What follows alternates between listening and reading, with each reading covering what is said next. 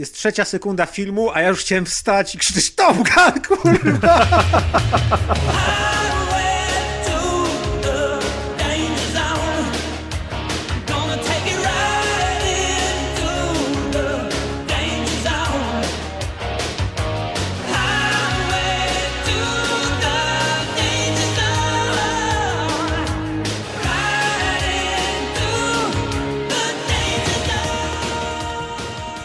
Cześć czołem, rozgrywka odcinek 255, ja nazywam się Grzegorz Wojewoda, czyli Presperes, a ze mną są dzisiaj Amadeusz Łaszcz, czyli Deusz. Jestem.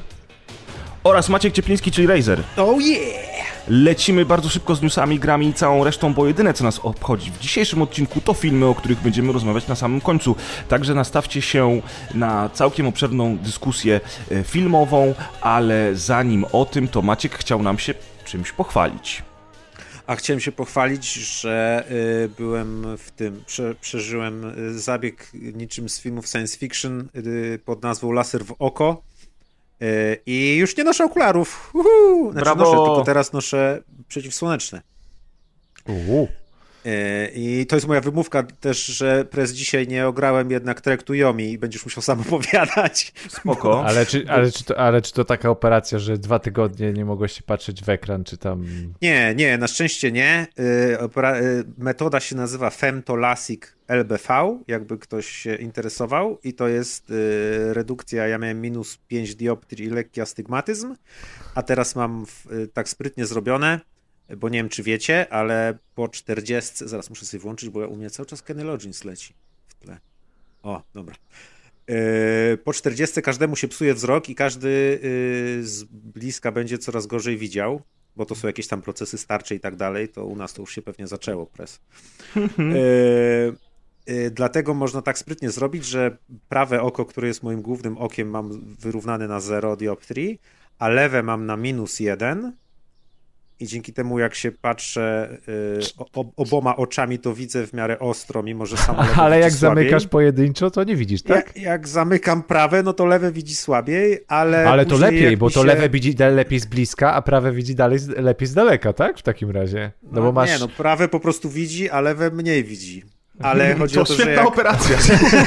Opylało się. Sukces! Ale, ale powiedzieli mu w tej klinice, ale jak pan nie będzie mrugał, to całkiem spoko to w Ale środku. proszę zamknąć oczy. Jak jest? Czarno? Czarno. No elegancko.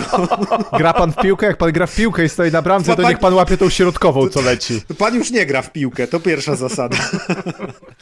No chodzi o to, że po prostu jak mi się zacznie już psuć właśnie po tej 40 wzrok w drugą stronę, że z bliska nie będę widział, to to lewe oko wtedy się w dobrą stronę nastawi czyli i wtedy oni- lewe będzie nadganiać, a prawe będzie słabiej Czyli widzieć. w sumie tak trochę podświadomie cię obrazili, że po prostu y, już na zapas cię wyleczyli z górką, tak?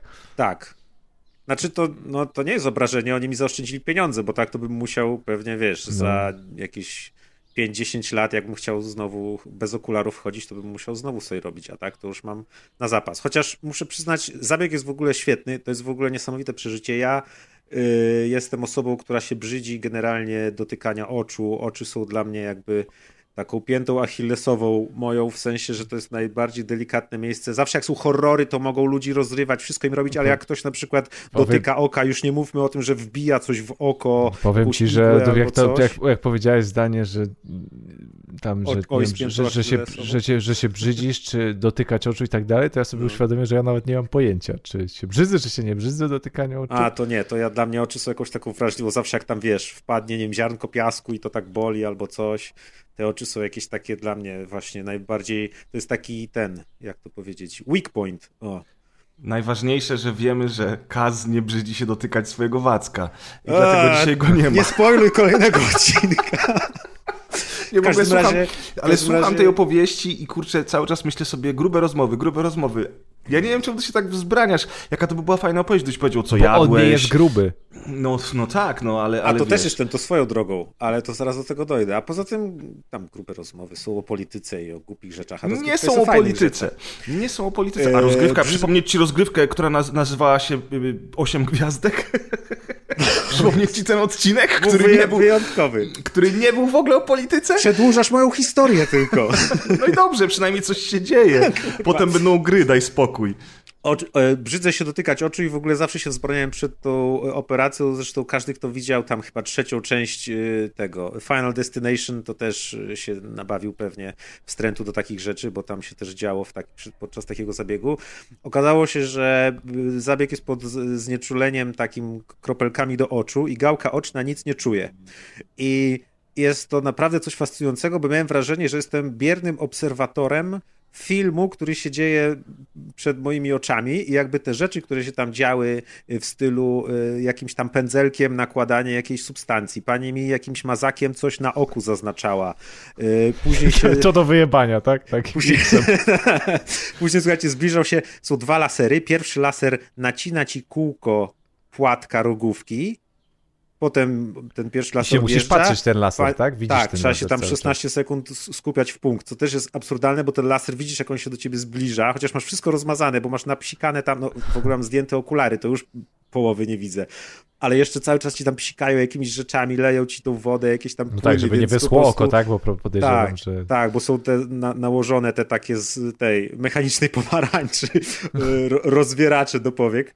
Więc yy, już to nieźle wygląda, bo widzisz wszystko zblurowane, jakieś takie plamy i tak dalej. Potem widzisz, że to światło teraz się zbliża, zbliża, zbliża i już ci zasłania cały widok i dalej widzisz, że ono się zbliża, zbliża, zbliża, aż w końcu, słuchajcie, dotyka gałki ocznej.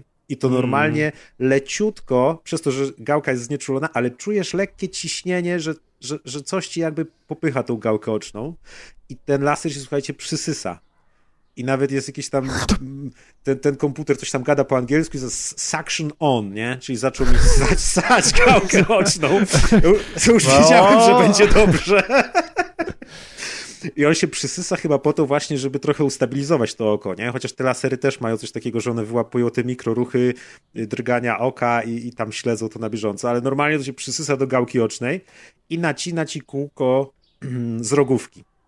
Wyjeżdżasz spod tego lasera, też ledwo co widzisz i ci y, lekarz, w moim przypadku pani doktor, tą rogówkę normalnie podwija. Od, odwija ci ten płatek odsłania to, co jest tam pod spodem i wtedy też jest niesamowite, bo znowu, to tak jakby się oglądało te filmy takie, jak w Robokopie go na przykład pierwszy raz uruchamiali, nie? Jest pokazana ta scena z jego oczu, gdzie go tam włączają, do niego zaglądają. To jest mniej więcej coś takiego, że ja nawet nie mam wrażenia, że to jest mi robione, tylko że... Cyberpunk.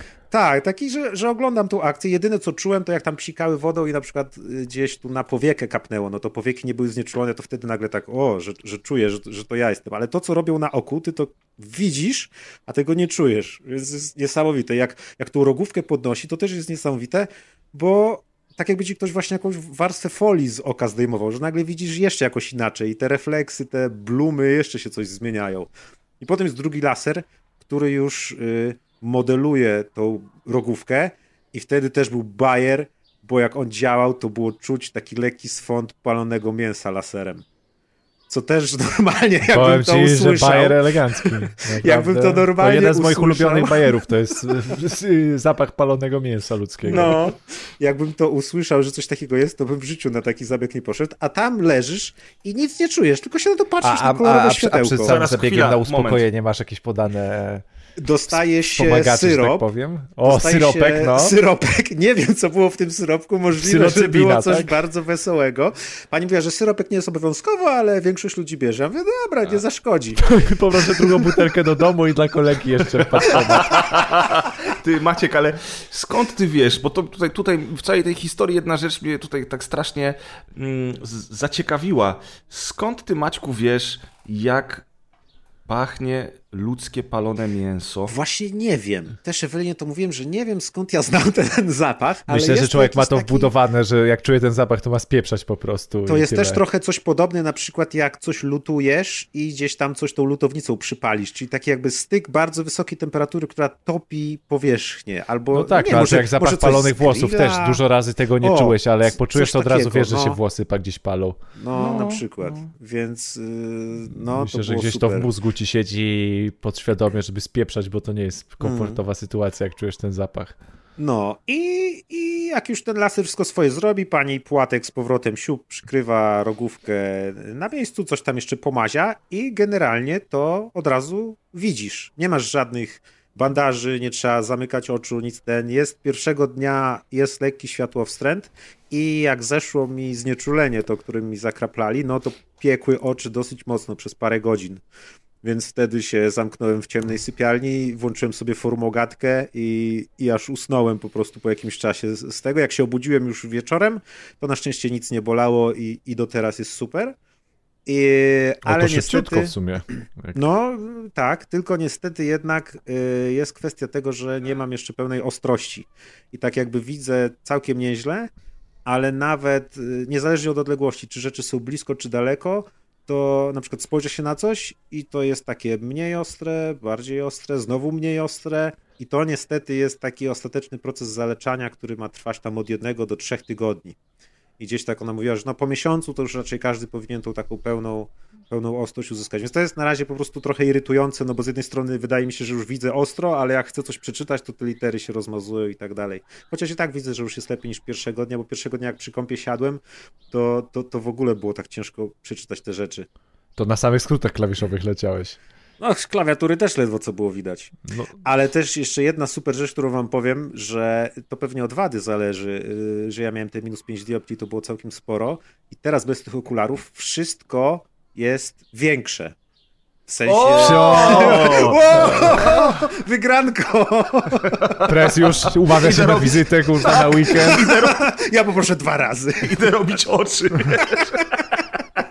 Nie, autentycznie. Pierwszego dnia jeszcze właśnie tam nic nie robiłem i nie ten, ale drugiego dnia sobie siadłem na chwilę przy kąpie. Pres to patrz, bardziej swoją przyszłą wybrankę serca na tę operację zaciągnie, żeby to jej zrobili. Dokładnie. Ale siadłem przy kąpie i patrzę na ten mój monitor i mówię, jaki on jest gigantyczny w ogóle. Patrzę, klawiatura jest wielka. Dzisiaj byłem na zakupach w sklepie.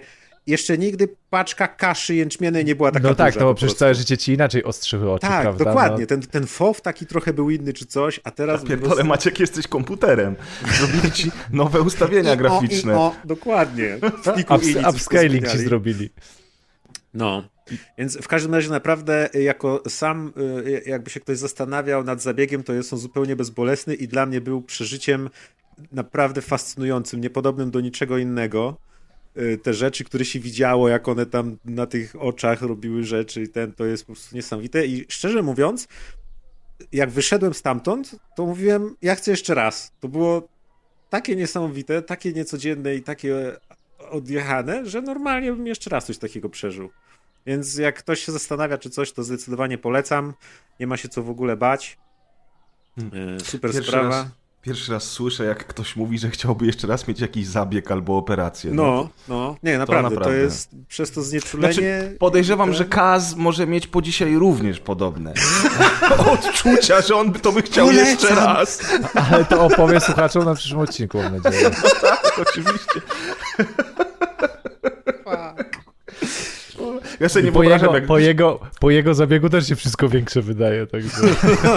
Nie, Ja może sobie, ja sobie nie wyobrażam, jak Deusz wraca z kolonoskopii i mówi, kurde, a jeszcze raz bym chciał. Ale niesamowite przeżycie. Zwłaszcza te wersje bez znieczulenia. I ten zapach palonego mięsa, co? A, więc tak, super, laser w oko 10 na 10. Czyli Would do it again. coraz bliżej jesteśmy? Deus Exa, już się bardziej czujesz jak... No, trochę tak. Ale you asked for this, prawda? Oh yes, I did. Ile to kosztowało? E, o, o, oboje oczu 9600. No to chyba cena warta tego, To co jest- zyskałeś. To jest jakby jedna z najdroższych metod yy, i yy, w klinice, w której to robiłem, były zdjęcia na ścianie celebrytów, którzy się tam pod, poddali temu zabiegowi i dziękowali. Trzy czwarte znałem z nazwiska bądź z, z tego, więc wiedziałem, że To jestem kto tam był, że znałeś? Ty Maryla Rodowicz? Pokażę wam potem zdjęcia, bo teraz nie pamiętam, ale mam zamiar zanieść tam swoje zdjęcie, żeby mnie obok powiesili, nie? No, bo raczej, to- Maciek z rozgrywki. Tego No. swojego Z awatara takim zanieś. zezem. Mega spoko, 6 na 10. I taki zes. Prawie się udało.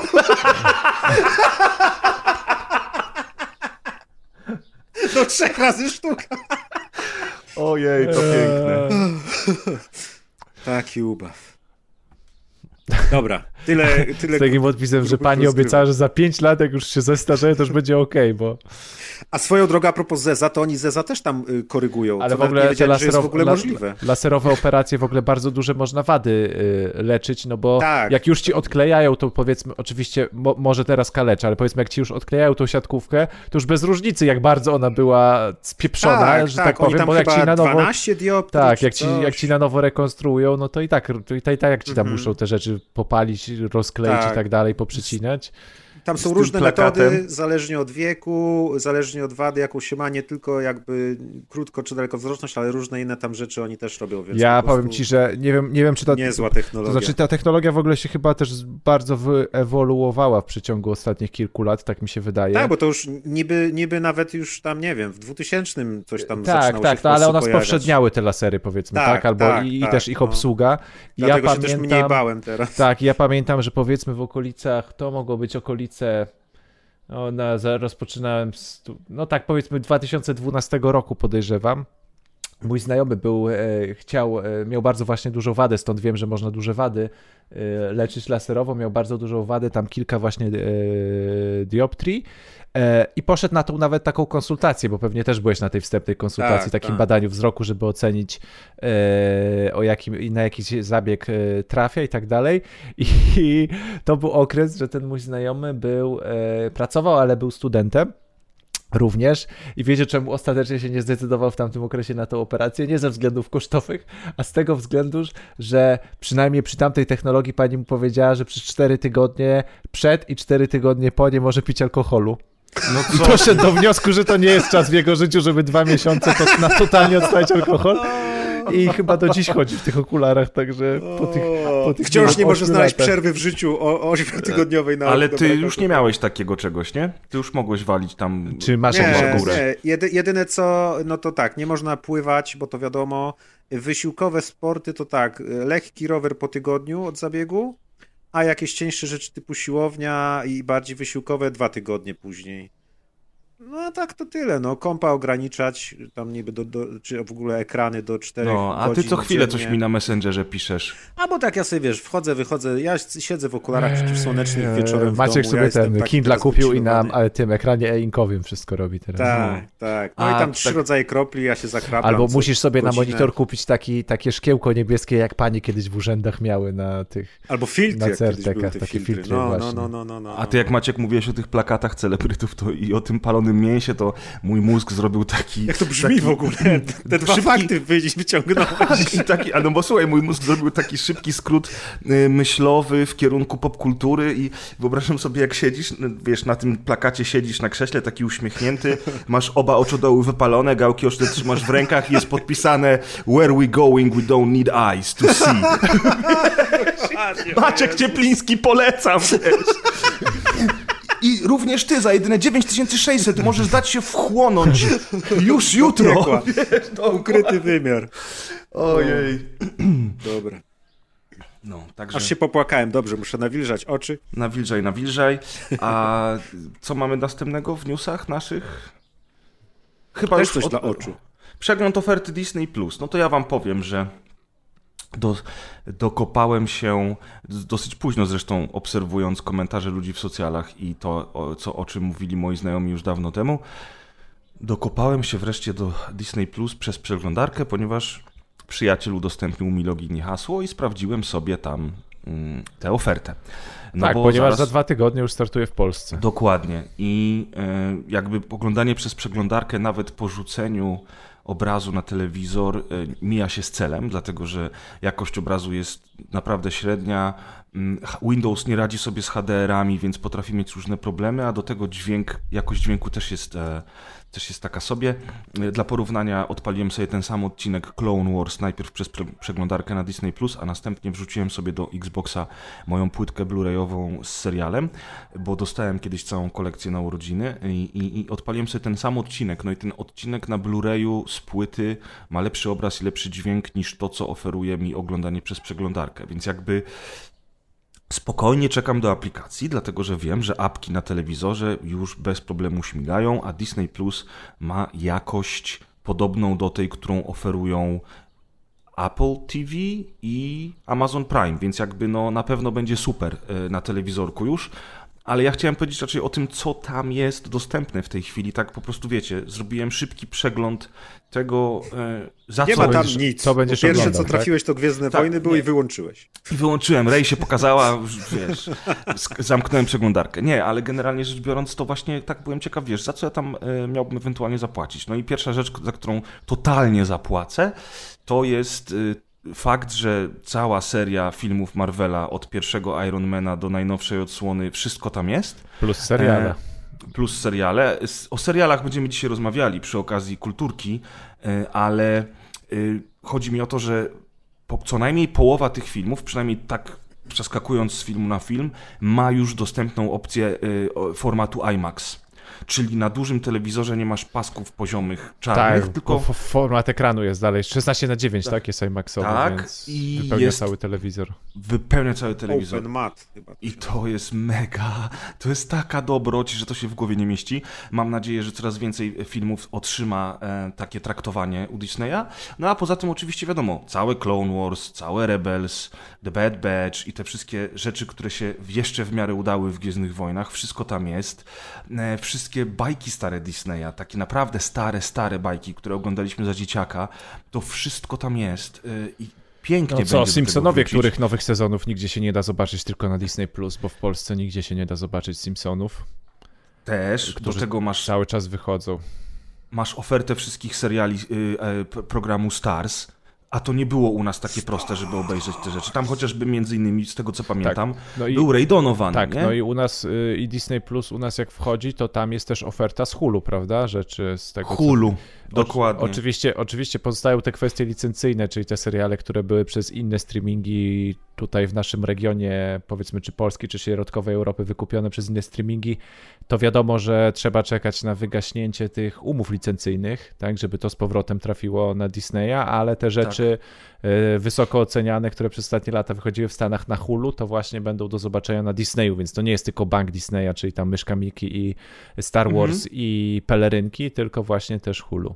No i też właśnie masz y, różne filmy kinowe, które jeszcze nie są dostępne na żadnym VOD, a na Disneyu już są, chociażby y, Śmierć na Nilu. Y, Na podstawie Agaty Christie z Kennethem Brana w roli głównej. I chyba w reżyserii Orient też Express. Chyba tak, on chyba dalej reżyseruje. Y, Był najpierw Orient Express, teraz jest Śmierć na Nilu. Pamiętam, że coś jeszcze mi mignęło z takich no, nowości totalnych, które dopiero co mi się wydawało, że lecą w kinach, nigdzie ich nie ma, a tam już jest. Także no fa fajnie, że, że ta oferta wreszcie wchodzi No- do no Polski, tak, to i bo tam jest dużo rzeczy. Tak, no i wspominając dzisiejsze perypetie y, Kaza, to też y, teraz ten serial trafia Pam and Tommy na A, no dość głośny na, na Disney Plusa, który, który też chyba w miarę Kazę. dobre opinie wstępne zbiera, także No, na zwiastunach to zadziwiająco fajnie wyglądało. tak, Ja jeszcze pozdrawiamy Kaza. Ty, Deusz, to jesteś szczyl, ale my z Prezem to jeszcze pamiętamy tamte czasy, jak to cały ten skandal wybuchł i się tam w internecie szukało i znajdowało różne filmiki. I Tak jeszcze. YouTube'a nie było pewnie wtedy. No poza tym To jeszcze filmików wrzuta na YouTubie PL to byś nie uświadczył, nie? A, no tak. Wrzutu.pl nic nie było.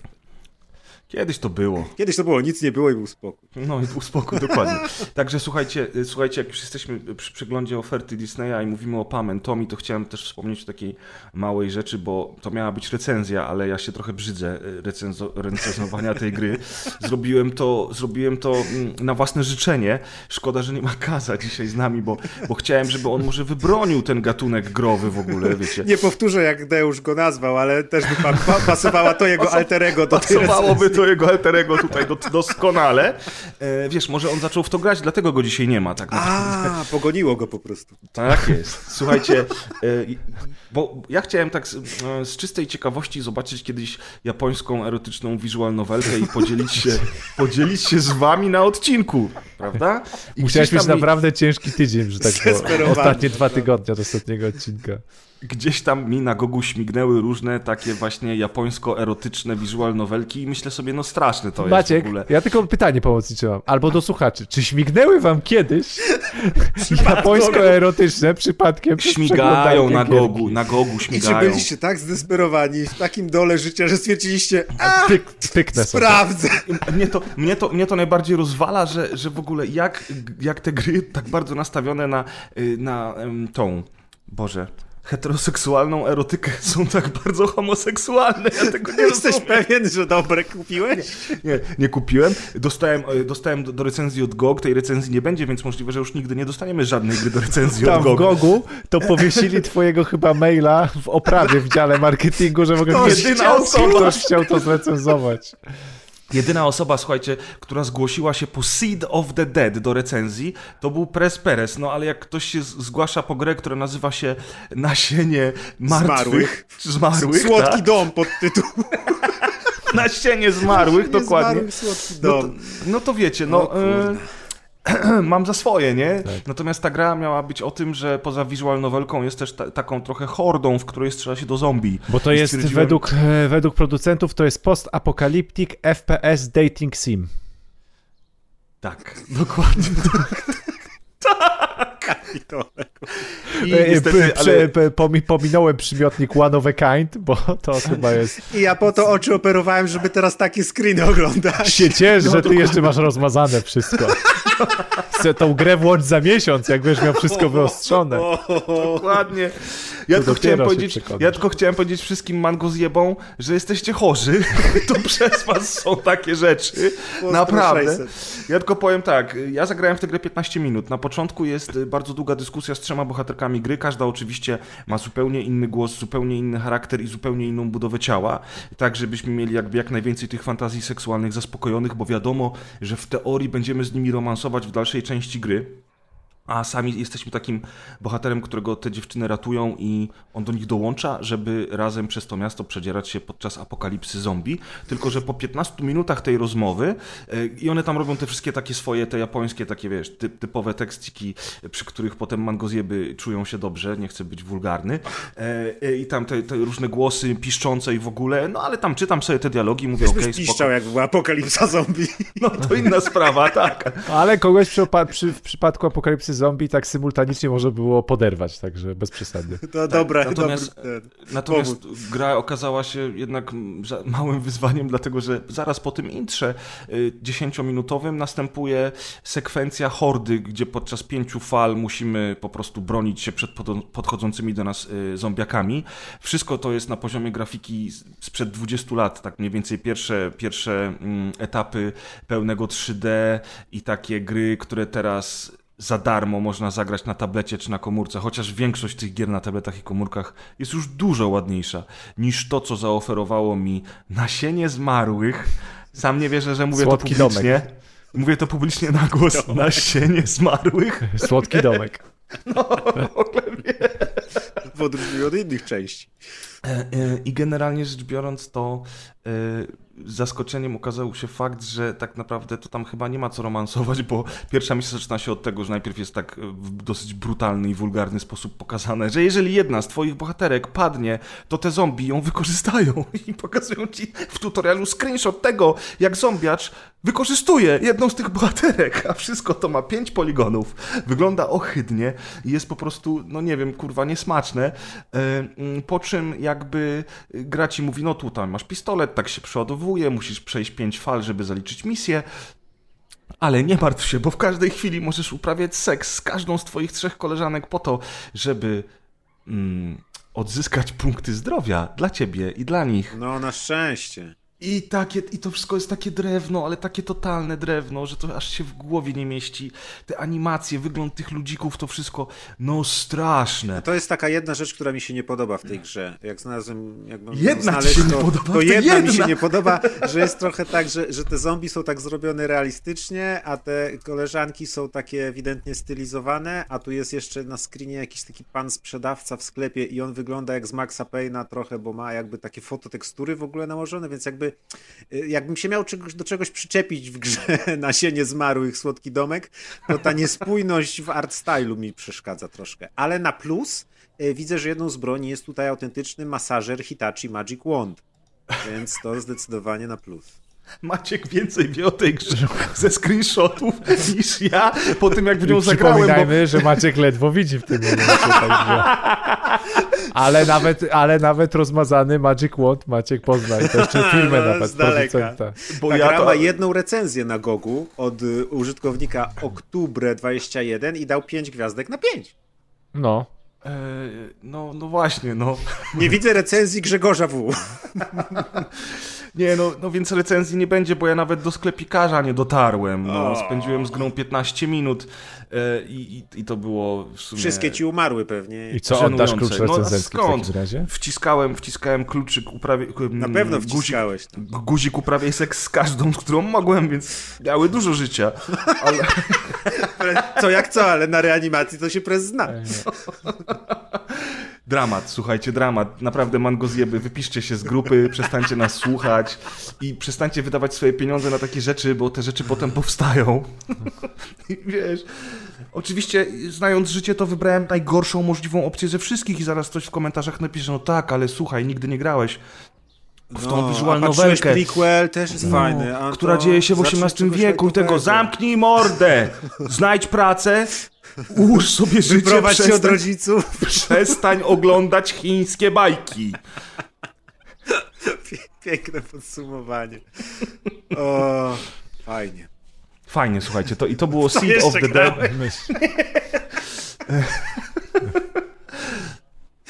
To było Seed of the Dead, czyli nie recenzja w dziale newsów, a teraz mamy informację o tym, że test drive został opóźniony na 2023. No to tak, żeby trochę stonować te nastroje, to niestety, no przesunął się ten test drive, nie wiem czy no on no kogoś przy, interesuje. Przypomnijmy, że on miał wyjść już we wrześniu tego roku, no, teoretycznie, czyli, czyli tak naprawdę już za chwilę po wakacjach.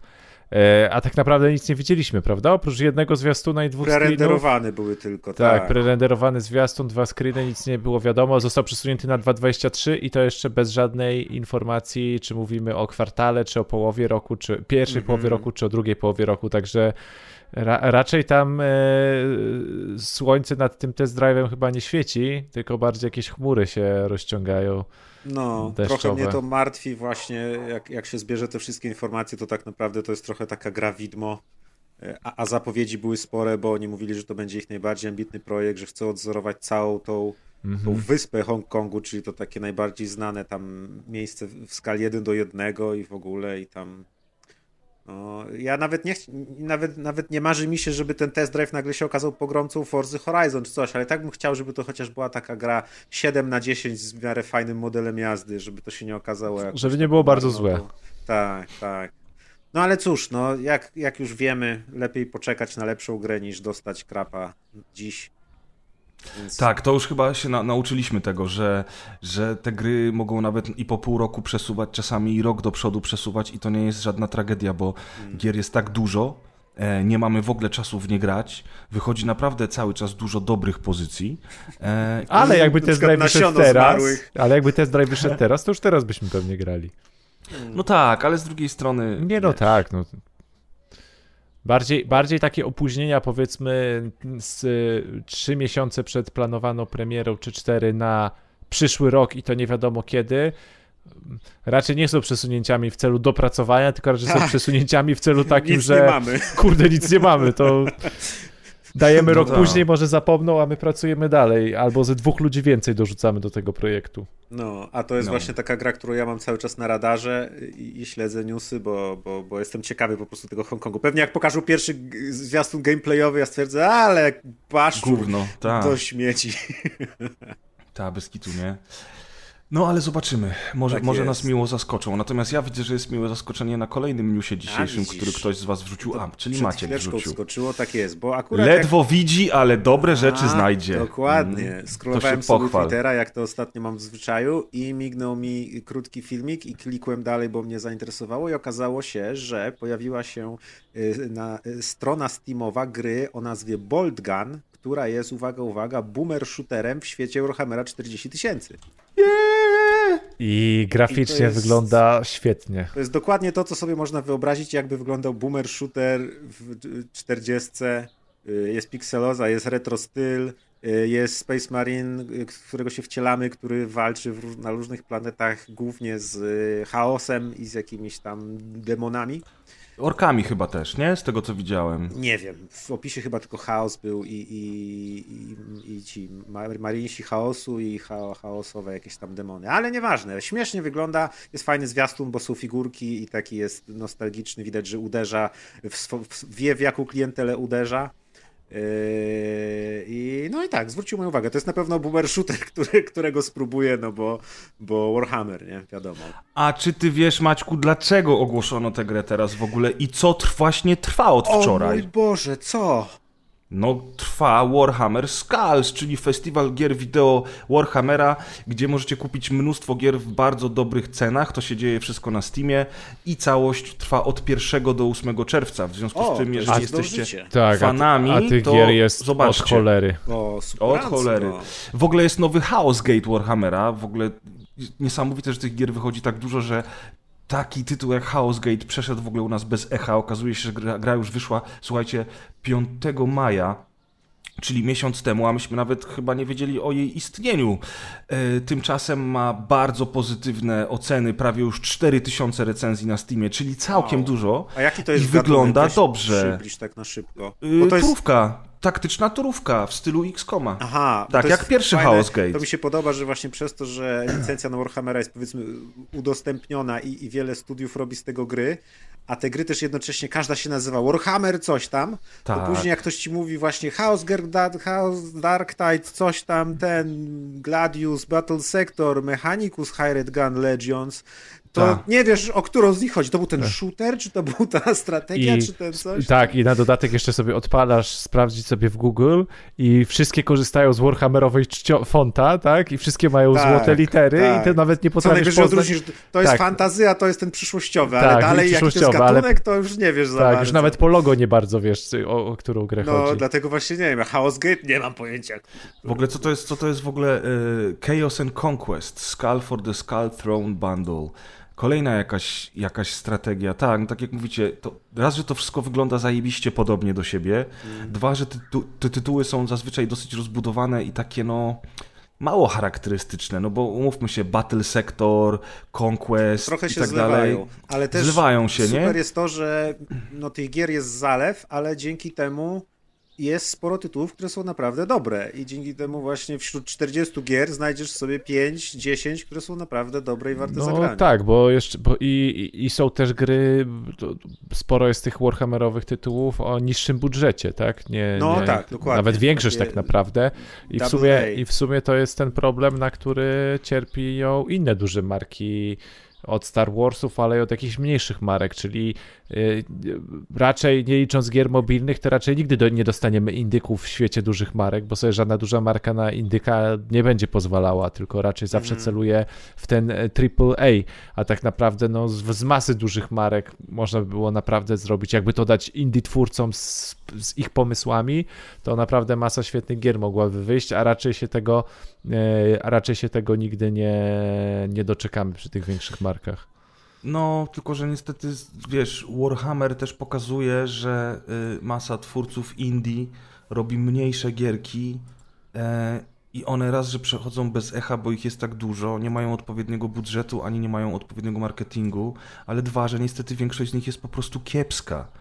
I ja rozumiem, że tam się hajs musi zgadzać, skoro od, od, od ponad dekady dostajemy masówkę tego Warhammera i, i to wszystko zaczęło się od Down of War, kiedy Relic wziął się za, e, za, za to uniwersum, y, za czterdziestkę oczywiście, nie za fantazy. fantazy. Dziękuję. I generalnie rzecz biorąc, po prostu y, od tego, od tego momentu ja pamiętam, że już jest tylko boom na Warhammera, bo przecież był Space Marine, który był genialny, e, ale było, było, było parę strategii turowych, które były mniej lub bardziej to pomijane. Zaczęło coś wychodzić ogólnie, bo kiedyś to rzeczywiście tak. była, pamiętam, jakaś taka dwuwymiarowa strategia jeszcze na, na, przełomie, czy jeszcze pod koniec lat 90. i tam ten Shadow of the Hornet Rat z fantazy, ale tych gier było... No, ale to Shadow, Shadow of the Hornet Rat to akurat był, był, był cukiereczek, nie? No to, tak, to wtedy zajebista gra. Tak. No, no, ale na przykład widzisz, to znam tak, ja teraz patrzę Battle Sector, ja mówię, kurczę, Battle Sector, Battle Sector, ja w to grałem, nie? Dwa, 2400 bardzo pozytywnych recenzji. Gra wyszła w lipcu 21 e, i rzeczywiście w nią grałem, bo ona była w Game Passie. Mhm. Tylko, że ja pograłem w nią parę misji i stwierdziłem tak. No fajna nawet jest całkiem, nie? Ale z drugiej strony to ona niczym się nie wyróżnia i tak troszeczkę to no jest, bo jest. I, I, tak niestety jest z tymi grami od Warhammera już od jakiegoś czasu, że one wszystkie się wydają bardzo podobne i, i tak naprawdę nie oferują niczego, co byłoby yy, czymś, co miałoby mnie przyciągnąć poza samym faktem tego, że są na licencji yy, Warhammera. No niestety tak. Był ten taki, teraz go nie mogę tu znaleźć, ale ten taki ala Diablo yy, RPG, yy, action RPG, no był, on był przeciętny, myśmy z Kulnanem w niego grali. Tak, ja też próbowałem w niego trochę pograć, ale on jakby też miał niedopracowania, które już w tym gatunku od dawna są tak. standardami, a on tego nie miał, nie? Więc to on się chyba nazywał Chaos Bane. Tak mi się wydaje. Możliwe. No widzisz, no te nazwy. No, no, no, te nazwy to jest może po prostu, miał, wiesz... tak się tak nazywał, może nie. Dlatego robisz grę, nazywasz ją, kurczę, Seed of the Dead i wszyscy zapamiętają od razu, a nie jakiś chaos Właśnie, Bane, właśnie też przeglądam te gry teraz i widzę, że w ogóle Blood Bowl 3 wychodzi. I widzę, tak. że jest w ogóle beta i jest, można się zapisać do bety. Za trzy miesiące będzie ten Dark Tide, który jest jakby Vermintide'em, tylko że właśnie w świecie 40. I to jest oczywiście, to wiadomo, że będzie dobre, bo oba Vermintide'y były dobre. Robi to nadal Fat Shark i przede wszystkim będzie w Game Passie, nie? O, no to wiadomo, no, bo to jest FPS koopowy dla czterech osób. Tak chyba. jest. No. Fajnie ten Blood Bowl wygląda, jak sobie teraz patrzę. A ja, a ja patrzę na tego, słuchajcie, z kolei Chaos Gate'a. Ja pamiętam, że grałem w pierwszego Chaos Gate'a 100 tysięcy lat temu i on był naprawdę zacny, i teraz patrzę na oceny, PC Gamer 87%, IGN 8 na 10, wiesz, e, bardzo wysokie oceny na tym Steamie i jestem coraz bardziej wkręcony, bo nie dość, że on dobrze wygląda, to jeszcze wygląda po prostu interesująco. Tylko trochę mnie przeraża cena, bo on kosztuje 160 zł. Okej, okay, graci, gracz, gracze konsolowi powiedzą teraz, pa, 160 zł to jest połowa tego, co my musimy płacić na konsoli. No tak, ale to jest wasza wina. No to jest wasza wina, nie nasza. To raz. A dwa, że ja po prostu nie śmieję się oczywiście, ja po prostu mam obawę, że to przepięknie wygląda, zapowiada się interesująco, ja, ja to kupię, a to się znowu okaże taki przeciętniak. Wiecie o co mi chodzi, nie? Dlatego Jak... poczekasz, aż ktoś zrecenzuje i wtedy będzie wiadomo. Ale to nasz obowiązek powinien trochę być, nie? A zaraz będzie w komentarzach znowu. Nie ma nowych gier, nikt nie gra na PlayStation 5 u was i, i, i co, co, to w ogóle jest za podcast? Skończyliście się dawno temu. Co to jest za Polska? Co za podcast, a nie za Polska, ale w sumie Zaraz co to jest taki za sam Polska? będzie komentarz z Polską wtedy. Co to jest za Polska też mi się podoba. Co to co za to Polska w ogóle Co to za Polska Kiedyś była lepsza Polska. Ty, no ale kiedyś to były demo, człowiek by kupił demo już by wszystko wiedział. Tak, teraz... recenzję by machnął i... No, z Wow! Ale słuchajcie, nawet patrzę teraz na tego Chaos Gate'a, no fajnie że nawet, nawet na Metacriticu on ma 80 na 100. Kurwa, to na tego to... typu gierki Dawaj, to jest naprawdę radę. wysoka średnia. No. Fucking hell! No. no, 160 na 3? No ładnie Gadamy po odcinku. Właśnie sobie oglądam teraz gameplay. Maciek, ups. Maciek mówi, wydałem 9600 na oczy, nie mogę. nie mam na jakieś głupie Warhammery. Zajebiście to wygląda, ale się wkręciłem teraz. Dobra, kończymy nagrywanie, robimy zrzutę. Nie, dobra, nieważne. Yy, sprawdźcie, to się nazywa, słuchajcie, moi drodzy słuchacze, to się nazywa ogólnie, jakbyście chcieli tego znaleźć, to się nazywa Warhammer 4000 Chaos Gate myślnik Demon Hunters. Żeby nie było za łatwo go znaleźć. To... Dokładnie to, to, to, to, to nazwa jest dosyć skomplikowana, ale rzeczywiście wygląda całkiem, całkiem. I jak już jesteśmy przy takich rzeczach, które nas trochę jarają, a trochę nie, prawda?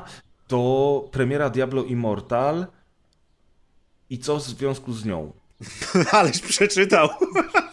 Nie wiem, czy mi też, ja to ogólnie wiecie, jaki mam stosunek do Blizzarda. To też w komentarzy się mogą wylać, ale no. raczej nie ma pozytywnego stosunku, więc jakoś mi się nie chce sprawdzać Diablo Immortal, mimo że jestem fanem mobilnego grania, a to w sumie jest głównie Diablo, które wyszło na platformy mobilne, czyli też na telefony i z Androidem ale, i z iOSem, ale jest też ale na to PC. to już wyszło? To już wyszło na mobilki? Tak, tak no tak. tak no. Dzisiaj czy wczoraj była wczoraj. premiera? A to nie jest tak, że to wyszło tylko na PC teraz, a nie, jest na mobilki. Na PC wyszło ściągać. dzień później, przy czym Blizzard mówi, że wersja PC jest na razie taką beta wersją i że to nie jest finalna ich jakby ostateczna Już słowo. możesz podnieść telefon i ściągnąć i grać. Tak, głównym priorytetem jest wersja mobilna. Ta PC-towa to jest tylko dodatkowa. Tak.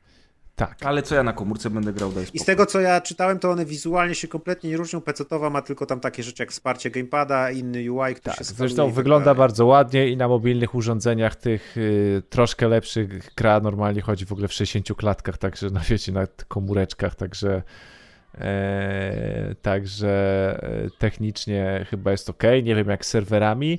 E, w każdym razie, jak, się, jak wyszło Diablo Immortal, to jeden z newsów, który się pojawił w przestrzeni internetowej, to był fakt, że oficjalnie ta gra nie wyszła w Holandii i w Belgii.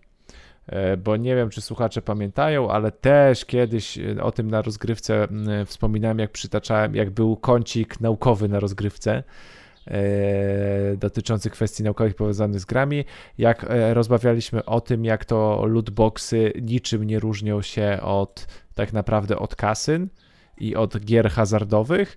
No i z tego względu, że Holandia i Belgia mają e, ustawowo pewne mechanizmy wdrożone, które mają chronić obywatela a przede wszystkim głównie dzieci też od e, tych mechanik hazardowych, no to Diablo Immortal nie spełnia tego prawodawstwa holenderskiego i, belgi, belgijskiego i w tych dwóch krajach e, nie wyszło.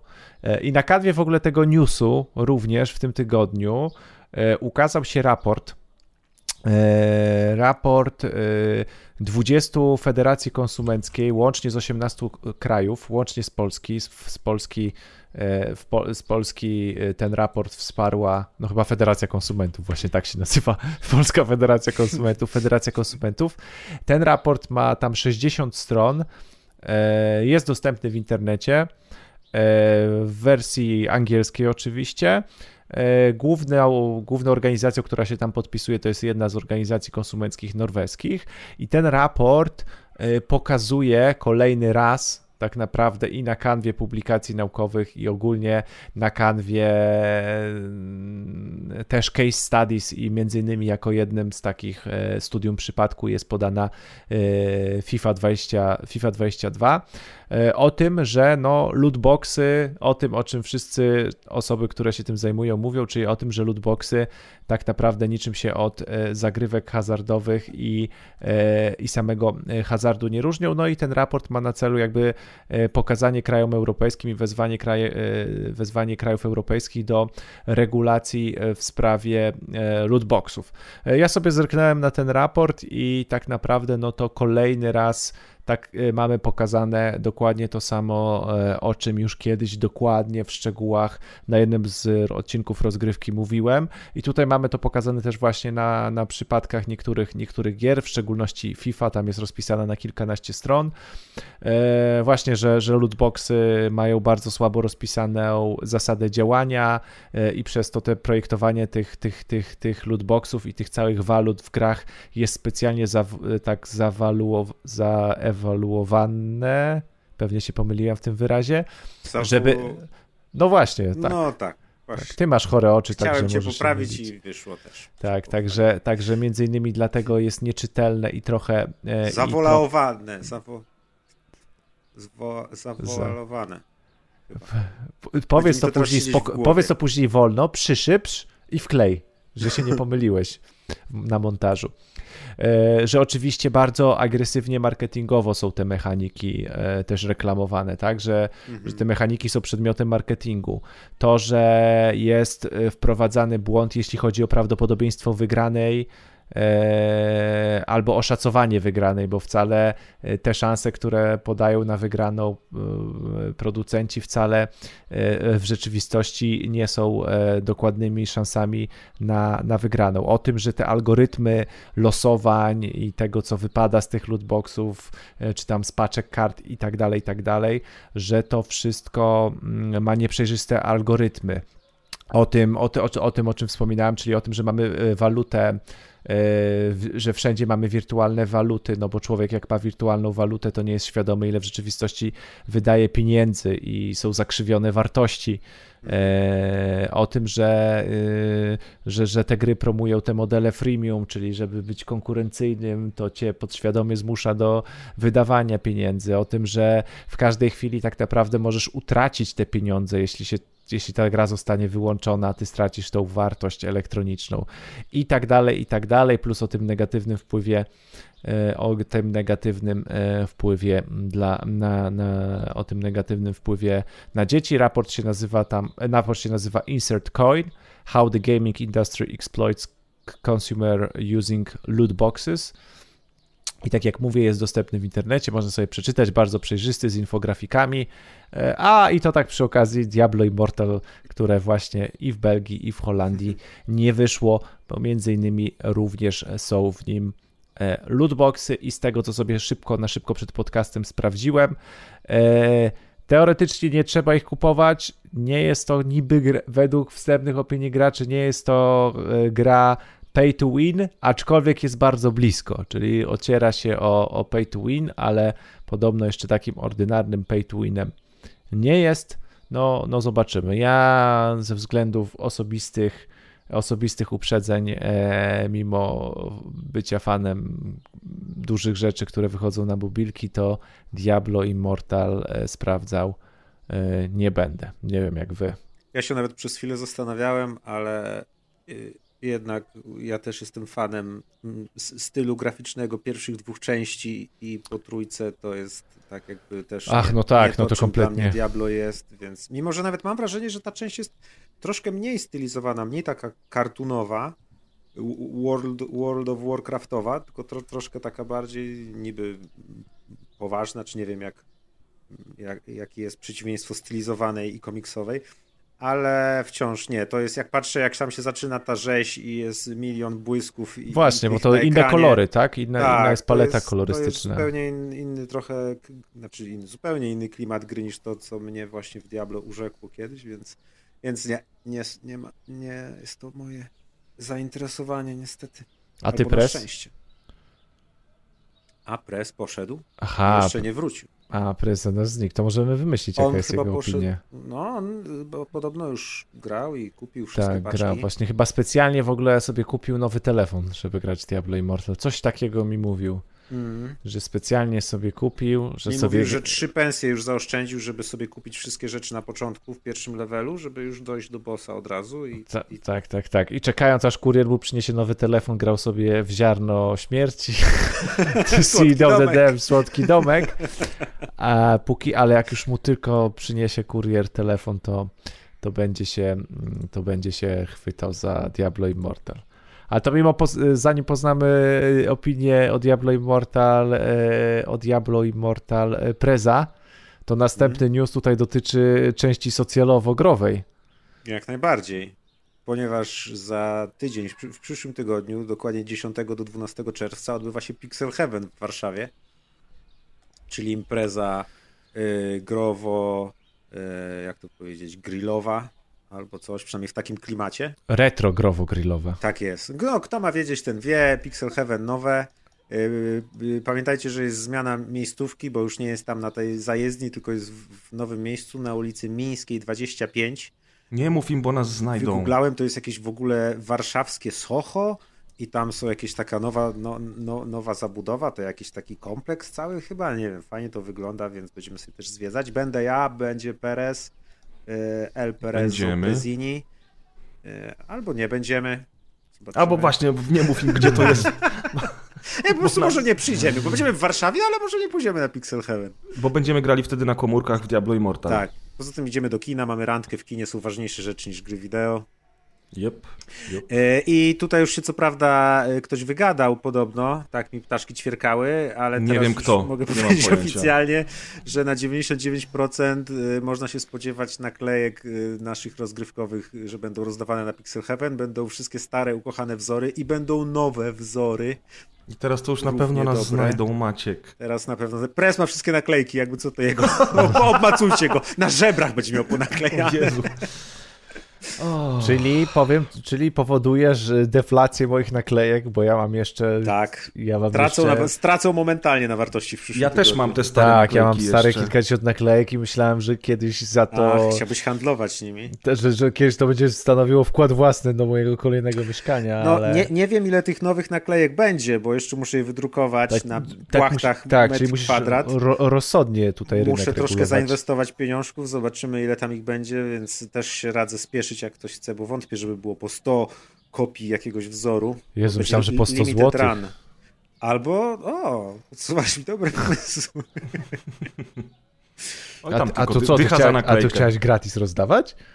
O, jak głupi, widzisz. A czekaj, to nie, to nie możemy słuchać, bo ktoś, na, jakiś słuchacz może mieć jakiegoś słuchacza z Urzędu Skarbowego. Aha, no tak. No to ten, się widzimy w Wawie za tydzień. Tak jest.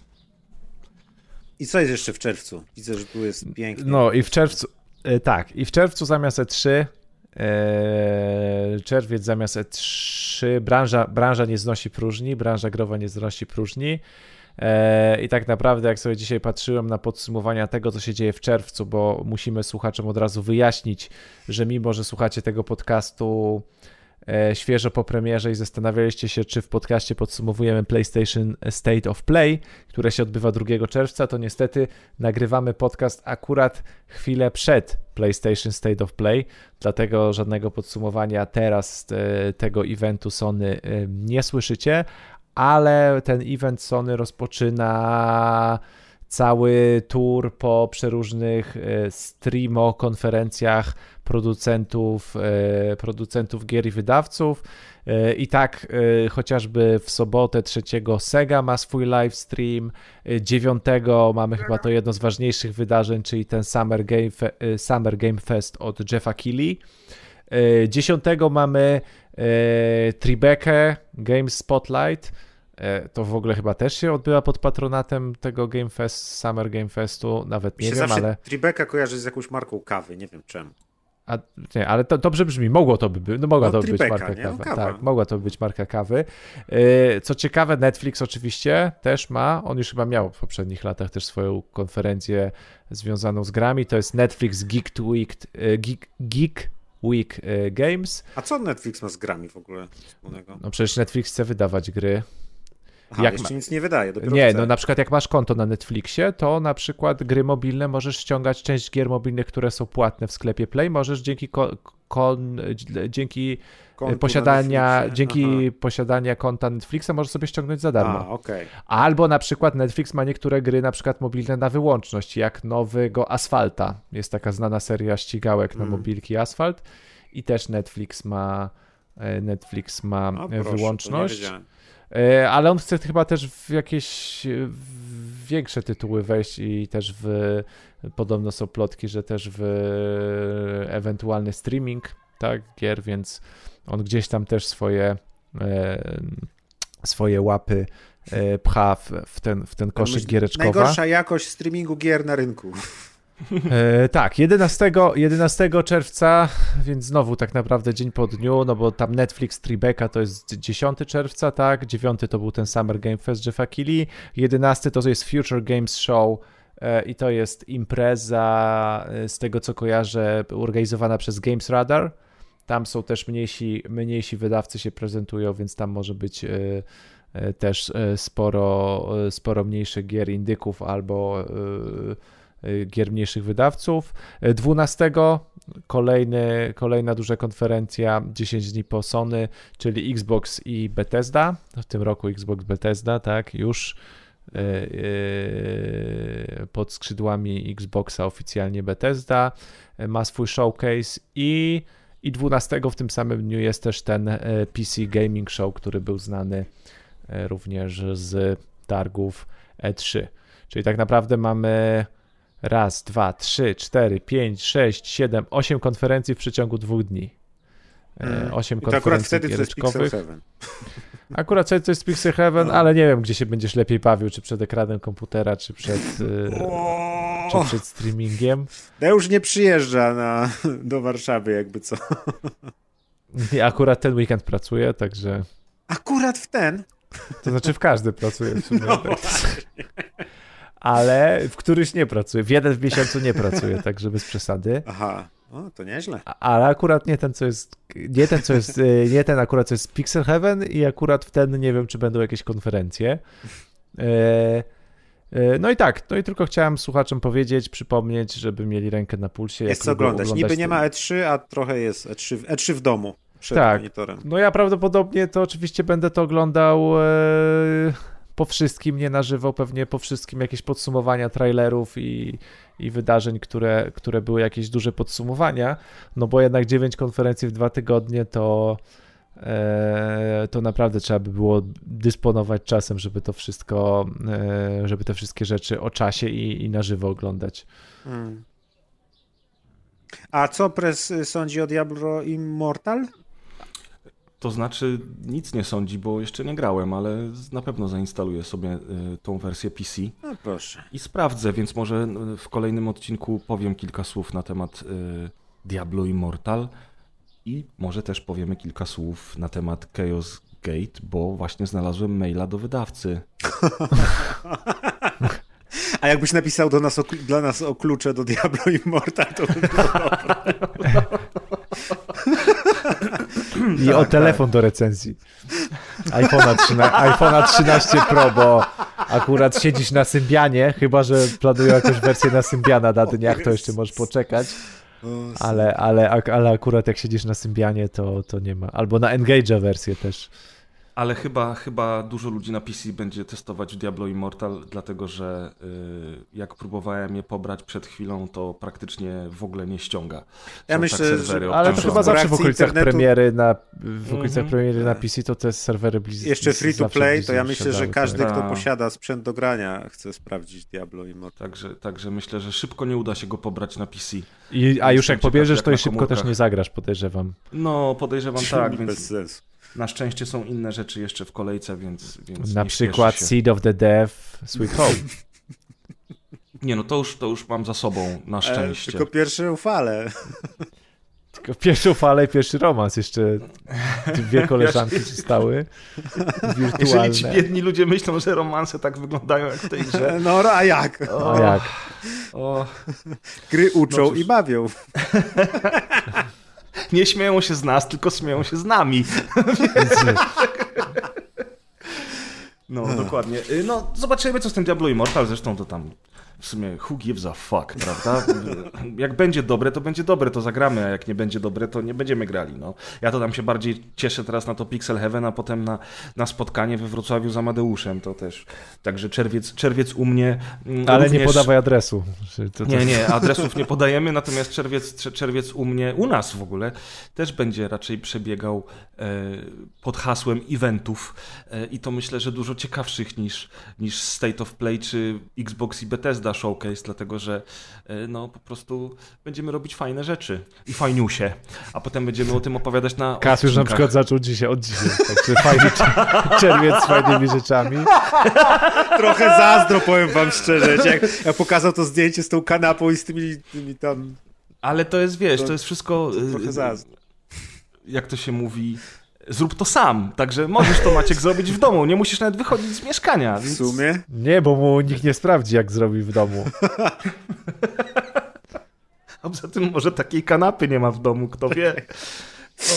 nie, nie wiadomo, jak będę miał protokół odbiorczy, nie? Okidoki, słuchajcie, to, to była sekcja, sekcja newsowa, było bardzo śmieszno, fajno, jak to zawsze na rozgrywce w ogóle, tyle radości, uśmiechów, lasery w oczach. W Mieliśmy ogóle, się wiecie. spieszyć do tych filmów, a godzina Ta. chyba udało się uskładać, jeśli za dużo Maciek nie wytnie. Ale przecież Maciek nigdy nie wycina tego, co jest w trakcie nie, nagrania. Nie za więc... dużo, nie. No, co więc, za dużo, to zdrowo.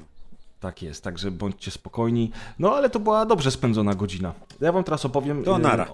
No. W sumie tak. Znowu jestem zaskoczony. Znowu jest jasno, kiedy nagrywamy. Chyba się zaczęliśmy starzeć i faktycznie coraz wcześniejsze nie, wcześniej, Jeszcze nigdy tak wcześniej nie zaczęliśmy. Dwie godziny przed normalnym terminem. No tak, ale ostatnio też jakoś żeśmy szybko zaczynali i też było jeszcze jasno. To Nieważne. Off-top. A może to były grube faktycznie. Tak. Bo no, po 10 latach ktoś zaproponował wcześniejszą porę i wszyscy się tak zorientowali. W sumie czemu no, nie? W sumie czemu nie? Zawsze umieramy o tej, o północy, już głosy zmulone, wszyscy przysypiają. Ale a, patrz, wszędzie, to nie... a, a, wcześniej przez 10 lat zgodnie z zasadą każdego piwniczaka, że dzień się zaczyna o 20, tak? Bo... To jest. Dokładnie. Yy, ale widzisz, Maciek, tak grube to nie, tam jest polityka fuj, a już słyszał nowy odcinek, bo nawet wie, co na nim było. No niestety tak... słuchałem, bo mi się wszystko inne pokończyło. Bo go oczy niestety, bolały i musiał nas słuchać. Niestety Masakra, to dzisiaj mnie Żeby go dupa bolała zaraz. Dobra, prez ale... grał w Star Treka jakiegoś. Dobra, y, przechodzimy do działu growego. Pierwszą grą, o której dzisiaj Wam opowiemy, czy też ja opowiem, bo ostatecznie udało się pograć tylko mnie. Mm, jest to gra Trek to Yomi, o której na pewno słyszeliście. Taki dosyć ciekawy indyk, y, który dostępny jest w Game Passie, a który powstał y, dzięki współpracy pana Leonarda Menchiariego z polskim Flying Wild Hog. Wszystko wydaje Devolver Digital, czyli widać, że tutaj e, dosyć silne moce się połączyły, żeby taką to, grę stworzyć i wypuścić ją na rynek. E, I przeszedłem ją. Nie, nie przeszedłem, przepraszam, nie, nie skończyłem jej. Jeszcze nie, jestem na, sam, na samym końcu. E, ona jest dosyć krótka w ogóle i jest takim chodzonym side-scrollerem e, w pełnym 3D, który najbardziej wizualnie przez to, jak przedstawiona jest akcja, praca kamery e, i przedstawienie świata, przypomina mi całkiem już starego Deadlight, którego uwielbiam. Nie wiem, czy pamiętacie Deadlight. Ale w Deadlight była... się biegło tylko w prawo albo w lewo, nie? No tak, A tak, tu też ale... masz tak w głąb. Mi to się w ogóle kojarzy z takimi grami ogólnie ery PS2, gdzie mieliśmy już ten taki trójwymiar, a, a kamery były takie trochę statyczne jak w rezydentach, ale już takie też, że mogły się poruszać po jakiejś linii i właśnie mogliśmy biec długo w głąb ekranu, potem nagle w prawo czy coś. W ogóle cała oprawa i stylistyka tej gry mi się kojarzy z PS2, co jest, jakby ja to mówię jako zaletę, bo to jest fajna stylizacja. A wszystko jest stylizowane na filmy samurajskie Akiry Kurosawy. Mamy więc całą grę przedstawioną w czerni i bieli. E, I mamy też odpowiedni filtr filmowy, a także taki bloom, o którym ty Maćku wspominałeś, że właśnie kojarzy ci się on z tym PlayStation mm -hmm. 2, jak rozmawialiśmy parę dni temu na temat tej gry. No i Wiem, że już większość z Was słyszała zarzuty pod tytułem, że mimo ładnej i ciekawej oprawy mm, graficznej, a także mimo fajnego klimatu, który ta gra ma, a ma bardzo fajny klimat, to gameplayowo jest ona niestety dosyć uproszczona, przez co przez te kilka godzin grania dosyć szybko się nudzi. I ja się z tym nie mogę zgodzić. I dlatego chciałem od razu zaadresować ten problem dla ludzi, którzy jeszcze nie mieli okazji zagrać w grę, a chcieliby jednak mimo wszystko ją sprawdzić. A, otóż dlatego, że w trakcie grania wraz z rozwojem fabuły, ale także z miejscówkami ukrytymi, do których zawędrujemy, otrzymujemy coraz więcej kombosów, czy też mechanik rozgrywki, które pomagają nam tę walkę na miecze i nie tylko, bo mamy też inne bronie, rozbudować. I okej, okay, to jest dosyć prosta gra. Prosta, jeżeli chodzi o mechaniki, bo mamy tutaj trzy poziomy trudności. Ja tak naprawdę w połowie gry musiałem z medium zmniejszyć na easy, dlatego że jakby były, bywały momenty, które były dosyć ciężkie e, i, i postanowiłem jednak chłonąć dalej ten świat i e, pozna, poznawać fabułę, więc e, zmniejszyłem sobie na easy, dzięki czemu jakby ta zabawa jest dosyć prosta, ale, ale też trzeba trochę pokombinować.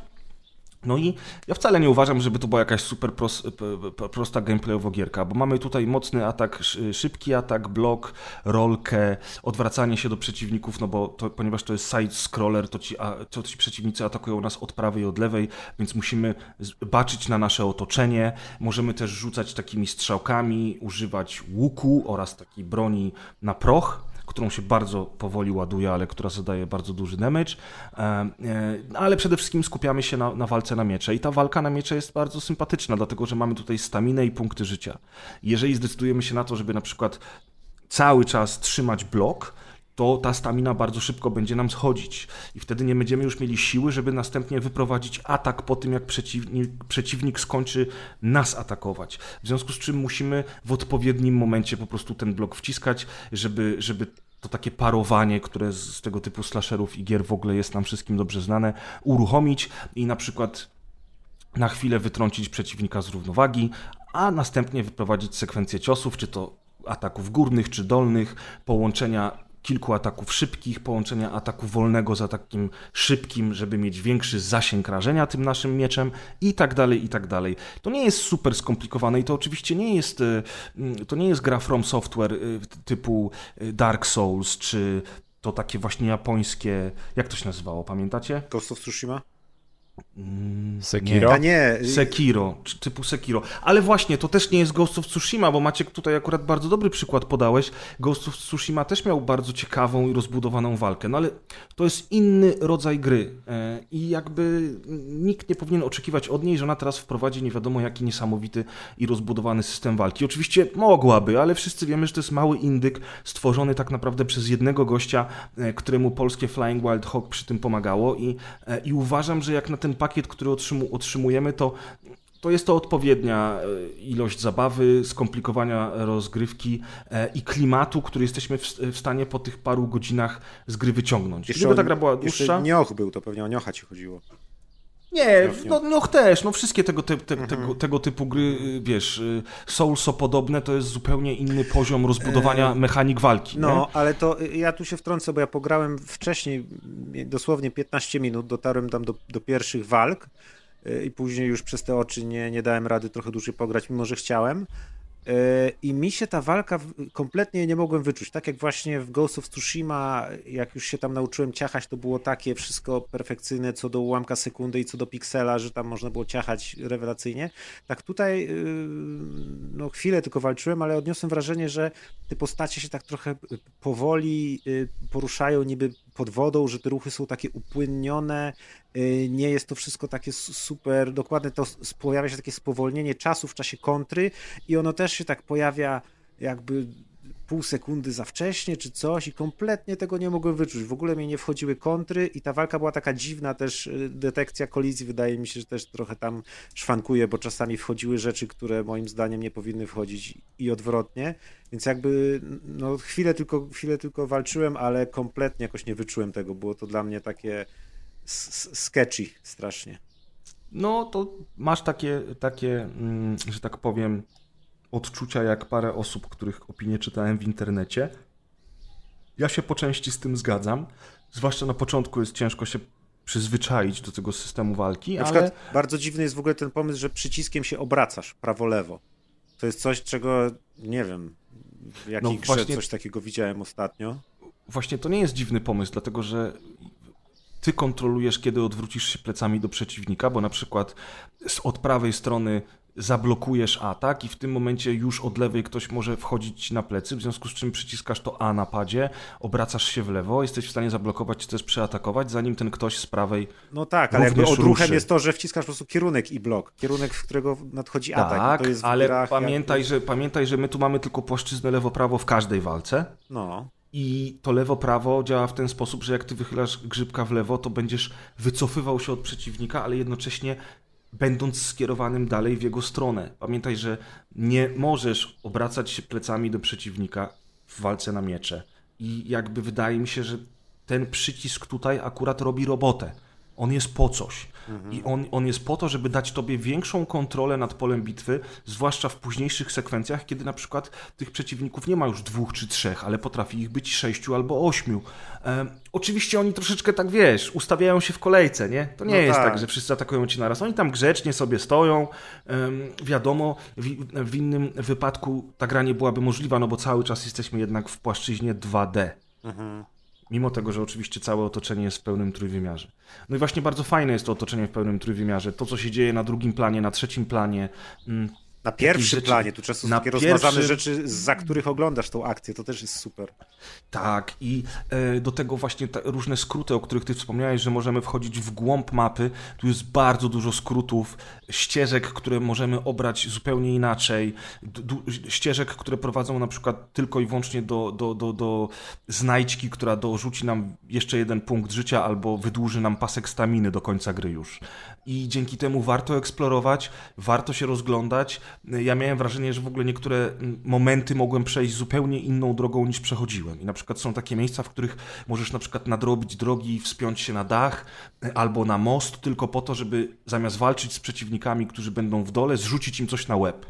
E, I to jest fajne, tym bardziej, że ta dodatkowa eksploracja bardzo często przynosiła mi nowe kombinacje ciosów, które ja byłem w stanie wykorzystać w grze.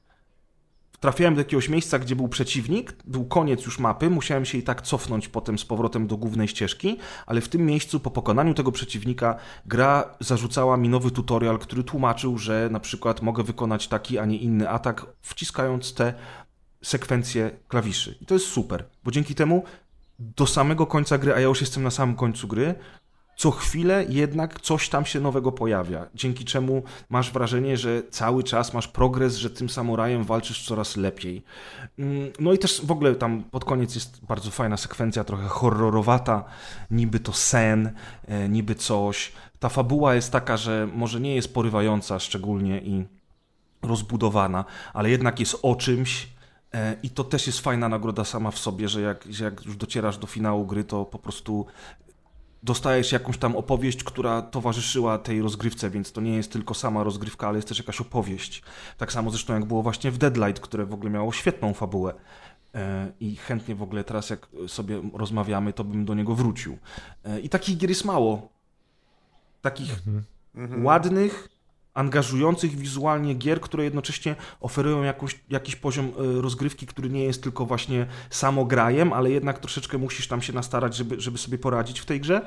E, i dzięki temu masz krótką, absorbującą przygodę, która jest, która nie, nie zabierze ci teraz 50 godzin, jak wszystkie te otwarte światy, ale która też jakby nie znudzi ciebie konwencją, dlatego że zdąży się skończyć zanim ty się zdążysz tym znudzić. No ona jest na tak na niecałe 4 godziny, nie? Tak jest, no więc, więc, no, więc bardzo przyjemna gra. Ja, ja muszę ze swojej strony polecić i ten klimat jest też bardzo przyjemny, dzięki czemu fajnie się to po prostu ogląda. Ja mam nadzieję, nie wiem tego, yy, bo tak jak powiedziałem, jestem dosłownie na samym koniuszku, już nie zdążyłem dokończyć, bo musieliśmy zacząć nagrywanie, ale mam, wraż- mam nadzieję, że po przejściu tej gry będzie filtr kolorowy i będę mógł przejść całość jeszcze raz w kolorze. Gdzieś tam z tyłu, z, z, tyłu głowy cały czas mam takie, hmm, jak to byłby bonus, no bo wiesz, masz jednak grę na 4 godziny, czyli tak naprawdę to, to, jest ona dosyć krótka. To by chyba wyciekło, że wiesz, ktoś by już wrzucił jakiekolwiek screeny i to No by... właśnie, że ta gra powstawała w kolorze i...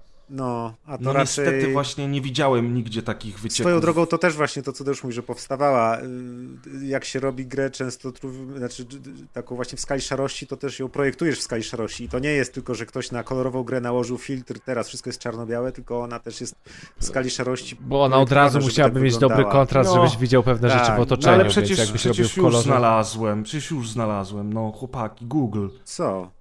Thanks Naprawdę? to a command in Unreal Unlocker, I was able to remove the post-processing of the game, bla bla bla, ja, i możesz całą grę mieć w kolorze. No, czyli nawet jak nie ma... Ale ja, ja. Oszukali. Na... Tak, nawet jak nie ma tego w bonusie po przejściu gry, to widać, że można Ojej, to sobie zrobić samemu. Szalone tu kolory są, widzę na YouTubie, to jakieś takie błyski i ten...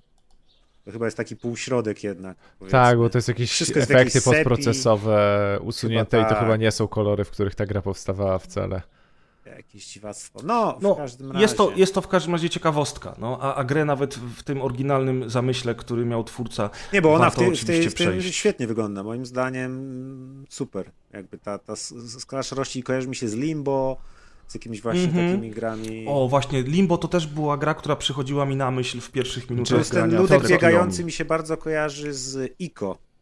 Yy, bo tam też się właśnie biegało ludzikiem po zamku i nie wiem, jakieś może te ujęcia kamery, może rodzaj takiej animacji, która jest powiedzmy lekko pływająca, wiesz, jak ta postać biegnie, to ona się troszeczkę ślizga po, po powierzchni i to jest takie lekko umowne, takie growe, co też właśnie na ten feeling ala PlayStation 2 wpływa.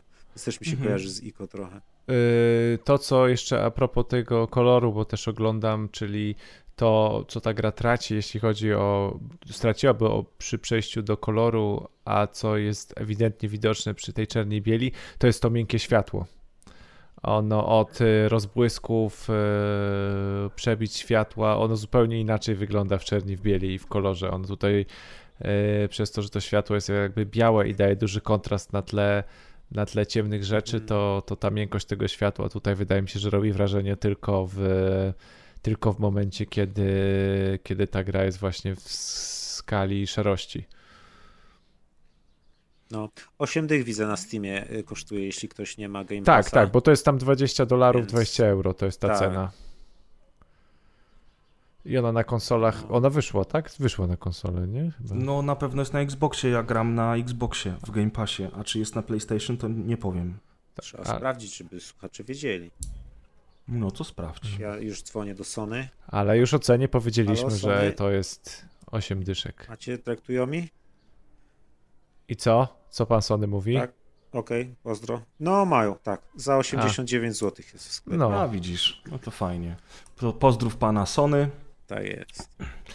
E, I to, to była nasza dyskusja o grze Trek to Yomi.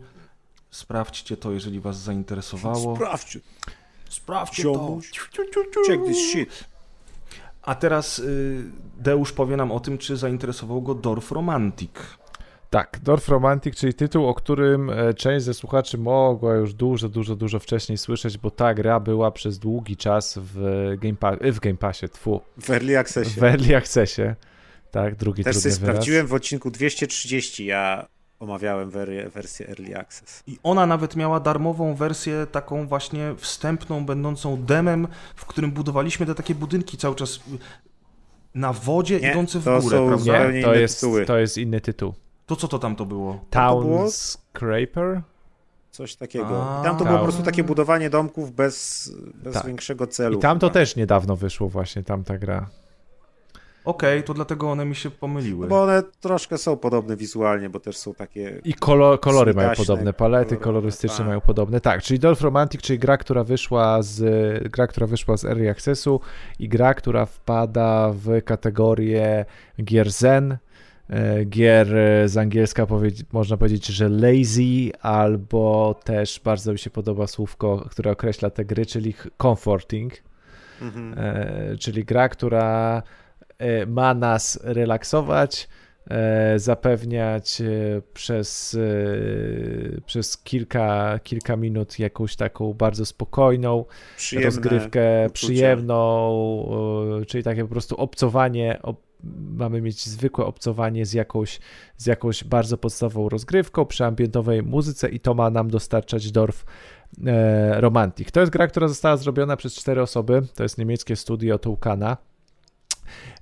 gra kosztuje chociażby na Gogu 50 zł, więc to też nie jest duży tytuł, a wbrew pozorom w grze można spędzić wydaje mi się, zależy jak szybko się znudzicie, ale od kilku minut do, setek, do, dziesię, do dziesiątek, czy nawet setek e, godzin, tak jak niektóre osoby piszą, które grają od ery Early Accessu. E, Dorf Romantic, czyli gra, e, która polega na układaniu takich sześciokątnych kafelków. E, I z tych sześciokątnych kafelków budujemy całą mapę naszej wioski albo większego terenu. Zaczynamy od pojedynczego kafelka. E, kafelki to są takie, to są sześciokątne kafelki, tak? Zaczynamy od jednego kafelka e, i w prawym dolnym rogu ekranu mamy cały stosik innych kafelków. Widzimy trzy kafelki z samego wierzchu, zaczynamy z określoną liczbą tych kafelków i powoli sobie zaczynamy układać te kafelki na planszy. Każdy kafelek można obracać i kafelki łączymy tak, że oczywiście odpowiednie strony, odpowiednie z jedną z sześciu stron e, tego e, heksa łączy się z tym, co mamy na planszy. Kafelki mają na sobie różne właściwości, czy też różne tereny, czyli mamy kafelki z lasem, z, z, elementami lasu, z elementami pól, z jeziorami, z rzekami, z domami, które tworzą miasta, czy też, czy też kafelki, gdzie mamy tory kolejowe. Oczywiście na każdym kafelku tych elementów może być kilka, czyli możemy mieć z jednej strony fragment lasu, czy z dwóch stron fragment lasu, a na przykład z jednej strony jeden dom, tak? Albo przez cały kafelek przepływać może rzeka, czyli albo kafelki mają jeden teren, albo kilka tych terenów. No i oczywiście e, cała gra polega na tym, że musimy uzbierać jak najwięcej punktów, bo jedynym wyzwaniem w tej grze to jest tak naprawdę zbieranie punktów i jak najdłuższa rozbudowa naszej e, jak najdłuższa rozbudowa naszej, e, naszego tego terenu, naszej wioski, e, całej tej, tej, tej zabudowy. ponieważ też stosik kafelków nam się kończy. Oczywiście gra, gra się, tak jak wspomniałem, na punkty, ponieważ odpowiednie rozkładanie tych kafelków na planszy powoduje odpowiednią punktację. Czyli dostajemy punkty za to, jeśli na przykład, nie wiem, teren pola połączy się z innym terenem pola.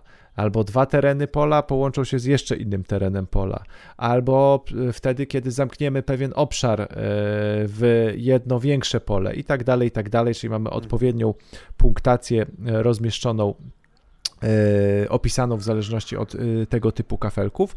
Dodatkowo stosik kafelków się kończy, ale jest też sposób na zbieranie kafelków czyli e, na przykład jak e, idealnie mm, Perfekty, jak się układa, Tak, jak nie? się idealnie dopasowuje kafelki wzajemnymi E, wzajemnymi tymi stronami, czyli tymi właściwościami i rzeczami, które są na tych kafelkach, to dostajemy dodatkowy jeden kafelek.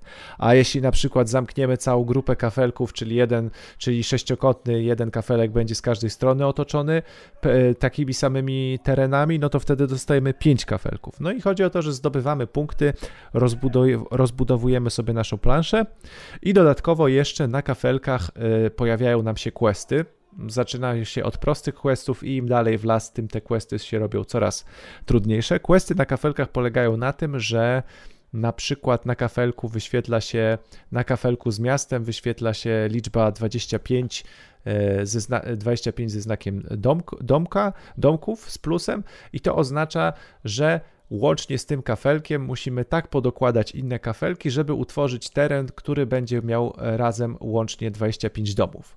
Bo jeszcze zapomniałem wspomnieć, że oprócz tego, że kafele, na kafelku jest na przykład las yy, i, do, i domy, to liczy się również liczba drzew, i liczba na przykład domów na tym kafelku. Czyli jeśli na, na, tym kafelku są trzy domy, to też ma znaczenie. Albo jeśli na tym kafelku jest 30 drzewek, to jest różnica niż między na tym kafelku byłyby trzy drzewkach. No większość, i ogólnie... większość misji mhm. na szczęście jest taka, że trzeba mieć minimum jakieś, na przykład 12 plus domków, więc musimy mieć przynajmniej 12 domków. To są tak, takie łatwiejsze misje, bo zawsze możesz mieć 14-15, ale te trudniejsze misje wymagają na przykład dokładnie 35 na przykład pól wody.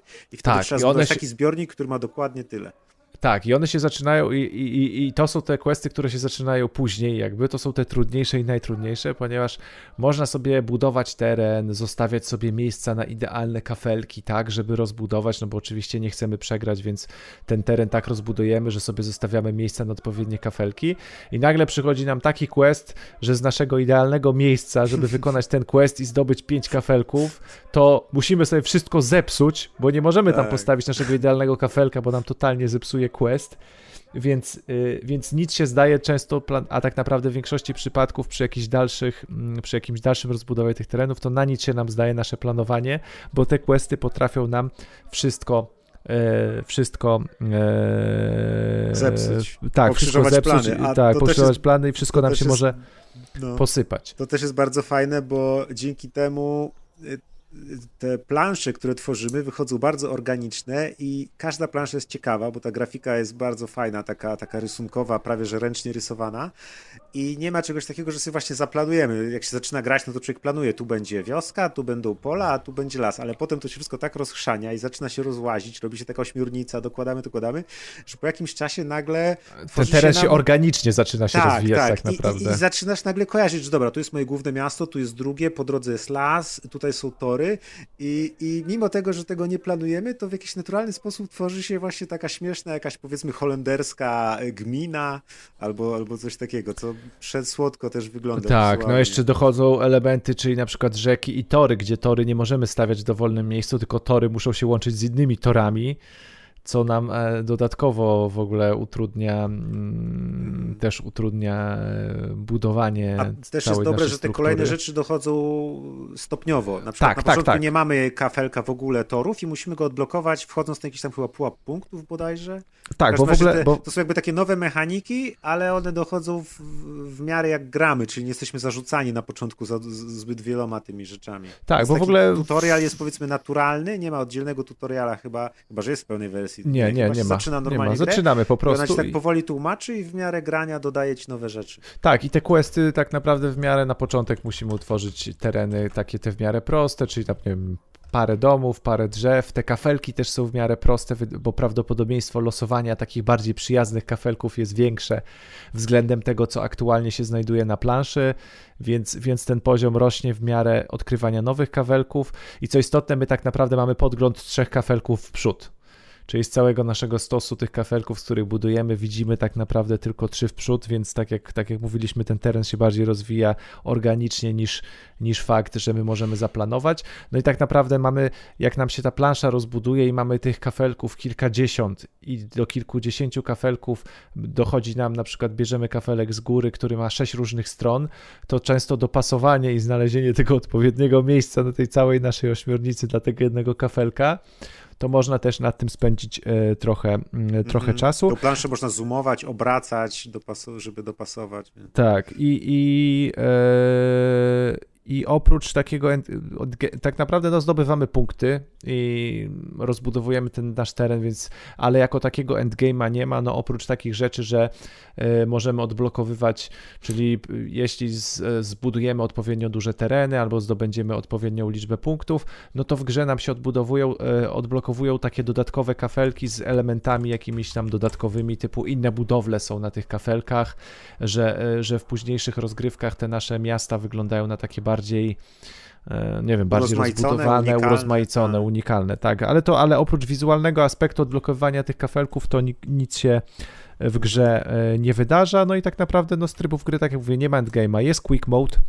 gdzie zaczynamy tam z 70 hmm, chyba pięcioma kafelkami i to jest, to jest taki quick mode, który nam, który zajmuje od kilku do kilkunastu minut, więc może to być taka gra, wchodzimy, gramy quick mode, próbujemy zdobyć high score, słuchamy ambientowej muzyki albo jakiegoś podcastu w tle wychodzimy. Jest hard mode, gdzie, gdzie, który jest dłuższy, mamy tam pewne, mm, pewne utrudnienia. Mamy też jakby taki classic mode, średni mode i mamy też y, taki tryb, gdzie możemy sobie sami ustawiać właśnie prawdopodobieństwa wypadania niektórych kafelków. Ten nasz tryb ustawień możemy sobie zapisać, tym się można dzielić też z innymi graczami. E, natomiast to są już takie elementy, powiedzmy, które, których ja od takiej gry Zen nie wymagam, bo dla mnie w tej grze mógłby być tylko i wyłącznie ten jeden quick mode, czy też ten jeden classic mode, bo dla mnie ta gra to jest po prostu włączenie i pobawienie się e, kilka minut. Ona jest szczególnie ciekawa, wydaje mi się, też dla osób, które po prostu lubią planszówki, mhm. bo ona ma taką mechanikę typowo planszówkową.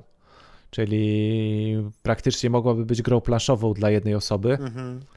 Gdzie byśmy sobie losowali po prostu z bardzo dużej e, liczby tych heksów jakiś stack początkowy i sami sobie na planszy to układali, albo mogła być grą multiplayerową, taką kooperacyjną nawet planszową i ta mechanika ma bardzo, bardzo mocny taki, taki vibe planszówkowy. Trochę jak układanie pasjansa to jest takie, nie? Tak, tak, tak, więc wydaje mi się, że to jest mocno, e, że to jest gra, która się spodoba osobom, które lubią gry planszowe i lubią takie mechaniki, które występują w grach planszowych.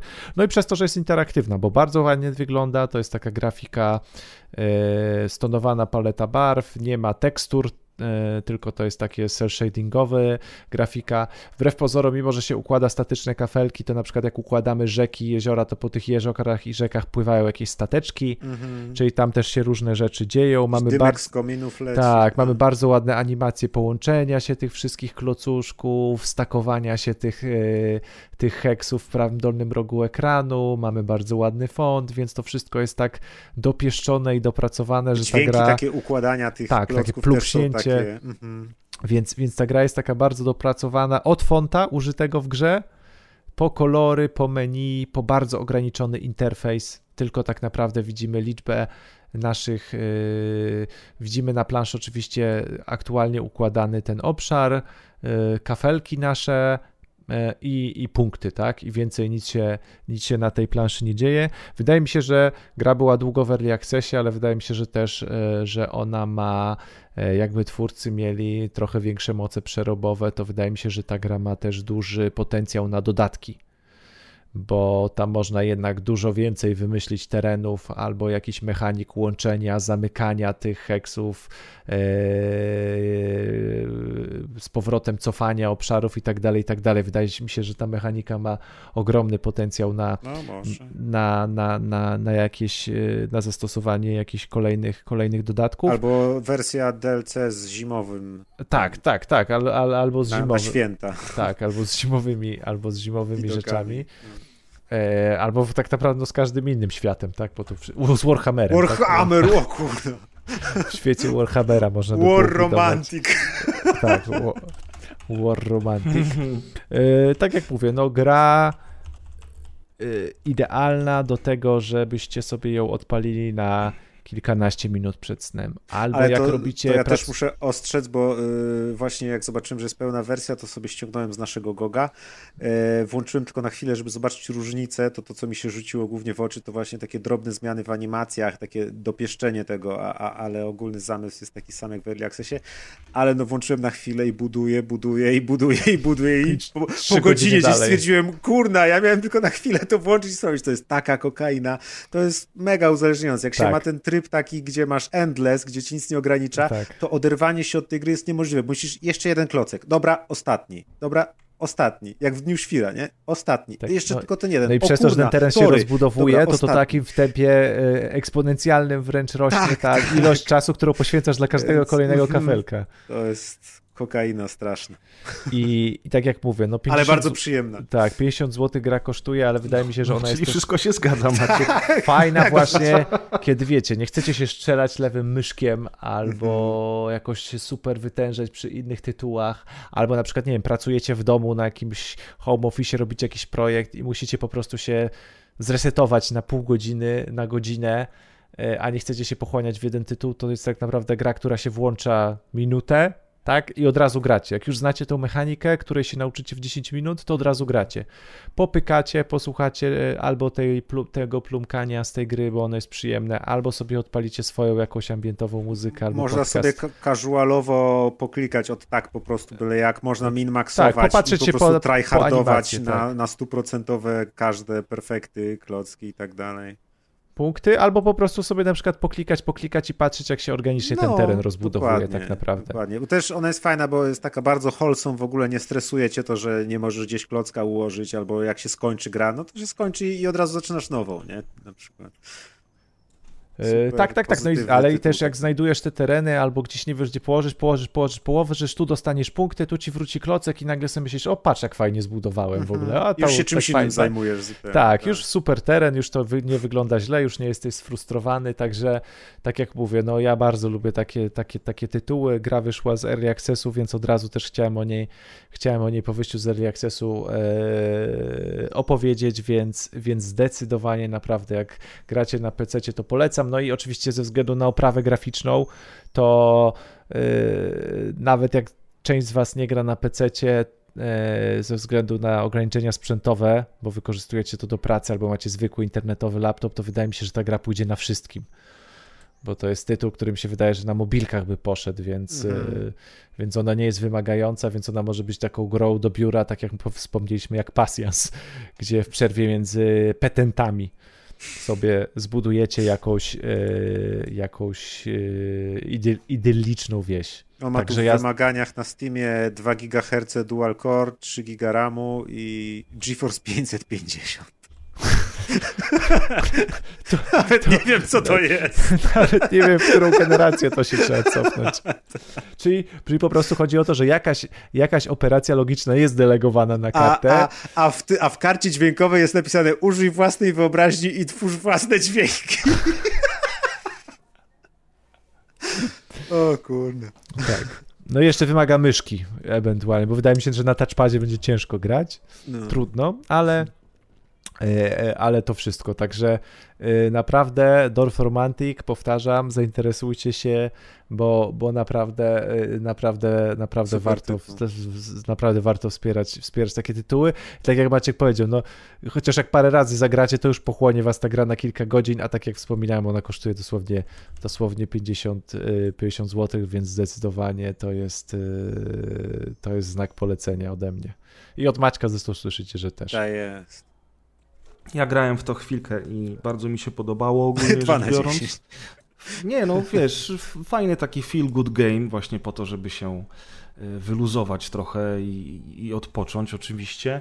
Natomiast to w ogóle nie jest jakby mój, mój klimat gry, no bo to budowanie domków zazwyczaj mnie bardzo szybko nudziło. musisz strzelać. To Nie, wiesz, to nie chodzi o, nie Gdzie chodzi o strzelanie, tylko chodzi Teraz o by to, chciał tam takie małe czołgi, a tu baraki postawimy, a tutaj będziemy produkować. Albo musisz strzelać, albo musisz y, romansować i Gdzie strzelać. są mamuty? masować i strzelać, tak, dokładnie.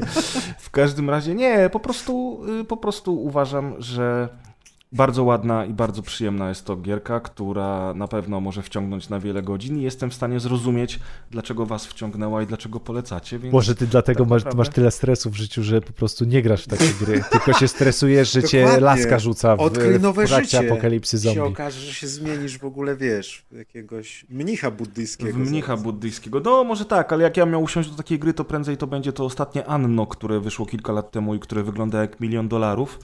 I cały, czas jest, i cały taka- czas jest wspierane i właśnie wyszedł sezon czwarty. Tak, i Wiemy jeszcze... o tym, bo Gaba się zagrywa w Anno i, i No to widzisz. właśnie wyszedł sezon czwarty. I ostatnie Tropico, które wyszło, tam nawet miało El Prez No Edition. tak. To, to, to Tropico było bardzo fajne, bo pamiętam, że ono poza samym budowaniem miasta miało też takie geopolityczne rozkminy i ty musiałeś podejmować tam decyzje w trakcie każdej misji, jakieś, jakieś cele osiągać, więc, więc jeżeli kiedyś będę chciał zostać mnichem, to raczej do którejś z tych dwóch gier usiądę. Ale ty coś masz z tymi martwymi. Tak. Miałeś o tym nie wspominać na podcaście, Maciej. Przepraszam. On to mówił na priv. No, więc jak już, jak już Maciek zauważył, jak jesteśmy już przy martwych rzeczach, to drugą grą, o której dzisiaj wam opowiem, w zasadzie to trzecią, jeżeli liczyć też zmarłe nasienie, nasienie zmarłych, czy jak to tam nazwać. Słodki to- domek. Słodki Słodki domek. domek, dokładnie. A więc y, trzecią i ostatnią grą, którą dzisiaj omówimy na podcaście w ramach y, działu recenzji, będzie The House of the Dead Remake, czyli jak sama nazwa wskazuje, remake starego, e, bardzo popularnego i w wielu kręgach kultowego już House of the Dead, które swoją karierę rozpoczęło na automatach, trafiło później na konsole i na pecety.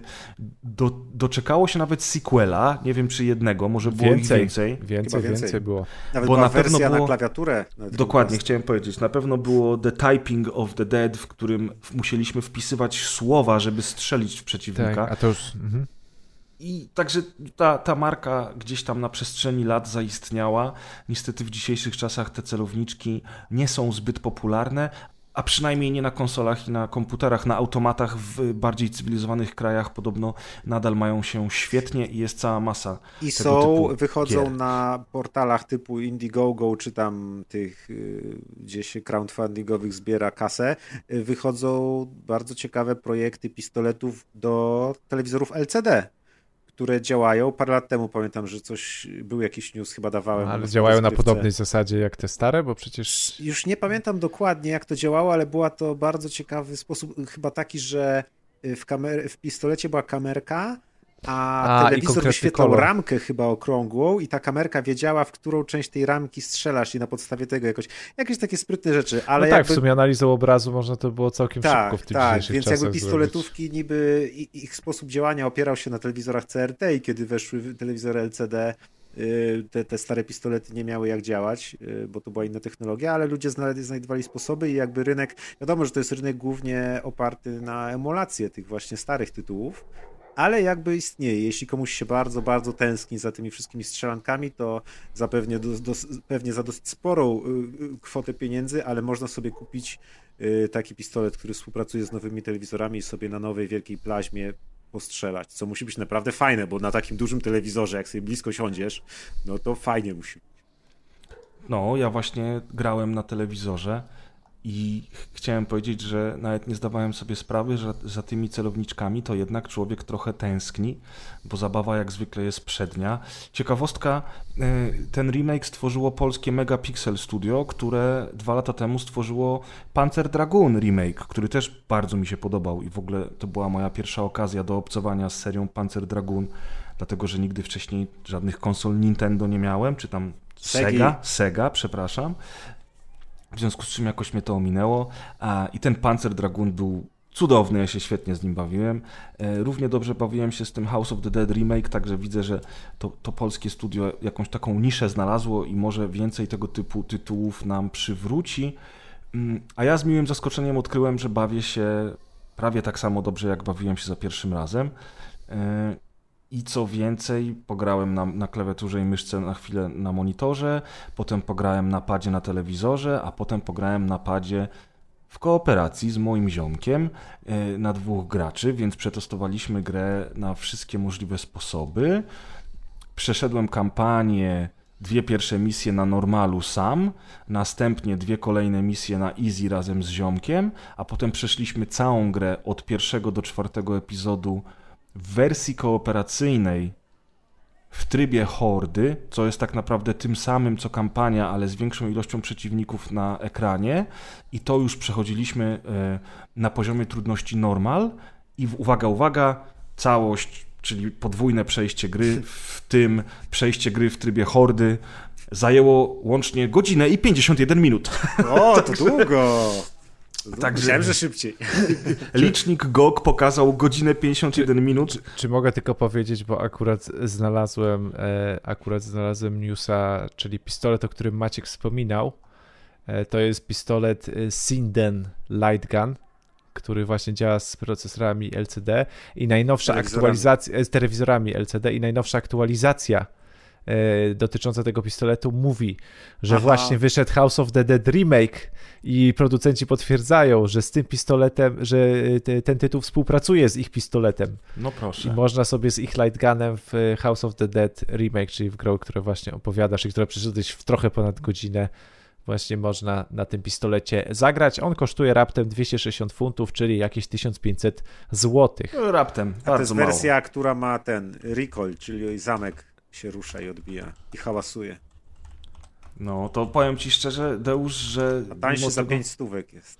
mimo tego, że ta zabawka jakby no brzmi atrakcyjnie, to jednak takich pieniędzy bym za to nie grał. Nie, nie dał po to, żeby zagrać w trzy gry tak naprawdę, nie? E no, No, Rambo. W, w, w każdym razie, Terminator 2, o!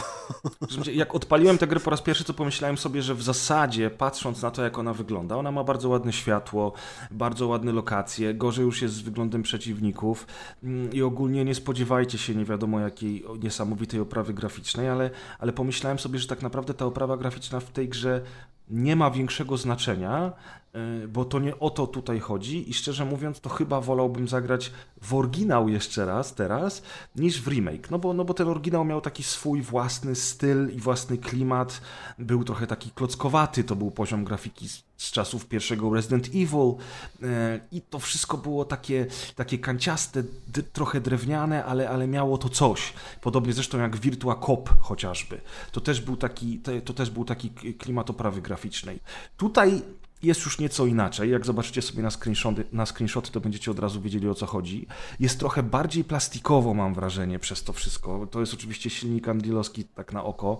I, i niestety to nie jest jakiś, nie, nie wiadomo jaki poziom oprawy graficznej, y, żeby nie powiedzieć, że tak naprawdę to jest dosyć przeciętnie, ale to w ogóle nie przeszkadza w zabawie. Bo sam gameplay jest nadal tak samo miodny i tak samo y, wciągający jak y, za czasów świetności serii.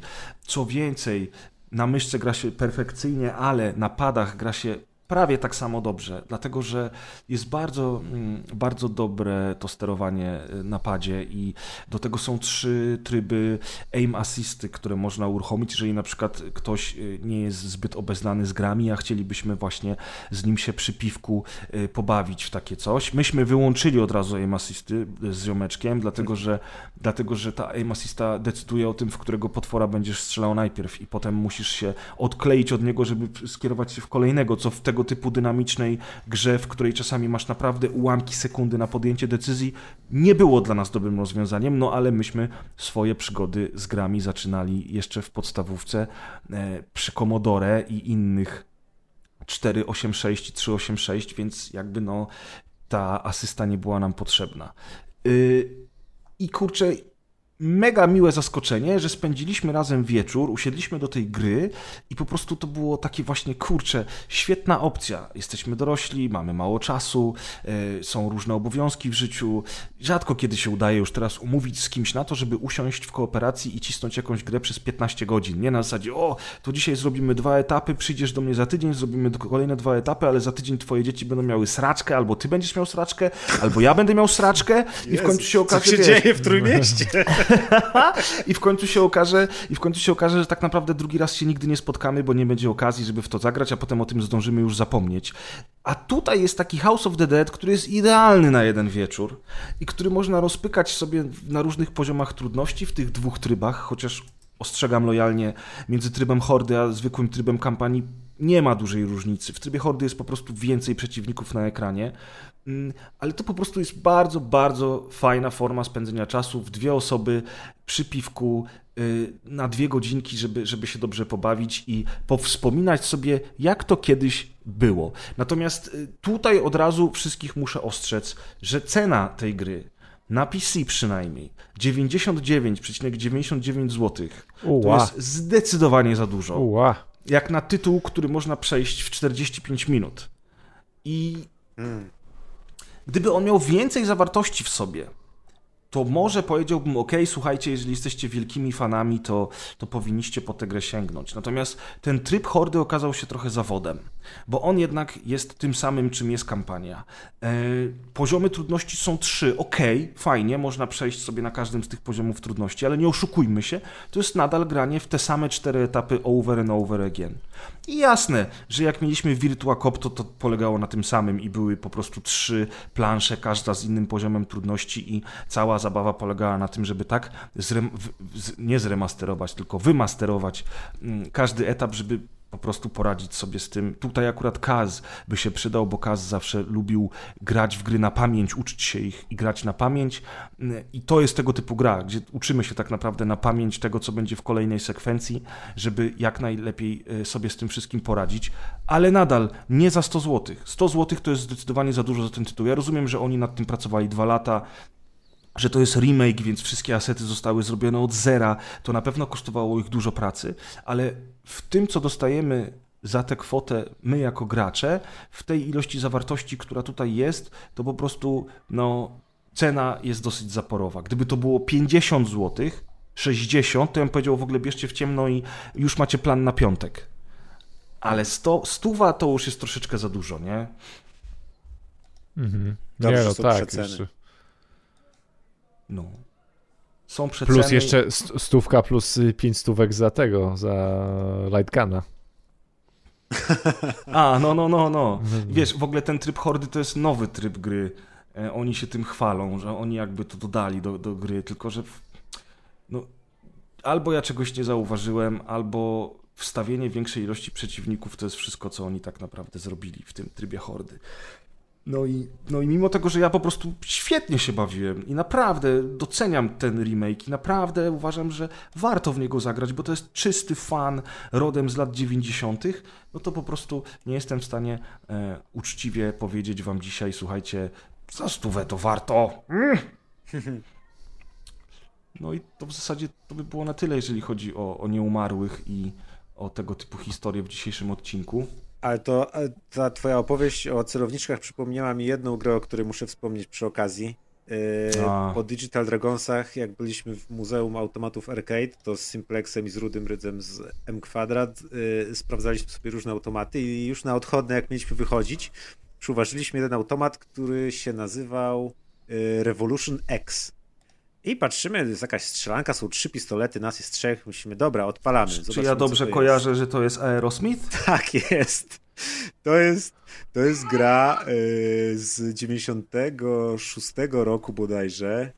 Yy, właśnie strzelanka pistoletowa, automatowa, chociaż były porty też na konsolę z motywem przewodnim Aerosmith, gdzie jest y, muzyka zespołu Aerosmith, gdzie są członkowie zespołu Aerosmith występują i wokół nich kr krąży cała fabuła y, gry, która polega na tym, że jest jakaś zła organizacja która chce zakazać w ogóle wszystkich fajnych rzeczy młodzieżowych, imprezowych, muzyki i tak dalej. I ta organizacja ma swoich jakichś komandosów. Ci komandosi porywają zespół Aerosmith w czasie ich występu i my musimy ich tam wy wyswobadzać. No i czego chcesz więcej od fabuły I, w takiej grze, prawda? I normalnie za zaczęliśmy w to grać dla beki, a okazało się, słuchajcie, że ta gra jest naprawdę świetna, bo mm, graficznie ona ma takie sprite'y, które mi się kojarzą na przykład z Road Rushem, Mhm. Albo była taka gra ESPN Extreme Games o sportach ekstremalnych na PlayStation 1 i tam też był taki charakterystyczny sposób, y, nie, nie wiem czemu te gry właśnie mi się tak kojarzą, ale to jakiś był sposób może właśnie digitalizacji postaci czy coś. Trochę jak Mortal Kombat stary powiedzmy, ale troszkę właśnie inaczej. A poza tym ta gra, okazało się, ma y, świetnie zrobiony parallax scrolling. W ogóle to, jak się poziomy tła przeróżne w czasie pracy kamery obracają, ta kamera się często zoomuje, oddala, trzęsie tam się mnóstwo rzeczy, jest, jest niesamowita destrukcja otoczenia, mnóstwo rzeczy można rozwalić, jak na przykład jest szalina jakaś w klubie, można rozwalać drzwi od kibli, jak jesteśmy w jakimś tam, wiszą jakieś podwieszone y, gitary elektryczne na przykład pod sufitem, to jak w nie strzelasz, to jest dźwięk gitary, czy coś, jest mnóstwo takich elementów interaktywnych, zniszczalnych na tych planszach. Super są animowani przeciwnicy, którzy jak się ich ustrzeli, to robią taki y, efektowny fikołek w tył, niczym w jakichś filmach ze Schwarzeneggerem czy z Van Damme. Jest krew, która z nich sika. Yy, mamy właśnie te pistolety, którymi strzelamy, a pod specjalnym przyciskiem wystrzeliwujemy płyty winylowe, które są takim rodzajem powiedzmy bomby czy granatu. I po prostu to, to, co tam się dzieje, jak my, my w to graliśmy, to nie mogliśmy uwierzyć właśnie w to, co widzimy, kiedy w pewnym momencie, no tam przeszliśmy tylko jakiś pierwszy etap z kilku chyba, ale w pewnym momencie trafiamy na początku do klubu i normalnie grać muzyka Aerosmith, tam jak są też przejścia między etapami, to możesz sobie wybrać, który kawałek ma grać, niczym w jakimś tam Lotusie, czy, czy też w jakichś takich starych grach, gdzie wybierałeś sobie soundtrack i my wbiegamy do tego klubu, strzelamy do wszystkiego, a nagle się odsłania kotara i tam są Aerosmith, którzy grają. My hmm. tam staramy się nie, nie, strzelać, później z helikoptera tam schodzą na nich ci żołnierze, porywają ich, gdzieś my walczymy z tym helikopterem. No po prostu ja tej grze nigdy nie słyszałem, albo przynajmniej nie kojarzę. A okazała się nie dość, że super śmieszna, ten pomysł jest taki absurdalny, abstrakcyjny, a poza tym technicznie ona była naprawdę świetnie zrobiona. Graliśmy chwilę wcześniej w oficjalny celowniczek Terminator 2, który był słaby, a już w porównaniu z tym to w ogóle y, nawet obok tego nie stał. Ale to ciekawe, że nigdy nie słyszałeś o tej grze, bo ja pamiętam z lat 90., że nawet w Secret Service była recenzja tego tytułu i że on gdzieś tam na automatach był dostępny. Ja nigdy nie miałem okazji w niego zagrać. No to może właśnie... Reckę czytałem, ale też nigdy, nigdy tego nie widziałem na żywo w ogóle. Właśnie ja zawsze słyszałem o niej bardzo dobre opinie i teraz potwierdzasz to, że po tych no... wszystkich latach na automacie ona dalej daje radę. To ja bym chętnie zagrał. Gdzieś tam mam, mam jakieś emulatory, muszę Nic tylko automat trzeba kupić albo kupić automat. Automat tak, wydaje mi się, że na emulacji to by troszkę lepiej działało, bo na tym automacie to takie pociski, które tam strzelaliśmy, to tak średnio, ale, ale i tak no naprawdę nie dość, że właśnie absurdalny pomysł, to jeszcze technicznie wykonanie naprawdę, ja byłem w szoku, jakie tam są triki zastosowane, jak to, to wygląda jak taki właśnie teledysk przez Michaela Beya robiony, bo ta kamera lata, mnóstwo rzeczy się dzieje na ekranie, wszystko strzelasz, to wszystko wybucha, czujesz taką niesamowitą interakcję z tą grą, bardzo szybkie tempo, ta muzyka licencjonowana, no po prostu rewelacja, to było takie zaskoczenie, więc naprawdę polecam sobie zobaczyć chociaż początek właśnie na YouTubie, jak, jak to wygląda, a, a najlepiej zagrać, bo naprawdę frajda jest niesamowita niesamowita. A podobno jak przejdziesz całą grę na najwyższym poziomie trudności, to z automatu wyskakuje wokalista i daje ci tort. True story. A, to nie chcę. Myślałem, że, że któraś z tych pań, co tam są, wyskoczy na przykład, albo coś. No, Wiesz, Maćku, no nie wiem, co ci no, powiedzieć. nie te no, czasy. jeżeli, jeżeli, teraz, teraz wokalista z tortem wyskakuje. Steven Tyler z tortem wyskakujący z automatu jest dla ciebie mało eks ekscytujący, no to... Słabo. Słabo, no, kurczę, no. No niestety, nie Ja tam bym się już. ucieszył, ja tam bym się no, ucieszył, tak. szczerze mówiąc. Ale ty jesteś boomer już. Ten teraz se oczy naprawił. będziesz po tym, po odklejaniu siatkówki, tak. przyklejaniu na nowo. Po laserowej korekcji oczu to będziesz mógł pyskować, stary dziadzie. A Maciek teraz, wiesz, sobie zaraz Volkswagena w kombi kupi, będzie jeździł nad morze i tam, wiesz, słuchał yeah! na plaży i mówił... Pomaluje go w kwiatki. Jest, jest, znowu jestem młody. Wciąż nie znowu. no teraz po operacji to jesteś, wiesz, jakby cię 20 lat cofnęło wstecz. Jestem jak Tom Cruise, ale nie uprzedzajmy faktów. Ale nie uprzedzajmy faktów, no właśnie, a zanim pogadamy sobie o tych filmach w kulturce, to ty chciałeś opowiedzieć naszym słuchaczom kilka słów o zwiastunach, które no ostatnio oglądałeś. No to już przechodzimy do działu filmowego, powiedzmy. Wychodzimy tak z naszej jest. gralni, z naszych nor, z piwnic, od rodziców yy, i idziemy do kina i... Który, które śmierdzi masłem i popcornem, nie? Ja w ogóle ostatnio się nasłuchałem, bo tak ludzie przez tą pandemię też y, i przez to, że się, nie wiem, skąd wzbogacili, pokupowali te duże telewizory, to pojawiają się te głosy, że wiesz, e, kina są niepotrzebne. Tak, to właśnie cię ostatnich grubych rozmów nasłuchałeś. Tak, A, możliwe, że też. Ale, tak, ale to już w różnych, w różnych miejscach zauważam. I są oczywiście dwa trendy. Ci, co mówią jebać kina, mam duży telewizor, y, a kina są chujowe i ci, co mówią tylko kino, bo film trzeba docenić w kinie i tak dalej, i tak dalej. Znaczy ja uważam why not both tak naprawdę. Ja no, uważam, że jedna i druga tak. forma jest super, nie? Trochę tak. Tylko... Ja ostatnio, przez ostatnie lata chodziłem 100 razy więcej do kina niż przez poprzednie całe wszystkie lata, y, więc naprawdę doceniam. Plus jednak rzeczywiście rozumiem niektórych ludzi, bo można mieć przeróżne doświadczenia kinowe, bo ja chodzę sobie do kina na przykład we wtorek o 11. I wtedy na przykład na seansie jestem ja i jeszcze ktoś z tyłu w jednym rzędzie na przykład. I jest cisza, spokój, żadnego chrupania, świecenia i tak dalej, bo rzeczywiście jak słucham czasem tych, co tam ludzie przeżywają w kinie, to rzeczywiście nie chciałbym chodzić i jeszcze płacić za to kupę pieniędzy, żeby potem ktoś tam gadał, chrupał, mlaskał, Co więcej, i tak ostatnio dalej. na Twitterze była dyskusja na temat tego, czy filmy w kinie można przeżywać wspólnie, czy nie i rzeczywiście taki trend y, był, trend był taki, że mm, super przeżywa się wspólnie w kinie z innymi ludźmi film. I to jest prawda. A propos Top Gun, dzisiaj będziemy o tym mówić, a propos reakcji ludzi i tak dalej, ale to jest jedna strona medalu. I na przykład... Ja tak miałem tylko na, na Deadpoolu, kiedy... Właśnie, nie? Bo rzadko chodzę na komedię, znaczy w ogóle prawie. Ja chodzę Właśnie. do kina zazwyczaj na takie filmy, które chcę obejrzeć kinowo w kinie, bo to są wielkie produkcje. No Deadpool akurat taką produkcją nie był, ale Deadpoola uwielbiam, więc, więc na to poszedłem i to był jedyny raz w kinie, kiedy kojarzę, że sala cała się śmiała i ja się śmiałem z nimi i to było takie moje właśnie doświadczenie, że cała z ludźmi odbierałem ten film, co było całkiem fajne. W ogóle I to nie jest, to jest bardzo spoko. Ja tak samo miałem ostatnio na tym filmie z Nicolasem Cage'em, o którym jeszcze nie opowiadam, bo czekam aż tego obejrzysz, jak będzie to już na VOD. I wtedy sobie podyskutujemy we dwóch na ten temat. I to, tam też był taki klimat, że sala śmiała się razem. I to jest okej. Okay. No bo co y- innego jest, jak się sala śmieje, co innego, jak ktoś gada przez telefon, ciamka chipsy i. Tak, ale na przykład, na przykład y, na Top Gun byłem świadkiem tego, jak ludzie rozmawiali ze sobą. Na przykład była grupa pań, które przyszły ewidentnie do kina po to, żeby sobie porozmawiać, a nie po to, żeby oglądać film. Była mm. inna grupa, w której y, taki Grzesio siedział, tylko nie ten Grzesio, co siedzi cicho w kinie, tylko ten Grzesio, który, który dużo mówi i on tam cały czas tłumaczył, a, bo to w jedynce to było to czy tamto, nie? A teraz to w ogóle zobacz, nie? Bo ten koleś, to on coś tam. I ja sobie myślę, no spoko, fajnie, nie? Tylko wiesz Reszta ludzi nie musi chcieć tego no tak. słuchać.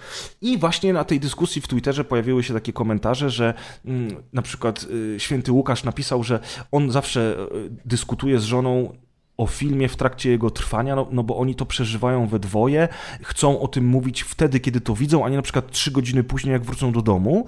No i tylko, że on mówi, że on tam delikatnie i po cichu sobie z nią dyskutuje. I też byłem świadkiem takiej pary teraz w kinie, która, która coś tam sobie zażartowała, czasami coś do siebie powiedzieli i, i odnośnie tego filmu to wszystko było. Ale ogólnie w dyskusji tej na Twitterze to było trochę tak, że no kino to jest takie miejsce, gdzie my właśnie teraz będziemy chcieli wszyscy razem ze sobą dyskutować, śmiać się, płakać i krzyczeć, e, bo, bo przeżywamy to razem. I ja tutaj niestety do końca się z tym zgodzić nie mogę, bo jak chcesz dyskutować e, i śmiać się, robić pauzę i tłumaczyć teraz, kto jest kim, to mhm. możesz to robić w domu, prawda? No. A, a w kinie nie tylko ty płaciłeś za bilet.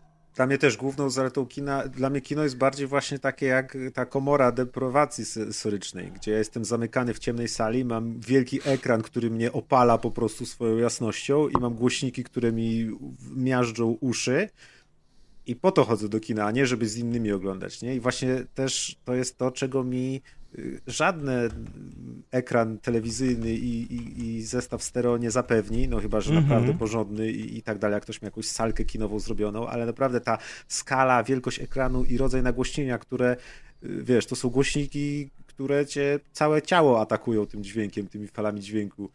I, I dlatego właśnie jakby ja chodzę do kina, żeby to przeżyć, czego w domu nie mam szans jakby doświadczyć, a niektóre filmy, tak jak Mad Max, y, Fury Road, zyskują ogromnie na czymś takim.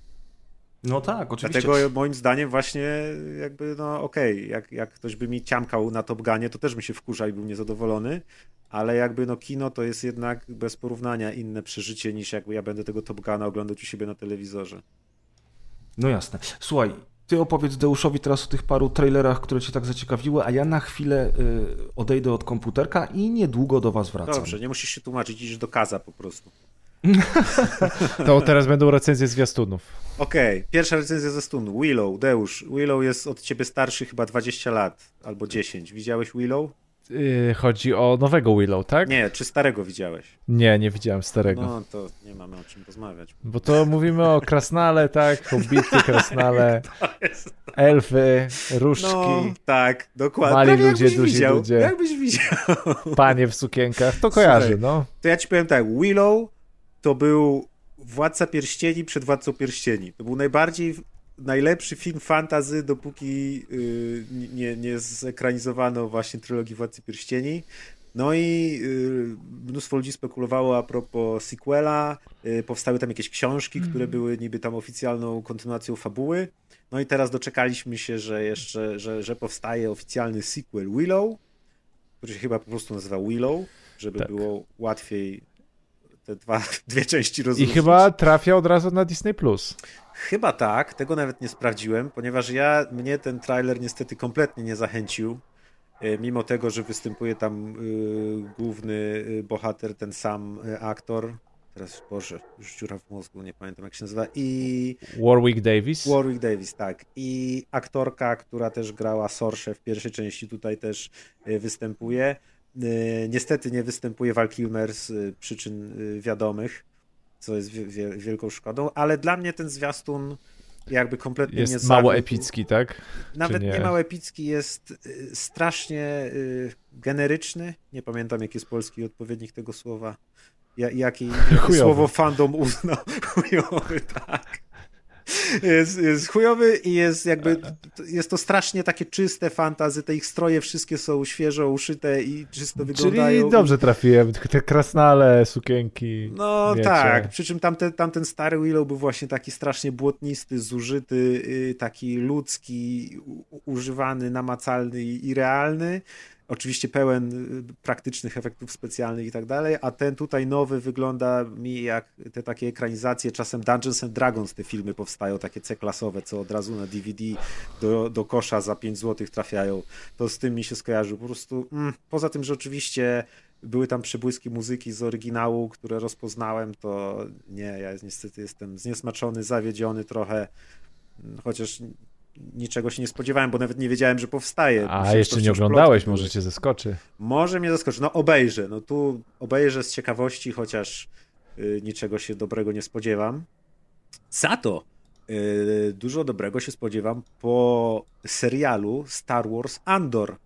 Czyli znów Disney Plus. Znów Disney Plus, popatrz, coś jest w tym Disney Plus. A nie wiem, za darmo to robimy, czy wy jakiś przelew dostaliście? Nie wiem, ale prez zniknął, wiesz. nie wiem o co chodzi. Y, pod koniec sierpnia będzie premiera y, pierwszego sezonu. Są planowane dwa sezony tylko, czyli to będzie taka już najwyraźniej zamknięta całość planowana. To jest prequel do Rogue One, Łotra 1, który dzieje się mhm. wcześniej. Jest ten sam y, bohater co w Rogue One, czyli Cassian Andor i to będzie serial o tym, jak formuje się ruch oporu właśnie przed, no w sumie przed tym największym powstaniem ruchu oporu, który był w czwartym epizodzie Gwiezdnych Wojen. Tak, no im się to wydłuża, bo przecież to już było dawno zapowiadane, tylko to chyba trafiło na ten okres pandemiczny kręcenia i no, wydawania no, rzeczy i jakoś im się poprzesuwało, bo tak. to te pierwsze plotki to już parę lat temu były o tym, mm. przecieki o tym Andorze i że tam... No oni zapowiedzieli mnóstwo tych projektów, tylko ja nawet tak, nie, nie, śledziłem, że... bo to nie wiadomo, który najpierw jest stworzony, który już robią, który jest w planach i tak dalej. Tak, bo to, bo to na tym rękę trzyma e, pan e, Tony Gilroy, który robił e, Rogue One.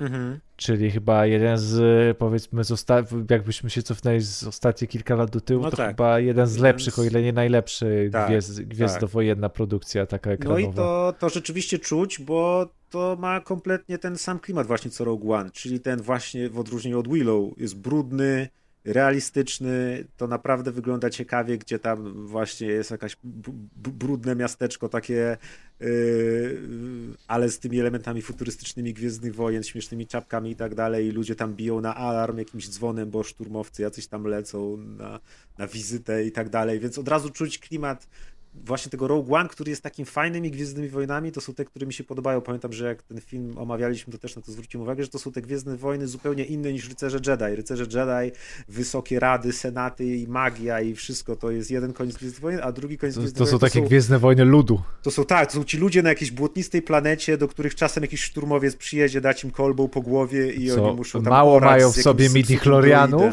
Zero ale, nie mają a, w ogóle. Ale o przetrwanie muszą walczyć. tak, tak. Więc tutaj od razu po tym zwiastunie ja wyczułem właśnie ten klimat. Nawet, nawet na początku nie wiedziałem, że to ten sam reżyser co Rogue One. Ale, ale tu zdecydowanie u mnie jest duże zaciekawienie i na to się na pewno rzucę. Tak jak na przykład teraz ten y, serial o Obi-Wanie Kenobim wychodzi i to tak... Mm, nie wiem jeszcze, zobaczę jak ludzie będą polecać. Press u nas, y, znaczy gdzieś tam słyszałem, że hejtował straszliwie, ale on jest, wiecie, bardzo. Ja tylko, ja, ja, tak, ja jeszcze czekam na, jeszcze czekam, próbuję uniknąć spoilerów, aczkolwiek ja jakoś tak strasznie nie jestem przeciwnikiem, powiedzmy, że zatykam wszystkie otwory, e, u, otwory swojego ciała przed spoilerami. Jakkolwiek byśmy spoilerów nie interpretowali. Można czasem, no. E, w każdym razie, no widziałem te porównania, nie wiem, czy widziałeś w internecie te porównania, które porównują ten serial Obi-Wan z, ze starą trylogią, bo to nie, chyba 8 lat nie. tylko dzieli e, wydarzenie z serialu do trylogii. Jak zobaczysz Obi-Wana z serialu i Obi-Wana sobie przypomniesz. O słuchaj, życie na pustyni jest wykańczające, no. Znaczy, plus, plus, strasznie plus, hejtował. Tak, plus nie tylko Obi-Wana, ale na przykład Leję wystarczy zobaczyć, która nagle no właśnie z tym... Po 8 lat y, jest młodsza o 25. No trochę zaspoilowałeś chyba teraz, ale, ale myślę, że, no bo nie wiem, czy w trailerach ją pokazywali, natomiast ogólnie rzecz biorąc to... No ale jak wiadomo, ile lat się dzieje przed, no to no ile, no. że Leia gdzieś tam żyje. Aha, że w ogóle, że umarła. występuje, tak? Tak, bo tutaj właśnie Ale ona nie może występować, bo nie żyje, tak? To...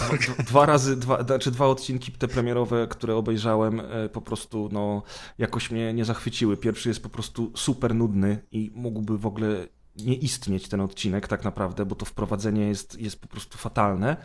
No a potem już jakby no nie wiem, właśnie mieliśmy najpierw token w postaci Baby Jody i on się okazał tak zajebisty, że sprzedaż figurek i zabawek, która leżała u Disneya nagle ruszyła w górę i oni teraz dopiero mówią, że no nareszcie nam to się zaczyna sprzedawać, chociaż e, e, całe Hasbro ostatnio opublikowało jakby swoją sprzedaż zabawek i sami powiedzieli, że ten procent, który oni zarabiają na Gwiezdnych Wojnach jest malutki i on nie jest imponujący, więc widać, że dalej ten problem gdzieś tam jest, że nowa trylogia nie dała rady wprowadzić te, tego merchu tak, jak robiły to poprzednie filmy e, i oni się z tym borykali, więc wpadli na Baby Yoda, który był genialnym rozwiązaniem i po prostu strasznie podniósł tą popularność Mandaloriana i w ogóle teraz ta, te zabawki z Mando podobno sprzedają się bardzo dobrze.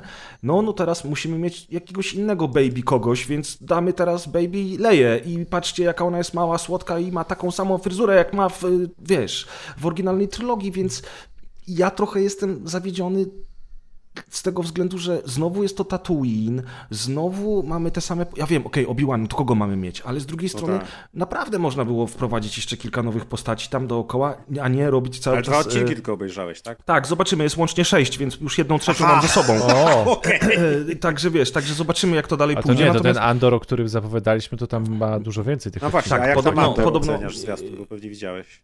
Wiesz co, pozwól że skończę jeszcze Aha. o tym Obiłanie, bo jedna ciekawostka a propos tego wieku postaci, o którym powiedział Deusz. Mnie to w ogóle rozbawiło, dlatego że e, Bejla Organe gra ten sam aktor, który grał go w e, prequelach.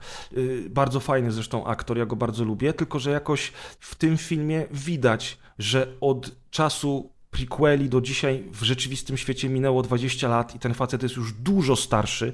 On jest dużo starszy na przykład od, od Obi-Wana, którego gra znowu Evan McGregor, a tymczasem na przykład e, Leia wychowywana przez Bale'a Organa spotyka Obi-Wana i mówi do niego dziadku. Ja sobie myślę, ej, a swojego starego chyba nie widziałaś dawno, co? Bo w ogóle wiesz, i dlaczego na przykład skoro oni robią te wszystkie odmładzania w niektórych scenach, potrafią odmłodzić Leje w Rogue One i tak Zresztą... dalej, to czemu nikt Bale'a Organy nie odmłodził e, w, w Obi-Wanie, a jednocześnie Obi-Wan rzeczywiście e, ma mhm. bardzo szybkie 8 stresujących lat przed sobą, skoro za 8 lat będzie wyglądał tak jak Alec Guinness w oryginalnych Gwiezdnych Wojnach. To jest, no to jest takie, wiesz, no... Jest to, ale to faktycznie jak już, jak już ten Disney będzie u nas na apce i sobie wszyscy obejrzymy, to na pewno a o jak, tym podyskutujemy. A jak chcecie oglądać y, ostatnią dobrą rzecz y, z Iwanem McGregorem, a macie Apple TV, to wam polecam Long Way Up. Y, czyli ten dokumentalny serial, w którym jedzie na motocyklach. A, on chyba z bratem tam nawet jeździ, czy z kolegą? Tak, z kolegą, z Charleyem Charlie I co oni robią jakiś tam. No i najpierw, było, najpierw była seria e, Long Way Down. E, a potem z góry, a teraz wjeżdżają. Po... Tak, a teraz wjeżdżają do, tak, a teraz wjeżdżają, e, a teraz wjeżdżają do góry przez no podróżu, podróżując po świecie na motocyklach, ale no fantastycznie po prostu zrobiona. Jak ktoś lubi motocykle, ty Maciek powinieneś no. ty w ogóle obejrzeć. Jak ktoś lubi, robi motocykle, no i w tej serii to jest y, głównie e, to jest głównie Ameryka, to jest Ameryka Południowa. Więc, mm. więc naprawdę super i to taki, taki na bardzo wysokim poziomie, na bardzo wysokim poziomie serial, serial dokumentalny. Także jak lubicie ładne widoczki i motocykle, to zdecydowanie polecam bo może nie wiedzieliście, ale może część słuchaczy wiedziała, że właśnie Iwan McGregor jest jakimś e, kompletnym świrem motocyklowym i fanem podróży na motocyklu. O, nawet na tych elektrycznych Harley'ach jeździ. Tak, to właśnie na Long Way Up jadą na elektrycznych. No, a, co do Andora, no to wiesz, ciężko mi powiedzieć po tym zwiastunie. No jest jaki jest ten zwiastun. Ja, ja trochę się martwię o to, że oni chcieli do, zrobić coś nowego, zupełnie im nie wyszło, więc teraz będą się trzymali tej bezpiecznej strefy oryginalnej trylogii i wokół niej będą ale, wszystko kręcić. Ale nie wiem, czy wtedy robiłeś siku, czy nie, jak rozmawialiśmy o tym z Maćkiem, ale tam y, pieczę nad tym trzyma pan od Rogue One, także... Okej, okay, spoko, tylko ciężko mi cokolwiek na razie powiedzieć. Fajny jest ten zwiastun, klimatyczny, tak jak Maciek mówił o tych bębnach, o tym wszystkim, no oni tam się chwalą, że to będzie takie mroczne i bardzo szpiegowskie i w ogóle. Mm no, no, no, no, no okej, okay, okej, okay, nie? Tylko, że znowu to jest takie wracanie w te same rejony. Ja pamiętam, że w Rogue One ten cały Andor to nie był taki do końca przekonany o tym, że on chce się w ogóle mieszać w tego typu sprawy, a teraz będziemy mieli serial, który dzieje się przez Rogue One'em, w którym on się cały czas będzie w te sprawy mieszał. No, nie wiadomo w jakie, może niekoniecznie w taką rebelię, rebelię dla dobrych, wiesz, good cost, tylko może dla własnych zysków, tak jak tam opowiadał, że to są wszystko ludzie, którzy robili straszne rzeczy dla rebelii więc... No tak, no zobaczymy. Może, no. może, to będzie, może to będzie dobre, może nie będzie. Mi tak ten zapał gwiezdnowojenny to już siadł no dawno wiadomo, temu, nie? No. To już nie e... jest 99. Jop. E... Ale no, zobaczymy, no. Fajnie, że coś tam się dzieje wokół. Tylko pytanie brzmi, jak długo będziemy jeszcze w kółko mogli oglądać to samo, nie? O, chyba długo lepiej zagryźć zęby, wiesz, wydaje mi się. No wiesz, no, też nie muszę tego oglądać, jeżeli nie chcę, więc jak Musisz. Ale, ale, oczywiście, wiesz, jeżeli ja mogę wejść na grupę i napisać y, Obi-Wan taki sobie i ludzie dostają wścieku dupy, I uciekasz ja wtedy, a tam spijam, Ja spijam te łzy, granat. wiesz, ludzie zaczynają się walczyć między sobą na tych socjalach. A ty robisz a ja... sobie drinka z palemką. Ja wtedy, nie, ja wtedy Jak biorę tą... Lebowski w tym szlafroku i tylko tak, tak, White tak. Russian. Ja biorę te włócznie, wtedy Odyna staje tak nad tymi ludźmi walczącymi, pioruny walą, krew się leje, wtedy mówię, Odynie, tę ofiarę poświęcam tobie i rzucam tą włócznią, rozumiesz? No, przynajmniej tak to, coś się dzieje, Tak nie? to wygląda. Wiecie, jak wygląda pres, kiedy odpisuję wam na Facebooku z, z włócznią w pokoju stoi w gaciach samych i krzyczy Odynie! A sąsiadka, Jezus, znowu ten spod czwórki na Facebooka wszedł. Ja pierdzielę. Byłem we wrzeszczu, wiem jak jest. Dobra, słuchajcie, ostatni zwiastun, żeby o zwiastunach już nie było zwiastunnika. E, The Grey Man chcę polecić. E, Szary Człowiek. To jest o, to film zaraz wychodzi. E, braci Russo, których znacie z marvelowskich tych tam zimowych żołnierzy i tam apitanów, mameryków i innych. E, tak, wychodzi 22 lipca. Dlaczego o tym mówię? Bo gra tam Ryan Gosling, Billy Bob Thornton, Chris Evans, który jest y, brunetem z wąsikiem i gra złego charaktera. No i jest Anna de Armas, więc trzeba to obejrzeć obowiązkowo. A poza tym naprawdę to jest sensacyjniak y, w stylu agent sił specjalnych amerykańskich, szpiegowskich, coś tam. Tak, bo to jest na podstawie książki. Zdradzają go. Przestań w książkach mówić tam mądre rzeczy. Film jest, wybuchy są, zwiastun jest super dynamiczny, dzieją się rzeczy, wygląda trochę jak, wygląda jak taki porządny akcyjniak wysokobudżetowy ala Mission Impossible. To nie jest tam takie, że tam są dwie sceny strzelanin i koniec, tylko naprawdę są tam solidne pościgi i takie fajne rzeczy, które tak myślę, o dobra, ten sensacyjny film bym obejrzał, więc The Grey Man, jak ktoś by chciał takie kino, że się strzelają i gonią i jest Ryan Gosling i Anna de Armas, to się widzimy w kinie. Tylko nie przychodźcie do mojego kina, bo ja chcę, żeby była pusta sala. A ja myślałem, Ale że to, to będzie na Netflixie Netflixa. Wychodzi, no właśnie. Bo to wychodzi i w kinach, i na Netflixie. O, fajnie. O kurde. To super, to się cieszę. No ja cieszę się, że oni trochę idą tak. Z znaczy, Netflixem. Oni idą do kina, Netflix idzie do kina z tymi filmami, no żeby później móc być nominowanym między innymi do Oscarów i do wszelkich różnych tak, nagród, tak, tak, tak. Bo bardzo często no, tylko filmy kinowe, które są w dystrybucji kinowej mogą tam trafić. Tak, Czyli mogą nawet być nominowane. Nie, nie, potrzebują zysków z kin, byleby tylko było, że byli w kinie. Tak, tak, bo to nie chodzi o zyski, bo tam pierwsza plota była taka, że wiesz, tak. oj Netflix sobie słabiutko radzi, skoro chcą zarabiać na, na swoich filmach w kinie, ale to nie chodziło o to. Aha. A jeśli chodzi o poziom akcyjniaka, no to to jest fabuła na podstawie, tak jak mówiłem, książki, pana Marka Groeniego i to jest pan, który zresztą odziedziczył e, schedę po Tomie Clancy'm. Także no jak proszę. Toma Clancy'ego już nie ma, e, w sensie Toma Clancy'ego. E, e, tak, tak, tak. No teraz kontynuuje tak no, dobrze. Przejął jego franczyzę, tak? tak przejął, przejął jego franczyzę e, i tam zresztą no, to... mu w, w, ostatnich latach pomagał pisać te książki. Czy wiadomo, czego się można autor. spodziewać właśnie.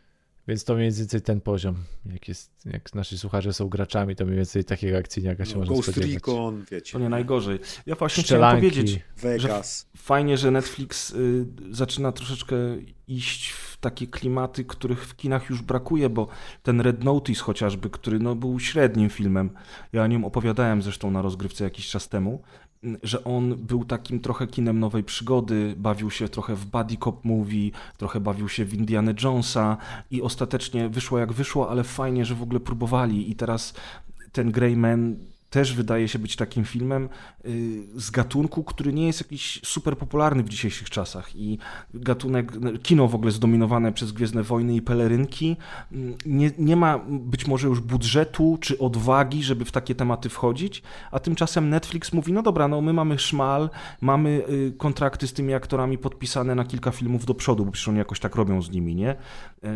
to, to, to po prostu zrobimy teraz właśnie kino szpiegowskie i zobaczymy, jak ono się przyjmie, więc no ja się cieszę. Bardzo, bardzo chętnie taki film zobaczę, no bo tak jak powiedziałem, niewiele tego typu filmów powstaje, przynajmniej nie takich wysokobudżetowych. Hmm. Dobra, tyle zwiastunnika, teraz do, Dobra. do filmownika przechodzimy. Teraz w filmowniku ja bym chciał zacząć od y, Doktora Strange'a. Doctor Strange in the Multiverse of Madness, który był reżyserowany przez Sama Raimiego i to widać i czuć w tym filmie i to jest bardzo dobra decyzja, że ktoś jemu dał zrobić ten film. Jeżeli ktoś nie kojarzy, kim jest Sam Raimi, to jest to pan, który jako bardzo młody człowiek stworzył Martwe Zło, The Evil Dead, e, bardzo klasyczną serię horrorów. Kolejne martwe rzeczy. Kolejne martwe rzeczy. Dokładnie. A jeszcze jest Evil Dead The Game, w które grywam, ale już o. nie będę dzisiaj mówił o, o tym. Natomiast pan Sam Raimi później stworzył Spider-Many z Tobim Maguirem, no więc na pewno kojarzycie, kim ten ktoś jest. No i teraz Mm, tutaj dyskusja o Disneyu y, na początku naszego odcinka nie była przypadkowa, dlatego że niestety, i, i, uważam, że to jest problem, w tej chwili uniwersum y, Marvela roz, rozrosło się do takich rozmiarów, że poza filmami, które oczywiście musimy oglądać po kolei, żeby wiedzieć, co się dzieje, mamy jeszcze seriale i te seriale też musimy oglądać. Tak, bo właśnie się chciałem ciebie zapytać, czy oglądałeś wcześniej seriale? Oglądałem jeden serial, który mi y, polecono, żebym obejrzał, a mianowicie właśnie WandaVision, WandaVision bo WandaVision dzieje się bezpośrednio przed Doktorem Strange'em i tak naprawdę bez obejrzenia WandaVision bardzo dużo stracimy. A to WandaVision odcinków ma bodajże 7, y, z czego tak naprawdę, żeby obejrzeć sobie spokojnie film Doctor Strange in the Multiverse of Madness, musimy obejrzeć dwa ostatnie odcinki. A pozostałe pięć niekoniecznie. Y, serial nie jest wyjątkowo dobry, to znaczy on ma bardzo fajny pomysł na siebie i tutaj będę to chwalił, bo wszystko jest przedstawione w konwencji seriali amerykańskich, e, takich sitcomów, które mm, każdy odcinek jest z innej ery. Zaczynamy w latach 50., potem 60., 70. My obserwujemy nie tylko jak zmienia się sama konwencja serialu, ale obserwujemy też jak zmienia się obraz. W pewnym początek jest w ogóle czarno-biały, y, później serial staje się kolorowy, no bo telewizja już w tych latach zaczęła robić kolorowe seriale. W każdym odcinku jest też reklama i te reklamy odpowiadają bardzo temu, jak reklamy w telewizji w USA w tamtych latach wyglądały, więc na przykład pierwsze reklamy są strasznie seksistowskie i w ogóle takie, no takie jak były w tamtych czasach właśnie w Ameryce, w tej ich kulturze, e, chociażby reklama tostera, w którym e, pan speaker mówi do męża i żony, którzy stoją przy tym tosterze, mówi ten toster jest tak fajnie zrobiony przez Stark Industries, że nawet twoja żona nie da rady tych grzanek spalić. I takie jest, o, i ta żona się praktycznie w tym w ogóle nie odzywa, bo, bo przecież ona jest taką głupią kurą domową, a ten mężczyzna, co codziennie jeździ do, e, do pracy, do fabryki swoim Fordem i pali swoje Malboro, no to on jest tym takim e, panem domu i, i jego traktujemy poważnie, a, a tą jego małżonkę to już niekoniecznie. I tak te reklamy naprawdę wyglądały. Jakieś oglądałem całą serię tego typu reklam. Możecie sobie obejrzeć je na YouTubie. I niestety, no, tak to by wszystko wyglądało. Zresztą wystarczy wspomnieć, że na początku w reklamach papierosy były reklamowane przez lekarzy. I lekarze mówili: Uwielbiam kamele palić, one są super i w ogóle y, strasznie to mnie relaksuje. Jako lekarz jestem w stanie powiedzieć wam już teraz, że to jest dla was dobre. I tego typu rzeczy, yy, które się wtedy działy. Natomiast później te reklamy ewoluują. Już na przykład jedna z ostatnich reklam bodajże w latach 80. jest taka, że pani coś rozlewa na blacie w kuchni i wyciąga ściereczki, które wchłaniają wszystko. W ogóle się tym nie przejmuj, bo to wszystko zaraz zniknie z twojego zblatu. I pani przeciera tą ściereczką, rzeczywiście sok znika, pani jest uśmiechnięta i w tym momencie jej małżonek przypadkiem rozlewa swoje piwo na tym samym blacie. No i wiecie, teraz oczekujecie, że w tej reklamie pani również zmyje to piwo i powie do swojego męża: Kochanie, nie przejmuj się, już wszystko załatwiłam. Tymczasem speaker z OFU mówi: Wasz mąż może sobie sam zmyć swoje rozlane piwo i jest pokazane, jak ten mąż z tą szmatką uśmiechnięty to piwo ściera i mówi, o, to faktycznie działa, wiesz. No i to jest chyba jedna z największych zalet WandaVision, ale oczywiście sama fabuła też jest ciekawa, bo ona pokazuje bardzo dużą zmianę tej bohaterki Wandy, która y, jest jedną z najważniejszych postaci y, Doktora Strange'a. Ale ja uważam, że to nie jest fajne. Że musisz obejrzeć ten serial, żeby iść do kina na Doktora Strange'a, zwłaszcza jeżeli mamy taki, a nie inny system y, rozprowadzania tego Disney+, że u nas w Polsce Disney Plus jeszcze nie jest dostępny, nie możesz obejrzeć WandaVision, ale żeby iść do kina na Doktora Strange'a, który już leci u nas w Polsce w maju, miesiąc przed premierą Disney Plusa w Polsce, to lepiej by było, żebyś jednak ten serial znał. I to jest takie, wiecie, no, nieciekawe podejście moim zdaniem. Bo bo to jest trochę zawracanie dupy i, i, to jest trochę też po prostu absorbowanie coraz większej ilości godzin od widza tylko po to, żeby on mógł się dobrze bawić e, z tym filmem w kinie, za który będzie musiał zapłacić. Tylko to jest Ale... zawsze też problem jakby co dla kogo jest tym, że, że, że musisz to wiedzieć, nie? Że ta granica jest jakby płynna. Czy jakbyś obejrzał ten film bez tej WandaVision, to czy byś go nie zrozumiał, czy byś nie zrozumiał połowy, czy tylko byś nie zrozumiał albo nie wyłapał raczej kilku jakichś drobnych rzeczy, które i tak no, ci nie przeszkadzały, nie? To jest właśnie wiem, o co ci chodzi. i takie trochę upierdliwe i mi na przykład by się pewnie nie chciało tego oglądać, yy, tak jak teraz ostatnio filmy Marvela, to oglądam bardzo wyrywkowo w oderwaniu, już od siedmiu lat chyba wysiadłem z tego pociągu i tylko kilka filmów widziałem i jasne, na pewno coś tam tracę, ale to też jest zawsze jakiś taki balans, nie? I wydaje mi się, że no nie wiem, na pewno nie są sobie w stanie pozwolić na to, żeby naprawdę zrobić coś takiego, że wiesz, nie widziałeś, to nic nie zrozumiesz, nie? Znaczy okej, okay, tylko że mm, ja na przykład nie widziałem żadnego innego serialu y, Marvela, poza tym WandaVision i wydaje mi się, że nie musiałbym oglądać tych innych, żeby, żeby zrozumieć, y, co się dzieje w nowym Doktorze Strange'u, ale, ale jednak to jest na tyle mocno połączone, że motywacja głównej bohaterki, y, to co się dzieje w filmie, to, to wszystko jest na tyle mocno ze sobą połączone, że dużo stracisz jednak nie znając serialu, że w tym konkretnym mhm. wypadku dużo stracisz nie znając mhm. serialu. I dlatego to jest dla mnie problematyczne.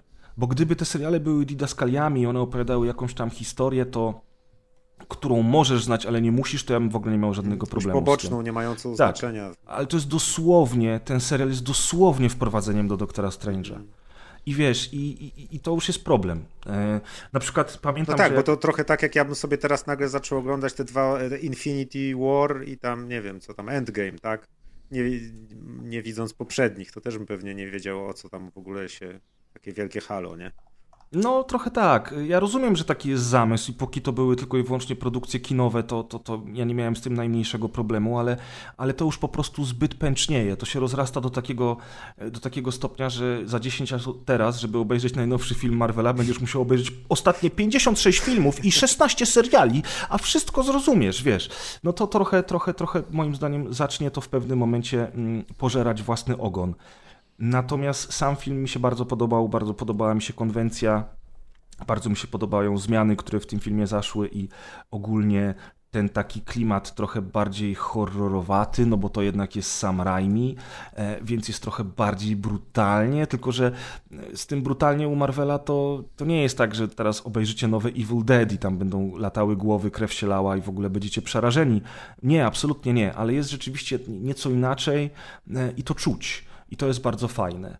A już w ogóle cała konwencja tego, że że mamy to multiversum, no i to multiversum nie jest już żadną tajemnicą, skoro w tytule mamy multiversum, a, a samo multiversum przejawiało się już w poprzednich filmach, mm, pojawiało się w, w produkcjach Sony o tych wszystkich antybohaterach, którzy są przeciwnikami Spidermana, czyli w Venomie i w Morbiusie.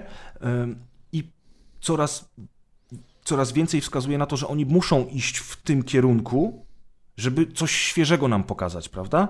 Tamte wydarzenia się skończyły, niektórzy bohaterowie już zmarli, inni odeszli, pojawiają się nowe postaci i teraz fajnie by było wyciągnąć z tego jeszcze więcej, no bo komiksy są tak niesamowicie rozpisane przez te ostatnie kilkadziesiąt lat ich istnienia, że że tam jest cała masa materiału, z którego można czerpać i fajnie, że oni właśnie poszli w stronę tego multiversum, bo to jest najlepsza rzecz, która mogła spotkać w tej chwili Marvela. A to przecież już się działo chociażby z tego, co kojarzę z trailerów w serialu o Lokim, prawda? Także, także no, jest to całkiem spoko. Zwłaszcza, że na przykład y, te dwa filmy, które wyszły przed Doktorem Strange'em, a mianowicie Shang-Chi i Legenda tam Pierścieni czy coś oraz The Eternals, mhm. tak bardzo mi zwisały, że ja ich do dzisiaj nie widziałem. A Eternalci byli fajni. Ja słyszałem właśnie, ja że, że, te filmy są spoko. Tak, i to no, teraz będzie ten Disney w Polsce wreszcie, to ja na pewno chętnie obejrzę. Yy, tylko, że to jest tak, że on nie do końca to są ani moi bohaterowie, ani jacyś bardzo znani bohaterowie. Yy, i, nie czułem potrzeby do tej pory, że muszę koniecznie iść na to do kina, a tymczasem ten Doctor Strange, przez to, że już od tylu lat on w tym MCU sobie istnieje i jest zresztą świetnie zagrany przez y, Cumberbatcha, który jest po prostu bardzo dobrym aktorem, to on po prostu mm, wywołał we mnie tą chęć, że jak ja zobaczyłem trailer, to powiedziałem, ok, ja chcę to obejrzeć, nie? Tutaj oczywiście możemy dyskutować o tym, czy ja już jestem tym produktem Hollywoodu, znaczy inaczej, czy ten produkt Hollywoodu już tak mi wyprał mózg, że ja widzę znane postaci i mówię, o, kino, zombie, Grzegorz idzie do kina, wiesz, pewnie trochę tak. Mm, ale, ale cieszy mnie to, że po prostu jest tam jakiś pomysł. Ja nie mogę za bardzo mówić o tych rzeczach, bo to byłoby zbyt duże spoilowanie, ale rzeczy, które dzieją się w, w, tym, w tym filmie, są świetnym rozwinięciem tego, co Sony zrobiło w swoich filmach antybohaterskich, co pokazano już w ostatnim Spider-Manie. E, I co teraz pokazuje Doctor Strange. A to Więc... też widać na zwiastunach, przynajmniej ja nic o tym filmie nie wiem, nic nie czytałem, a na zwiastunie widać, że się pojawia jakaś zła wersja Doktora Strange'a z innego wymiaru, nie?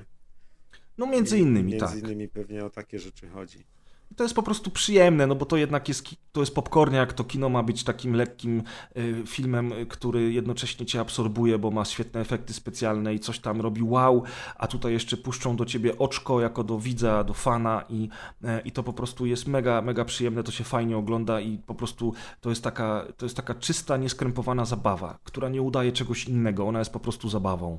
No właśnie y wydaje mi się, że to jest ratunek dla Marvelów, które dla mnie też właśnie jak już tam mniej więcej na, na wysokości Age of Ultron już z tego wysiadłem, bo nie byłem w stanie na poważnie brać tego, co oni mi na poważnie serwowali I że wiesz, jakby kiedy po trzech filmach stawka już jest podbita do istnienia wszechświata, a oni mają jeszcze 10 filmów, gdzie stawka ta jeszcze ma bardziej rosnąć, to już mama łyga się z tego robi. I później na przykład wyszedł ten Thor Ragnarok, którym mhm. wszyscy się zachwycali, ja go też obejrzałem i on dla mnie był przede wszystkim komedią.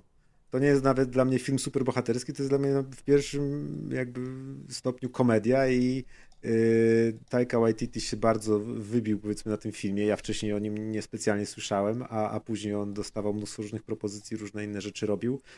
Yy, I też właśnie yy, taki właśnie powiedzmy rodzaj kina trochę autorskiego w tym Marvelu, jest właśnie mm -hmm. czymś, co sprawia, że właśnie Sam Raimi, specjalista od horrorów, zrobi coś bardziej horrorowego. Taika Waititi, wariat od komedii, zrobi coś bardziej komediowego. I że te filmy przestaną być tak, jak na początku były, każdy z jakąś taką mniej więcej taką samą historią jakiegoś tam bohatera y, w gatunku, to był filmie gatunku Marvel, nie? Czyli wiadomo mhm. o czym będzie. A tutaj jak masz to zróżnicowanie, to jest już czym wybierać, one się właśnie czymś różnią, jest coś właśnie świeżego, ciekawszego to jest właśnie dla mnie takie coś, co jest takim ratunkiem. I też pewnie tego yy, Strange'a obejrzę. Poprzedniego też obejrzałem i był dla mnie taki, a to co zwykle, nie? A tu może, może będzie coś właśnie trochę, trochę ciekawszego drugim. Więc to jest według mnie taki ratunek, że powinni się za to brać ludzie już w ogóle na.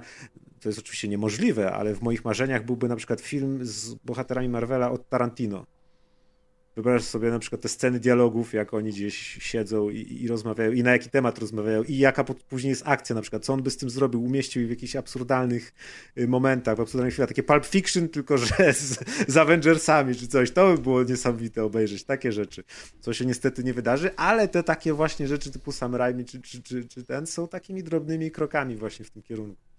Co ciekawe, a propos Tarantino, tak, ja bym chciał go zobaczyć w Marvelu, bo to mogłoby być coś. Mm, Tarantino tam miał kręcić jakiś serial i co chwilę te pomysły się zmieniały, plotki się zmieniały i ostatnio ogłosili, że Tarantino nakręci sequel serialu Justified z Timothy Olifantem, który ja uwielbiam. I to był świetny serial i, i w ogóle jestem w ciężkim szoku jestem w ciężkim szoku, że on, że nagle Tarantino mówi, ej, a ja chcę zrobić e, serial, który będzie powiązany w ogóle z Justified i nawet chyba te same postaci e, do niego wrócą, więc ja już jestem totalnie, totalnie ciekaw tego właśnie, jak on to zrobi, ze względu na to, o czym ty Maciek powiedziałeś. Mhm. Jakie tam będą dialogi, jakie tam będą sceny. Właśnie, bo to od razu czuć, jak jest charakterystyczny właśnie reżyser tak. z kina autorskiego takiego, to od razu jest ten jego sznyt rozpoznawalny. No i właśnie, kino autorskie, słuchajcie. I dzisiaj te trzy filmy, o których mówimy, nie są przypadkowo tak zestawione. Zaczęliśmy od Doktora Strange'a i Doktor Strange jest takim typowym popcorniakiem współczesnym, y, tym filmem pelerynkowym, który przyciąga miliony widzów do kin. Trochę już mamy wszyscy tego dosyć, ale z drugiej strony, tak jak zauważyliście, cieszymy się, że, że, że troszeczkę są jeszcze pomysły, które mogą to wszystko uratować i w jakimś kierunku to sobie idzie, więc obserwujemy, zobaczymy, co będzie dalej. Natomiast jakby zupełnym przeciwieństwem tego filmu jest e, The Northman, czyli w Polsce ten film był e, puszczany jako Viking, e, Roberta Eggersa. I myśmy obaj z Maćkiem ten film widzieli. Robert Eggers jest właśnie takim przedstawicielem kina autorskiego. On zrobił dopiero trzy filmy takie dosyć głośne, ale każdy był głośny. Hmm. Jego pierwszym filmem była Czarownica, na pewno o nim słyszeliście.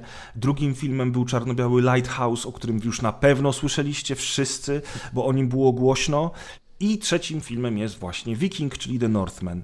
I to jest film, który się oczywiście niezbyt dobrze sprzedał. Znaczy, oczywiście. Po obejrzeniu tego filmu trochę wiem, czemu on się niezbyt dobrze sprzedał i, i czemu tego typu kino to nie jest kino, które będzie, będzie tłumnie ludzi do kin ściągało, ale to jest dobre kino.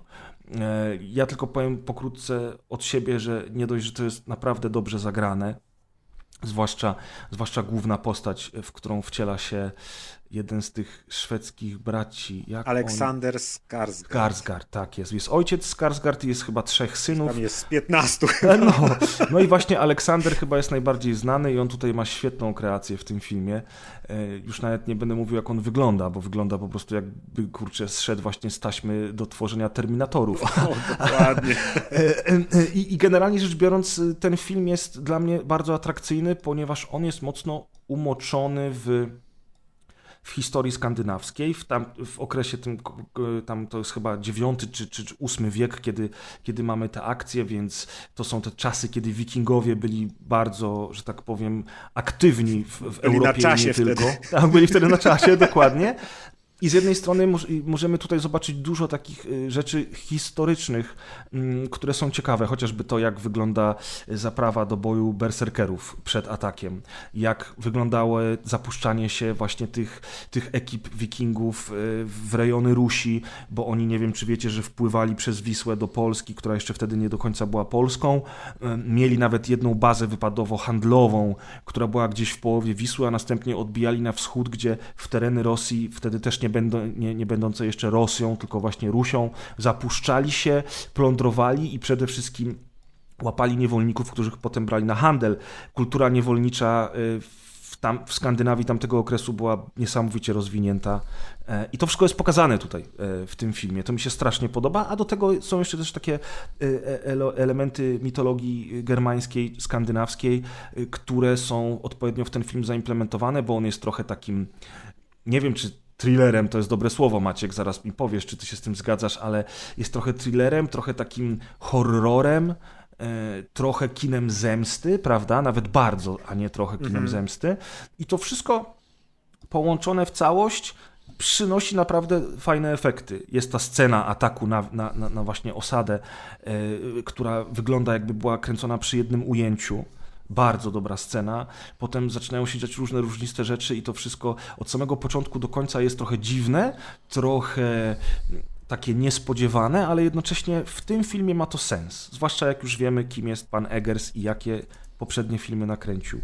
A tobie jak się podobało? Ten, ten, film jest trochę taki baśniowy też, nie? Bo są tam te takie momenty, kiedy on, na przykład powiedzmy ten moment zdobycia miecza jest bardzo taki baśniowy, czy niczym z jakichś legend taki wyciągnięty, więc to jest właśnie wszystko takie na pograniczu trochę jawy, trochę snu, trochę rzeczywistości, trochę mistycyzmu.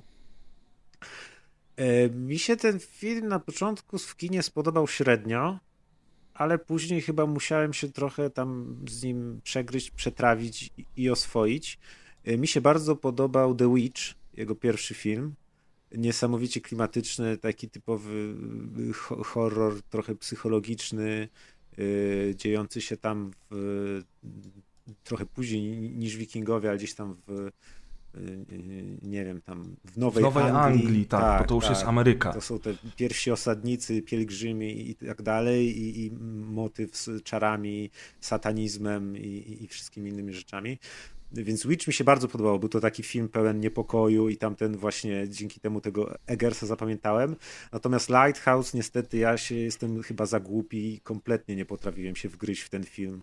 No to ja ci powiem, że ja tak samo, mimo tego, że wszyscy mówili o tym, że Lighthouse jest taki na maksa Lovecraftowy i że to będzie coś, co mnie zachwyci, to ja ten film obejrzałem trochę się męcząc podczas mhm. sansu, bo on jest dosyć ciężki, ale on też jest taki mocno szalony i ostatecznie dla mnie właśnie zbyt niezrozumiały. Deusz, ty widziałeś ja, Lighthouse? Tak, no jestem wielkim fanem, mi się strasznie no podobało. Wypowiedz się. A ja nie jestem Bo w ogóle ty mądry fanem... jesteś, ja, ja, nie jestem w ogóle fanem horrorów, także, ale to jest w sensie takich klasycznych, to jest właśnie ten typ horrorów, który lubię z ostatnich lat, czyli czyli, czyli, czyli Lighthouse tota, totalnie jakby jest hi hipnotyczny, bo to jest to taki, taki horror, który rezonuje do prawdziwego życia bo on jest daleko od horroru normalnego, czyli od rzeczy, które się nigdy nie wydarzą. Jest, jest jakby dużo bliżej rzeczy, które mogłyby być, a jednocześnie przez to, że przez swoją stylizację i przerysowanie dalej się jakby nie może wydarzyć. W sensie, że to jest horror, który jest odrealniony od prawdziwego życia poprzez tę stylizację i zabiegi filmowe, a nie poprzez fabularną, a nie poprzez jakby taką fabularną opowieść, więc ja akurat jestem wielkim fanem Lighthouse. A no widzisz, ja się od Lighthouse odbiłem, właśnie nie, nie potrafiłem zrozumieć o co tam chodzi i ten, chociaż no właśnie mm, te filmy, wszystkie trzy filmy Eggersa są, każdy jest troszkę inny, więc może to dlatego, niby wszystkie są autorskie i, i czuć, że spod może tej samej ręki, ale każdy jest inny, chociaż ja na przykład też, ten Lighthouse mi się skojarzył też z filmem Green Knight, Zielony Rycerz, który też jest troszkę czymś podobnym, bo jest bardzo artystycznym filmem i takim chyba znowu za mądrym na mnie, bo też myślałem, że dobra, może podołam, bo jest podobno ładny wizualnie i ten to obejrzę, ale też y, nic nie zakubałem przez ten film, czułem się jak debil, siedząc przez te kilka godzin go oglądając. Więc niestety na, na Lighthouse miałem to samo, ale y, w Wikingu y, był ten moment, kiedy trochę w nim zobaczyłem z The Witch tego takiego szalonego obłędu takim arthouse'owym ujęciu. Y, to było pod koniec już, kiedy tam się zaczynają powiedzmy te halucynogenne jazdy, chaos ogólny, jakieś takie nagłe morderstwa, których się nikt nie spodziewał i później jakieś takie fajne sceny no właśnie takiego ukazania nierzeczywistego, lekkosennego tej całej akcji. A, ale ogólnie nie wiem też, był, środek był trochę nudny, trochę tak, y, ten, ten, ten środek y, akcji, ten, nie wiem, drugi akt z trzech powiedzmy, tam się troszkę też wynudziłem, więc właśnie ogólnie z tego kina trochę wyszedłem lekko Y, za, za, zawiedziony, bo, bo się spodziewałem czegoś więcej i dopiero później, kiedy tam poczytałem oczywiście opinie mądrzejszych ludzi, kiedy sobie jeszcze raz zobaczyłem tam zwiastun czy jakieś urywki, to troszkę troszkę mi się to bardziej spodobało. Na pewno super była e, muzyka. Boże, to jest ten standardowy tekst, kiedy ci się nic nie podoba i chwalisz muzykę. Ale muzyka autentycznie, te wszystkie takie y, y, rytmy przez mruczenie wybijane i zawodzenia. Od razu mi się jakiś Hellblade przypomniał albo coś. To było świetne. Y, zdjęcia są też naprawdę rewelacyjne. Niektóre ujęcia, te takie szerokie plany, ujęcia frontalne, takie ewidentnie artystyczne, ewidentnie robione po to, żeby był ładny obrazek. Yy, też były świetne. Czasami miałem jakieś drobne skojarzenia z powie, skojarzenia w moich wyobrażeniach z Torgalem i niektóre ujęcia by mi bardzo do Torgala pasowały, tak bym sobie to wyobrażał w sumie. Nie wiem, czy może Eggers by się nadawał, ale ten, kto tam za kamerą stał, to na pewno. Więc ja z tym Wikingiem mam, nie wiem, strasznie mi ciężko powiedzieć. Musiałbym go jeszcze raz obejrzeć, bo dopiero raz go widziałem. I ciężko mi jest powiedzieć, czy za drugim razem bym powiedział, dobra, teraz zrozumiałem, jest super, czy bym dalej stwierdził, że a, sam nie wiem. No, ja, ja myślę, że tam jakby nie ma czego rozumieć w tym filmie. On nie jest taki skomplikowany jak Lighthouse. Znaczy tak, ale wiesz, chodzi o to, że musisz jakby, wiesz, wskoczyć w ten sam tryb myślenia co reżyser, żeby zakumać, synchronizować się z filmem, nie? I ja nie mam tej synchronizacji, tego, to właśnie nie potrafię jakby się pogodzić z nim. Nie Rozumiem. No. Ja miałem, ja, miałem, ja miałem coś takiego, że ja się spodziewałem zupełnie innego filmu. Ja się spodziewałem filmu, bardziej filmu historycznego w stylu Ridleya Scotta Wiesz o co chodzi. A tutaj. Gladiatora chciałem. No nie, ale, ale spodziewałem się czegoś innego i dost... okazało się, że dostaliśmy takiego typowego Egersa, bo on też tym klimatem, tym mrokiem, niektórymi ujęciami, czy, czy właśnie wolniejszym tempem w niektórych momentach bardzo mi się kojarzył z czarownicą, z tym mhm. Witch. E, I ogólnie rzecz biorąc, ostatecznie bardzo szybko się zsynchronizowałem z tą wizją, tak jak ty mówisz, mhm. i, i wciągnął mnie ten film. Wciągnął mnie na tyle, że ja nie chciałem, żeby on się skończył.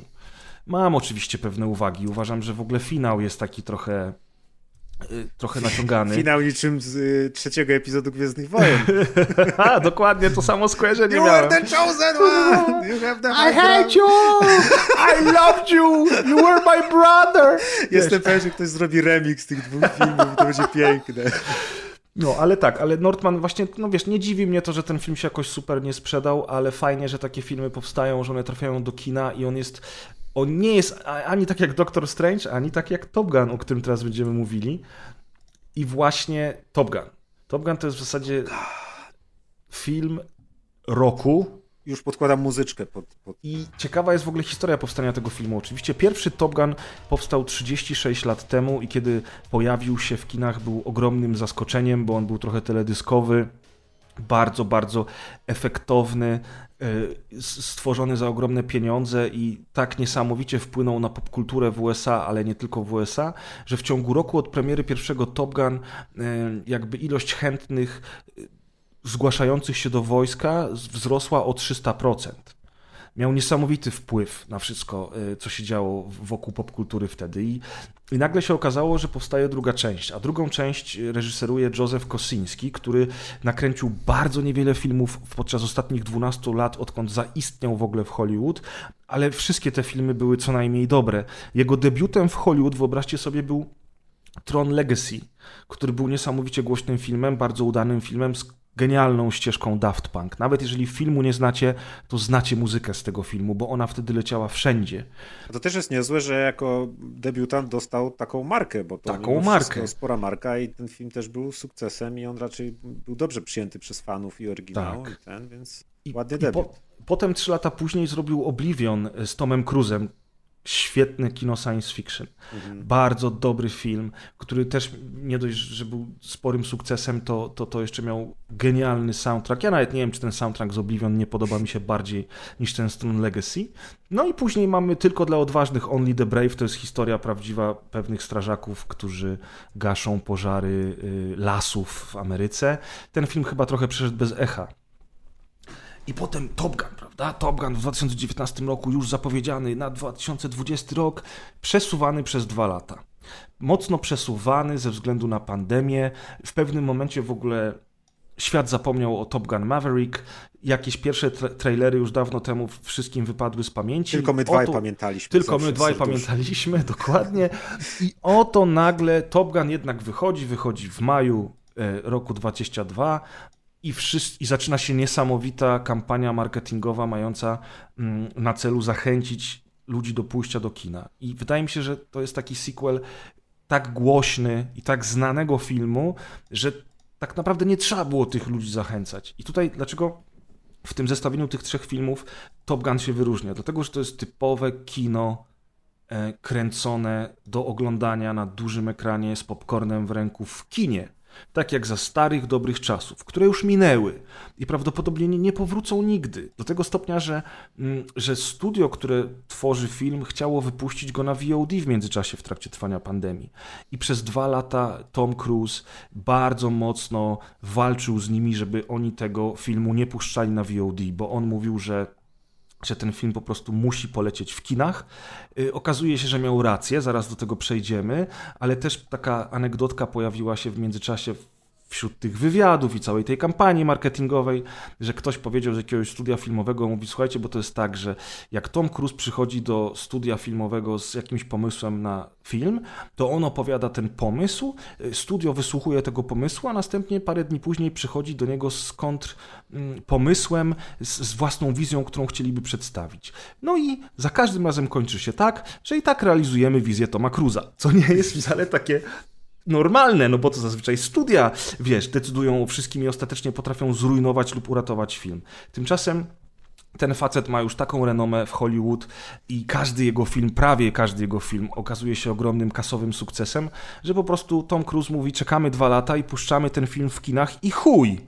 A oni mówią, no dobrze, panie Tomku, czekamy. No i co się okazuje? Zanim przejdziemy już do samego filmu, o którym będzie już mówił Maciek, bo ja już wystarczająco długi wstęp zrobiłem, to okazuje się, że premiera filmu w Cannes y, spotkała się z pięciominutowymi owacjami na stojąco po Sansie. To jest duże wydarzenie. Druga sprawa. W ten Memorial Weekend, w to otwarcie weekendowe zarobił ponad 20 milionów dolarów, co okazało się oczywiście jakimś super sukcesem y, rekordowym wręcz, a przez cały weekend zdążył zarobić na świecie już chyba 200 milionów dolarów. Memorial Day, przepraszam, czyli Memorial Day to był jeden dzień i w ten jeden dzień było ponad 20 baniek, a przez cały weekend było tych baniek już 200. Więc film jest ogromnym sukcesem kasowym, chociaż dopiero od kilku dni leci w kinach.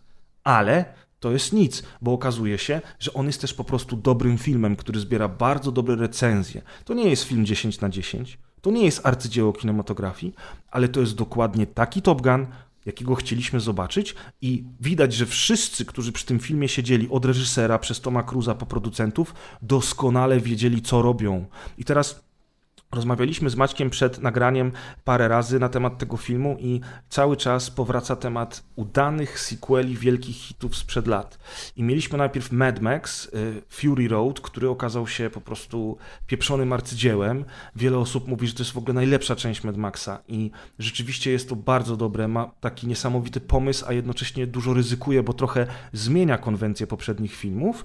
Potem mieliśmy Blade Runner 2049, który mm, niesamowicie dobrze rozwija formułę pierwszego Blade Runnera, pokazuje, że rozumie ten świat doskonale i, i przedstawia nam historię, która jest ciekawą kontynuacją, na tyle, że ona wręcz jest wiarygodna dla nas. I nagle się okazuje, że w tej chwili to pierwszy Blade Runner z drugim są jedną całością i one mają sens. I to jest bardzo dobre. To nie jest taka rewolucja, jaką e, był Mad Max, ale jednocześnie to jest film, który po prostu z namaszczeniem wręcz podchodzi do oryginału. No i jest Top Gun. Top Gun z całej trójki jest najsłabszy, ale to nie znaczy, że on jest słaby, bo on nadal jest bardzo dobry, tylko że Top Gun nie udaje, że jest czymś, czym nie był nigdy wcześniej. Top Gun od razu mówi: Ej, jesteśmy popcorniakiem z lat 80., puścimy do Was oczko parę razy, ale jednocześnie mamy pomysł na siebie, chcemy Was zaangażować w tę historię. Jednocześnie nie, nie grając tylko na Waszej nostalgii, bo przecież po 36 latach połowa widzów może nawet nie znać pierwszego filmu, a i tak ten drugi im się spodoba, bo ten film po prostu jako całość ma na siebie pomysł i w bardzo wielu momentach y, jest zachwycający od uśmiechu, przez łzy, po kompletnie rozdziawioną gębę. I tutaj wrócę jeszcze na sekundę do motywu, o którym mówiliśmy dzisiaj na nagraniu i kwestii oglądania filmu w kinie z dużą grupą ludzi. Ja niestety na sansie miałem tak, że bardzo dużo ludzi dookoła rozmawiało. Niektórzy to przeżywali trochę za głośno, inni rozmawiali o dupie Maryni, e, jeszcze inni komentowali coś, co tam się wydarzyło przed chwilą, więc jednak trochę mi to przeszkadzało, że ci ludzie dookoła cały czas o tym rozmawiają, ale z drugiej strony finał filmu, który jest dosyć długi, bo on trwa chyba z 40 minut, jest naprawdę efektowny, spowodował, że przez te 40 minut. Wszyscy zamknęli mordy. Wszyscy zamknęli mordy. Ja sam siedziałem i miałem otwartą gębę cały czas. I miałem takie. Mówię, co się dzieje? A patrzę po chwili dookoła i mówię: Wow, jest absolutna cisza na sali. Wszyscy mają rozdziawione gęby, tak samo jak ja, i wszyscy po prostu boją się oddychać, tylko patrzą, co się stanie dalej. I to była ta magia kina, o której trochę czasami zapominamy, że nadal powstają filmy, które potrafią spowodować, że wszyscy w stuprocentowym skupieniu będą gapić się w ten wielki, piękny ekran w tej absolutnej czerni. I wtedy miałem takie, o, to jest kino, to jest to, za co ja kocham kino.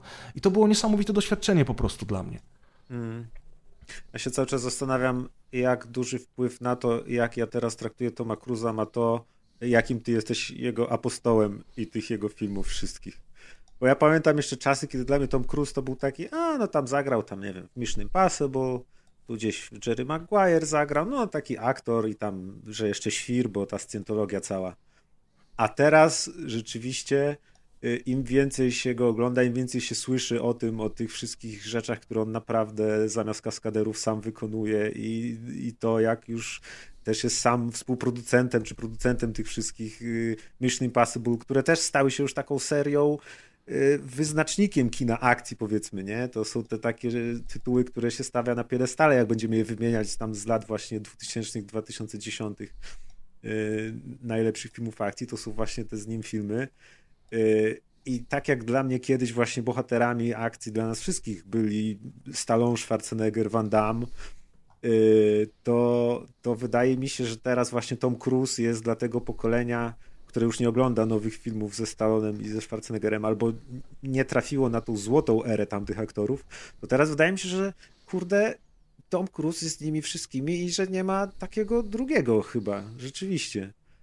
I yy, no, patrząc na to, jak, jak właśnie ten Maverick yy, wybuchł wszędzie i jak jest we wszystkich talk showach i ta akcja marketingowa i jak wszyscy o tym rozmawiają i ludzie, którzy nawet, nie wiem, nie są właśnie pasjonatami kina albo którzy może nie są fanami tego starego Top Guna, to kojarzą i że ten, jak ten film właśnie zbiera owacje na stojąco na jakichś festiwalach. Film o tym, jak się amerykańscy piloci w samolotach strzelają. No kto by pomyślał, nie? Więc to jest, to jest niesamowite. Mm, I tak jak kiedyś y, pierwszą część Top Guna po prostu, no to był tam taki film. Nawet pamiętam, jak ci mówiłem, właśnie nie traktowałem go z żadnym takim, y, y, jak to powiedzieć, nabożeństwem? Sentymentem. Czy sentymentem specjalnym, tak. I nawet pamiętam, jak ci, ci kiedyś mówiłem, że no, ten Top Gun, bo sobie tam parę lat temu czy, czy, czy, przypominałem go, bo, bo go nie oglądałem od bardzo dawna. Yy, I mówię, no ten Gun tam, no latają, strzelają się, to jest tam muzyka, ale tak naprawdę jak na film o samolotach, to tam nawet mało się strzelają i słaba trochę ta akcja jest, tak niewiele widać, bo te ujęcia albo na zbliżenie na samolot, albo zbliżenie na pilota i to nawet nie jest takie ekscytujące. I to tak mówisz, no, no, no trochę tak, bo tam nie ma tego latania czy coś, ale ale właśnie zastanawiam się, czy twój entuzjazm, czy, czy to wszystko, co to wszystko sprawiło, że ja przez ostatnie lata stałem się właśnie też wyznawcą Top Guna i po prostu przesiąkłem, osiągnąłem 100% synchronizacji z tym filmem. I teraz idąc właśnie, jak tylko wiedziałem, że jest Top Gun Maverick, to mówię, idę do kina od razu, byłem szybciej od Preza, słuchajcie. On szedł w sobotę, ja byłem już w czwartek. Dokładnie. Była pra, pra premiera w Krakowie dzień wcześniej, więc od razu poszedłem na poranny seans, byłem ja i tylko kilka osób, było wspaniale. I y, no po tym, jak podoba mi się ta Y, y, ta, ta taka przaśność y, pierwszego, pierwszej części, jaki on jest teledyskowy i jaki on jest właśnie z, z, tymi piosenkami swoimi wszystkimi i tak dalej. Ten młody Tom Cruise, będący takim pistoletem wyszczekanym i tak dalej. To wszystko jest takie z przymrużeniem oka trzeba to traktować, a jednocześnie ocieka tą teledyskowością lat 80., już nie wspominając o tej scenie z grania w siatkówkę plażową to, y, to, to tutaj jak właśnie siadłem w kinie i po prostu ten film y, jest trzecia sekunda filmu, a ja już chciałem wstać i krzyczeć Top kurwa! Autentycznie, jest to jest to laurka to swoją drogą do, do poprzedniej części. Nawet się kończy podziękowaniami dla Tonego Scotta. Ale jest to, a propos właśnie tych sequeli, to jest rzeczywiście taki sequel idealny, można powiedzieć. Czyli po wielu, wielu latach, 30 tam ile lat minęło? 5, 6? 36 dostajemy lat. sequel, który mógłby wyjść dwa lata po oryginale jakby. Y, w sensie to, że czasy się zmieniły, mamy inną wrażliwość, mamy te wszystkie y, ruchy społeczne i tak dalej. Y, a Top Gun mimo wszystko balansując oczywiście na tej granicy, bo mamy tutaj diversity i tak dalej, część rzeczy jest tam uwzględniona, ale mimo wszystko czuć w nim tyle tej pierwotnej energii i, i, i, tych, i tych głupot z jednej strony, jakichś tam mniej ważnych rzeczy, ale naprawdę nie spodziewałem się, że będzie tak podobny do oryginału, Spodziewałem się jedynie, że będzie miał świetne te sceny, gdzie się lata, chociaż też nie, nie, nie spodziewałem się tego, jak one są dobre, bo rzeczywiście, tak jak mówisz, że ludzie tam zamierają na ekranie, jak były. Ja się na tym filmie parę razy złapałem na tym, że przestałem oddychać tylko że po prostu biorę wdech razem z tymi aktorami, którzy siedzą w tych samolotach i po prostu na bezdechu czekam, aż tam jakiś manewr czy coś się skończy. Bo... No, Maciek po sansie napisał mi, żebym wziął ze sobą chusteczki i piguły na serducho. Tak, jak będę tak, szedł do kina. Bo też, bo też swoją drogą ilość wzruszeń, jaką tam przeżyłem, czy z radości, czy, czy ze smutku, czy ze wzruszenia właśnie, jakie tam są, tam są... Y to wszystko jest takie niesamowicie śmieszne, bo ten film, ja z jednej strony mogę go bardzo wychwalać, a z drugiej strony widzę absolutnie podstawowe błędy i jakieś jego wady, y, które na przykład dla kogoś, kto nie ma sentymentu do tej serii i na przykład nie jest jakimś fanem Toma Cruza i, i strzelania się samolotami, to ja kompletnie rozumiem, że on pójdzie i powie, to było głupie, to było bez sensu, fajnie się strzelali, 6 na 10. I, i Oczywiście, i, tylko. I absolutnie zrozumiem takich ludzi, ale też właśnie te ale wszystkie. Widząc, drobne... widząc te wszystkie błędy, zauważasz, że tak naprawdę, czy błędy, czy może coś, co nie wiem, nie przemawia do ciebie, czy konwencja może do ciebie nie przemawiać, ale jednocześnie jako całość ostatecznie to nie sprawia problemu. Tak, bo to jest, bo to jest stuprocentowy, stuprocentowa kontynuacja historii Stop Guna po prostu. Jakby wszystko, co tam ma być, tam jest. Od razu czuję, że to jest ten sam świat ci sami bohaterowie, tylko że 30 parę lat później, y, więc jakby osadzenie w tym samym uniwersum, to jest, nie wiem, jak, jak pierwszy i drugi Terminator, nie? To nie jest tak, że to te filmy coś, te, czuję, że to jest właśnie jedność, że to jest spójna część i tak jak ten Blade Runner, że możesz oglądać jedynkę i dwójkę razem i to nie jest tak, że czujesz, o, to jest ten stary film, a później nakręcili ten nowy po 30 latach i to jest, wiesz, jak jakieś tam Ghostbustersy mm -hmm. czy te inne sequele. Nie, to jest super spójne i to jest coś niesamowitego, czego bardzo w tych czasach brakuje, kiedy mnóstwo wytwórni, czy reżyserów, czy producentów chwyta się starych marek i chce je wskrzeszać na zasadzie soft rebootu lub kontynuacji i to nie wychodzi, bo bo oni tego nie rozumieją, nie rozumieją tej materii, nie rozumieją oryginału, nie rozumieją, co tak ludzi zachwyciło, a tu na szczęście byli ludzie, którzy to rozumieli, był Tom Cruise, który wiedział, o co chodzi i nad tym trzymał pieczę i, i to wyszło i to jest naprawdę niesamowite. Więc jakby o, no. ogół moich wrażeń jest mniej więcej taki zachwycony bełkot.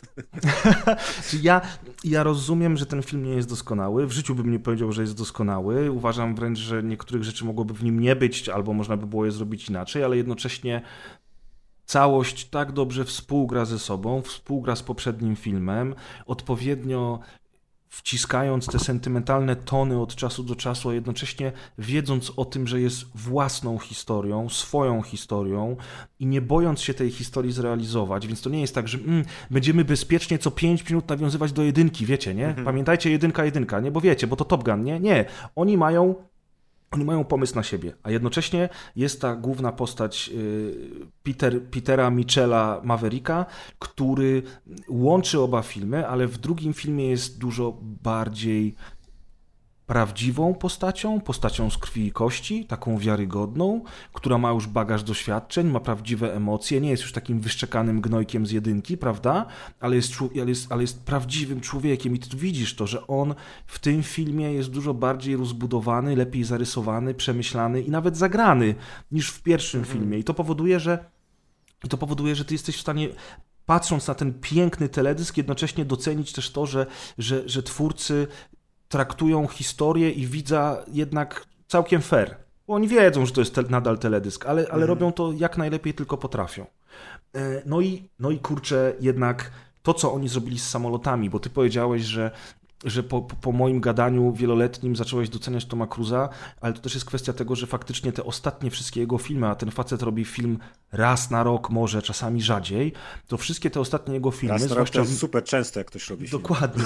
zwłaszcza, zwłaszcza Mission Impossible, gdzie on naprawdę bardzo dużo rzeczy robi samemu. Mhm. Że on na przykład, jak teraz pojawiają się te materiały marketingowe, gdzie on lata z takim samolotem, takim samolotem jeździ, on opowiada, że on ma prawo jazdy na wszystko, łącznie z motorówkami, motor, motocyklami, samolotami i helikopterami i widzisz, że on naprawdę wsiada w jakiś jet fighter, czy tam odrzutowiec może taki mniejszy, już teraz nie pamiętam co to było i on nim steruje i przewozi jakiegoś dziennikarza w ogóle tym samolotem, robiąc fajne rzeczy i masz takie, że ten koleś po prostu robi te rzeczy, bo się na tym zna, bo ma taką zajawkę i zawsze miał i on zawsze był taki mocno angażujący się fizycznie w te filmy, w których, w których występował.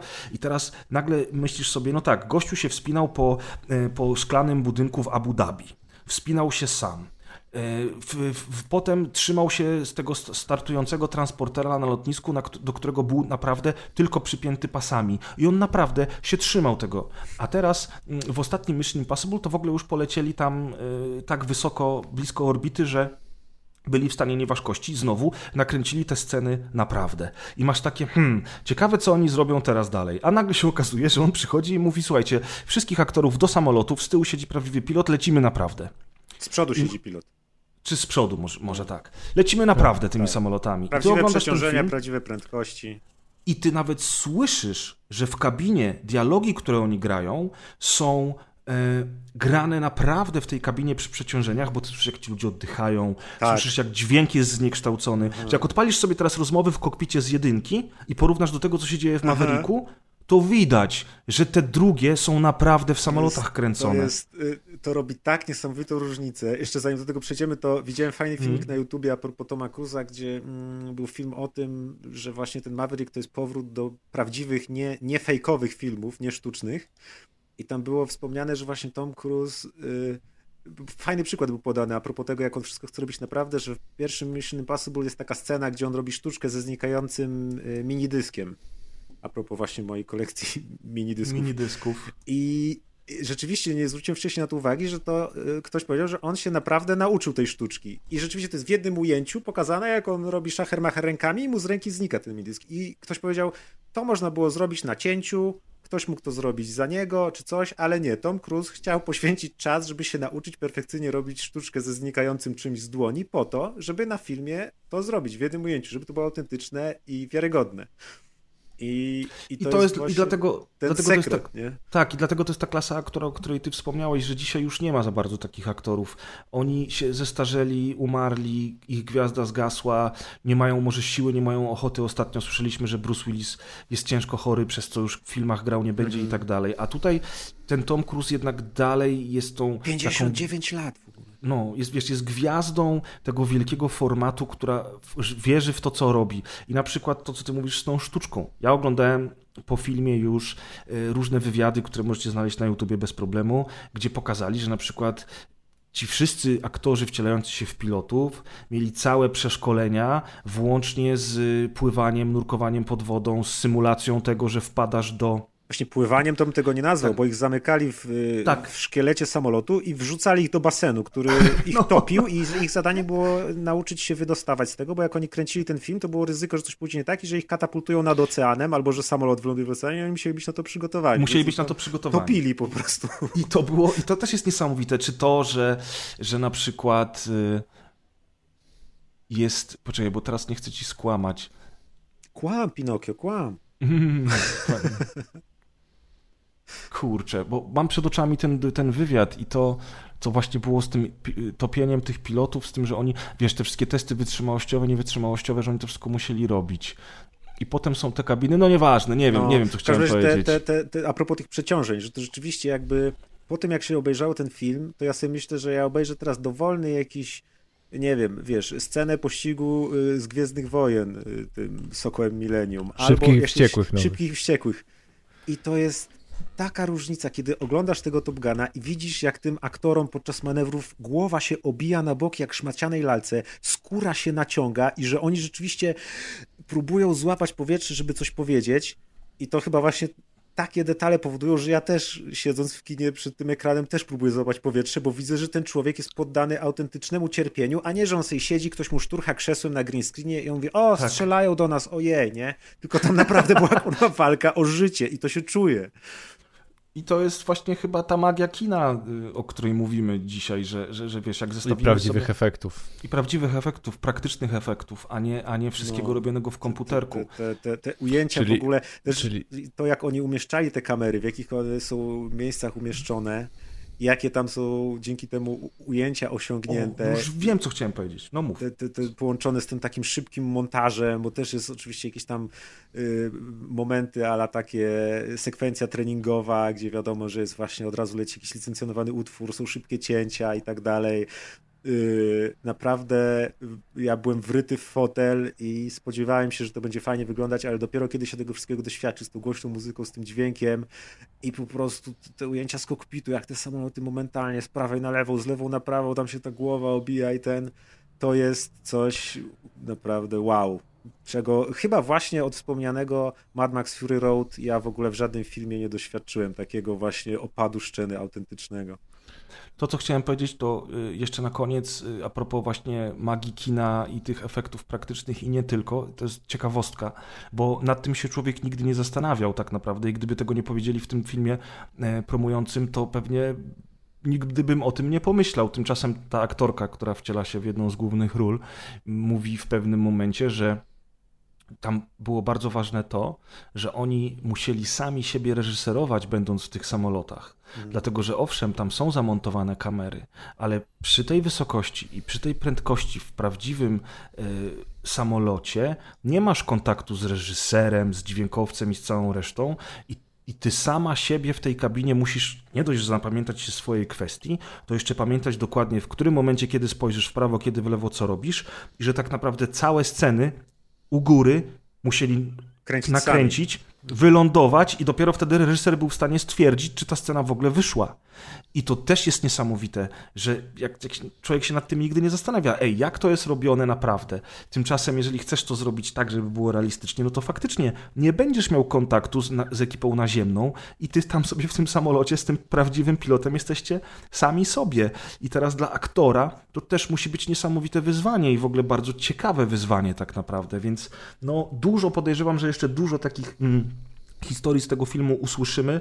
I co ciekawe, okej, okay, marketing marketingiem, wiadomo, są fajne marketingi jak to z Jamesem Cordenem, kiedy Tom Cruise wozi go swoimi samolotami, są też takie marketingi, które Maciek troszeczkę wyśmiał, jak chociażby te e, Porsche na, na, na torze wyścigowym i Tom Cruise, który jedzie tyłem, okej, okay, ale jak oglądasz ten film, to ty wiesz, bo ty to widzisz, to czujesz, że większość rzeczy, o których oni mówią, naprawdę się wydarzyła i że to, że to właśnie powoduje, że odbiór tego filmu jest zupełnie inny, bo ty czujesz razem z nimi te przeciążenia w tym samolocie. E, I to jest, to jest coś, co, co w kinematografii rzadko kiedy jest spotykane. Dlatego ten film, wydaje mi się, jest, jest na tyle ważny i dlatego on robi takie wow, jakie robi. A to jeszcze na sam koniec powiedzcie mi, byliście kiedyś w tym kinie 4DX? Nie, ale słyszałem, że to co, jest super doświadczenie. Co ma Cinema City i co polecalibyście iść na tego, jak coś, na, na taki, bo ten w ogóle, jak coś, to te kino 4DX dla słuchaczy, to jest to kino, które ma Cinema City, że fotele się tam ruszają, mają silniczki, e, że macie efekty świetlne, jest zapach, jest y, wiatr, są nawiewy, jest tak. pryskanie wodą i tak dalej czyli są te wszystkie efekty i no nie wszystkie filmy oczywiście są puszczane, tylko odpowiednio dostosowane. No i między innymi Top Gun właśnie Maverick nowy jest reklamowany w tym, że jest dostosowany do na tego 4DX. No my z Maćkiem idziemy y, wspólnie na tą randkę na Top Gun po raz drugi w IMAXie, bo to też na pewno będzie ciekawe doświadczenie. Siedzimy sobie w pierwszym rzędzie, żeby mieć mega ekran. Nie, nie Żebyś najbliżej Toma. Ale o tym 4DX też słyszałem niedawno. Ja się zastanawiam, gdzie tutaj najbliżej Trójmiasta takie kino jest dostępne. Ja nigdy nie byłem na czymś takim, ale cały czas mi się to trochę pachnie takim festyniarstwem i taką tandetą, że tam będzie. Ale tam... tak z ciekawości to bym poszedł, powiem ci szczerze. Naprawdę bym poszedł. Może. Bo jak wiesz, tam zwykle masz jakieś e, te przyrodnicze na przykład filmy i tak dalej, więc takie. No właśnie, typowe, w sumie Top Gun może być złym, bo jak ci zrobią, wiesz, 9G i katapultują cię na koniec, to nie wiem, czy to takie fajne doświadczenie. a, a widz koło ciebie puści pawia, wiesz, no. różnie to, to bywa. Top Guna to powinni w tych symulatorach takich lotów puszczać, że cały na o, no, siłownikach no, no, no hydraulicznych no. cała chodzi kabina. Albo takie, co te kabiny tak, co właśnie testują pilotów na przeciążenia i w kółko takich tam miotają na takim ramieniu. E, Maciek, jak wyjdzie na jakimś... Wiarze. na wyjdzie na strumy, właśnie, na tych, na jakichś... A swoją drogą, no... Chodzi mi streamingach, to właśnie na VR sobie będziesz mógł odpalić. No, a swoją drogą jest też akcja promocyjna w najnowszym Ace Combacie. Yy, można ściągnąć, yy, oczywiście za pieniążki, paczkę samolotów z tego Top Gun Mavericka i nie wiem, czy tam coś jeszcze jest. Nie wiem, tak mi Jest akcja a, promocyjna w Microsoft, Microsoft Flight, Simulator. Simulator. A, jest za darmo. O, proszę. Masz, masz, yy, masz lotniskowiec, startowanie i lądowanie i F-18 z nowego Top Gun. O kurna, super Hornet, elegancko. No i to jest, to jest z kolei z darmo. A ja muszę wspomnieć o minusach. I to będzie bez spoilerów, ale chciałbym właśnie pokazać, że ten film, y, tak jak nawet Prezowi powiedziałem, no to się oburzył, że ja mówię, e, wiesz, z jednej strony ten film to jest taki, e, bo, bo jakby im, im, właśnie im więcej czasu minęło od, od, od, tego, jak byłem w kinie, tym więcej rzeczy znajdowałem, które są bez sensu. Od takich drobiazgów, że na przykład pojawia się y, klasyczny motocykl y, Kawasaki GPZ 900 y, Ninja z pierwszego Top Guna i Tom Cruise jedzie tym motocyklem na szkolenie, czy tam do Top Gun, jak go tam powołują z powrotem. Po czym nagle ma najnowsze Kawasaki sprzed paru lat, H2R. Nie wiadomo dlaczego, ale nagle już jeździ tym. No proszę, nawet nie zwróciłem uwagi. I, I, ja tak mówię, ale jak, ale skąd, ale czemu nie stare, a skąd nowe, ale ten. to jest taka kompletna pierdoła, ale już na to zwróciłem uwagę, ale y, to, to są drobne rzeczy, a z takich poważniejszych zarzutów to na przykład, a jeszcze z drobnych rzeczy, chociaż to może być poważny zarzut, y, w firmie gra Ed Harris i jestem bardzo zawiedziony, że tak króciutko. Dosłownie on się pojawia w trzech ujęciach chyba. Co jak się jak się ma w filmie Eda Harrisa, to myślałem, że go będzie trochę więcej. No a tu niestety Spoiler, później go nie ma przez cały film. Y, a, ale z takich zarzutów, które właśnie dla, dla, myślę, że dla fana Top Gun nie są wielkim zarzutem, bo jedynka też troszkę y, to miała, że na przykład tutaj nie ma w ogóle żadnego głównego przeciwnika.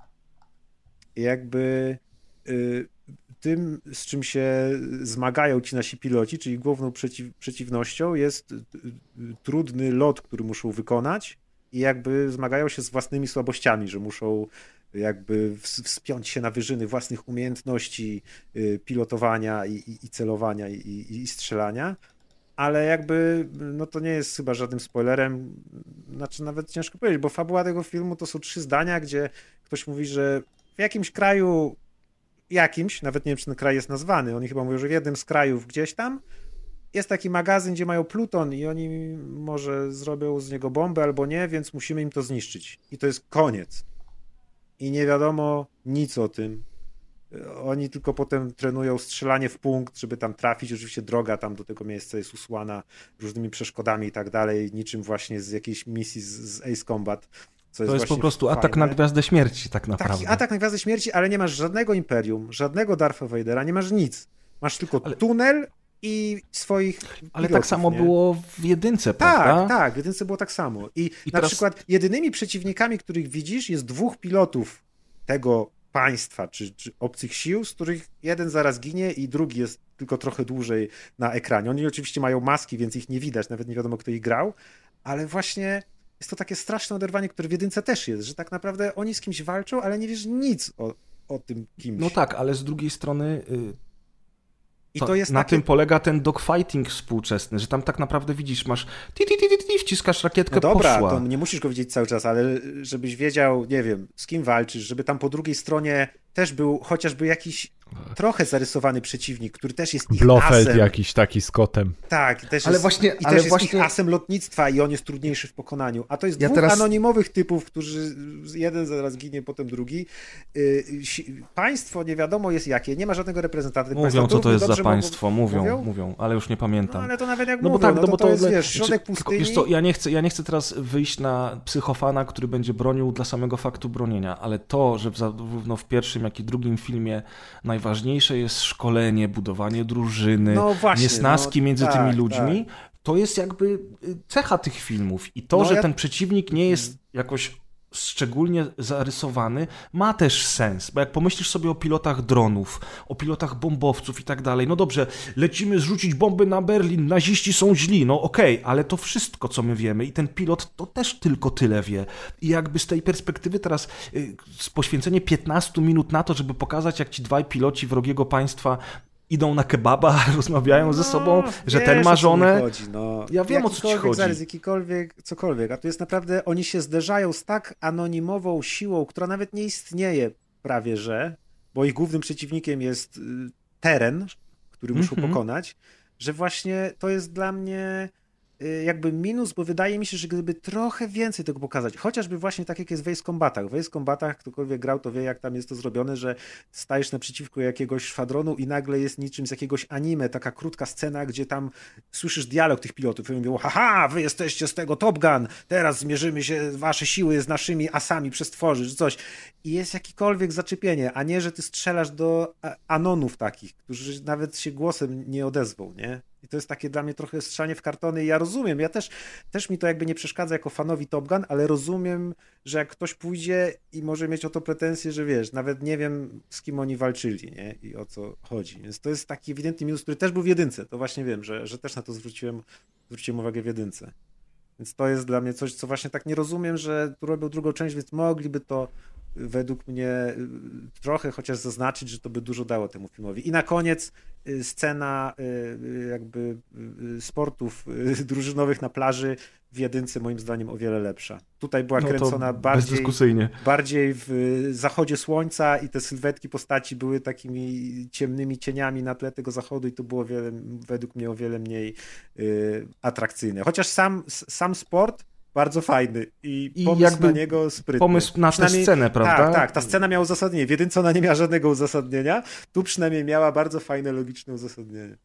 Tak, i to było, to było spoko. Słuchaj Maćku, ja obiecuję, że jak pójdziemy sobie teraz do IMAXa, to ja znajdę ci nazwiska tych dwóch aktorów, którzy grali tych pilotów wroga, wydrukuję ci ich i będziesz siedział w kinie, będziesz miał dwie kartki w ręku. Będziemy tak będziesz, czekać a, dwie godziny, ja po dwóch godzinach, pięciu minutach wstanę i krzyczę, to ten, to ten! To jest Krzysiek, to jest Jacek, On grał okay? kiedyś w jednym serialu na Hallmarku. Dokładnie. Także... Boże, jeżeli ci zależy, to to ci druknę to. Tak, ja już się katapultowałem, już rzeczy lecą mi z biurka na podłogę, mm. więc myślę, że powoli już tych przeciążeń za dużo e, i będziemy kończyć, prawda? Prawda. My z Maćkiem polecamy Top Gun, jest to wspaniałe przeżycie i powinniście obejrzeć to w kinie. O, Naprawdę. Naprawdę to obejrzyjcie to w wtorek kinie. rano na przykład, żeby nikogo nie było. No, no, dokładnie. Weźcie sobie wolne w pracy. Weźcie sobie, rzućcie pracę. Co tam praca? Trzeba to Bogana obejrzeć. Ostatnio właśnie y, kumplowi mówiłem, żeby poszedł sobie, bo on mówi, że on nie chce iść do kina y, tam jak jest dużo ludzi w ogóle, bo, bo jego to irytuje. Ja mówię to idź y, sobie do tego kina w ciągu tygodnia w jakichś godzinach wczesno popołudniowych. A on mówi, no niektórzy z nas muszą pracować. A ja mówię, ach, bo ja zapomniałem, że mi to z nieba leci. No, także idźcie tak jak mówi Maciek, albo nawet w sobotę o 14 też nie będzie zbyt wielu osób, a no chyba, że lubicie ten tłum i, i te naczosy i całą resztę, to wiecie, każdemu jego porno. Yy, Jakby i- tak w weekend o siódmej robili seanse, na przykład o, rano. To już w ogóle by Żebyś było, przed nie? pracą zdążył. Y, tak, no. W sumie nie, to, że to wtedy musiał być o czwartej wtedy. No właśnie, biedny Deusz. No. I tak to właśnie u nas bywa. Odcinek 255 dobiegł właśnie końca.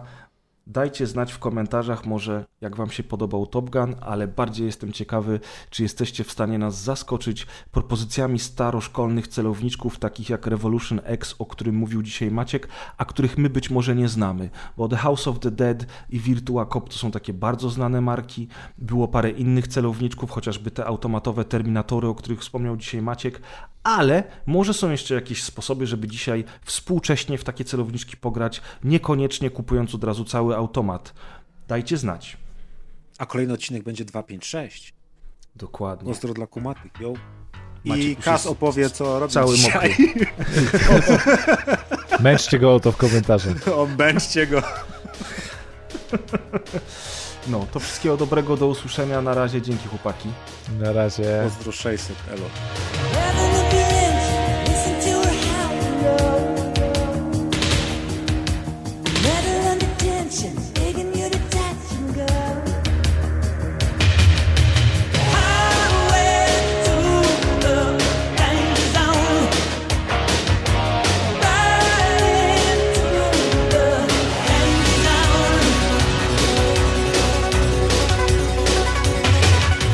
Słuchajcie, ja, ja idę, bo jak ja tak długo siedzę w jednej pozycji, co mnie po tym przy ruszaniu te żebra jeszcze trochę napierdalają. nie? Spokojnie, nie musisz się tłumaczyć, wiemy, starość. wynika. No, także dobrej nocki, ja ci Maćku wyślę zaraz to wszystko. Co... Dobra, to ja też się idę w sumie myć. No, to dobrej No to nocy. elo. Pa, pa. No, na razie, hej. Ej.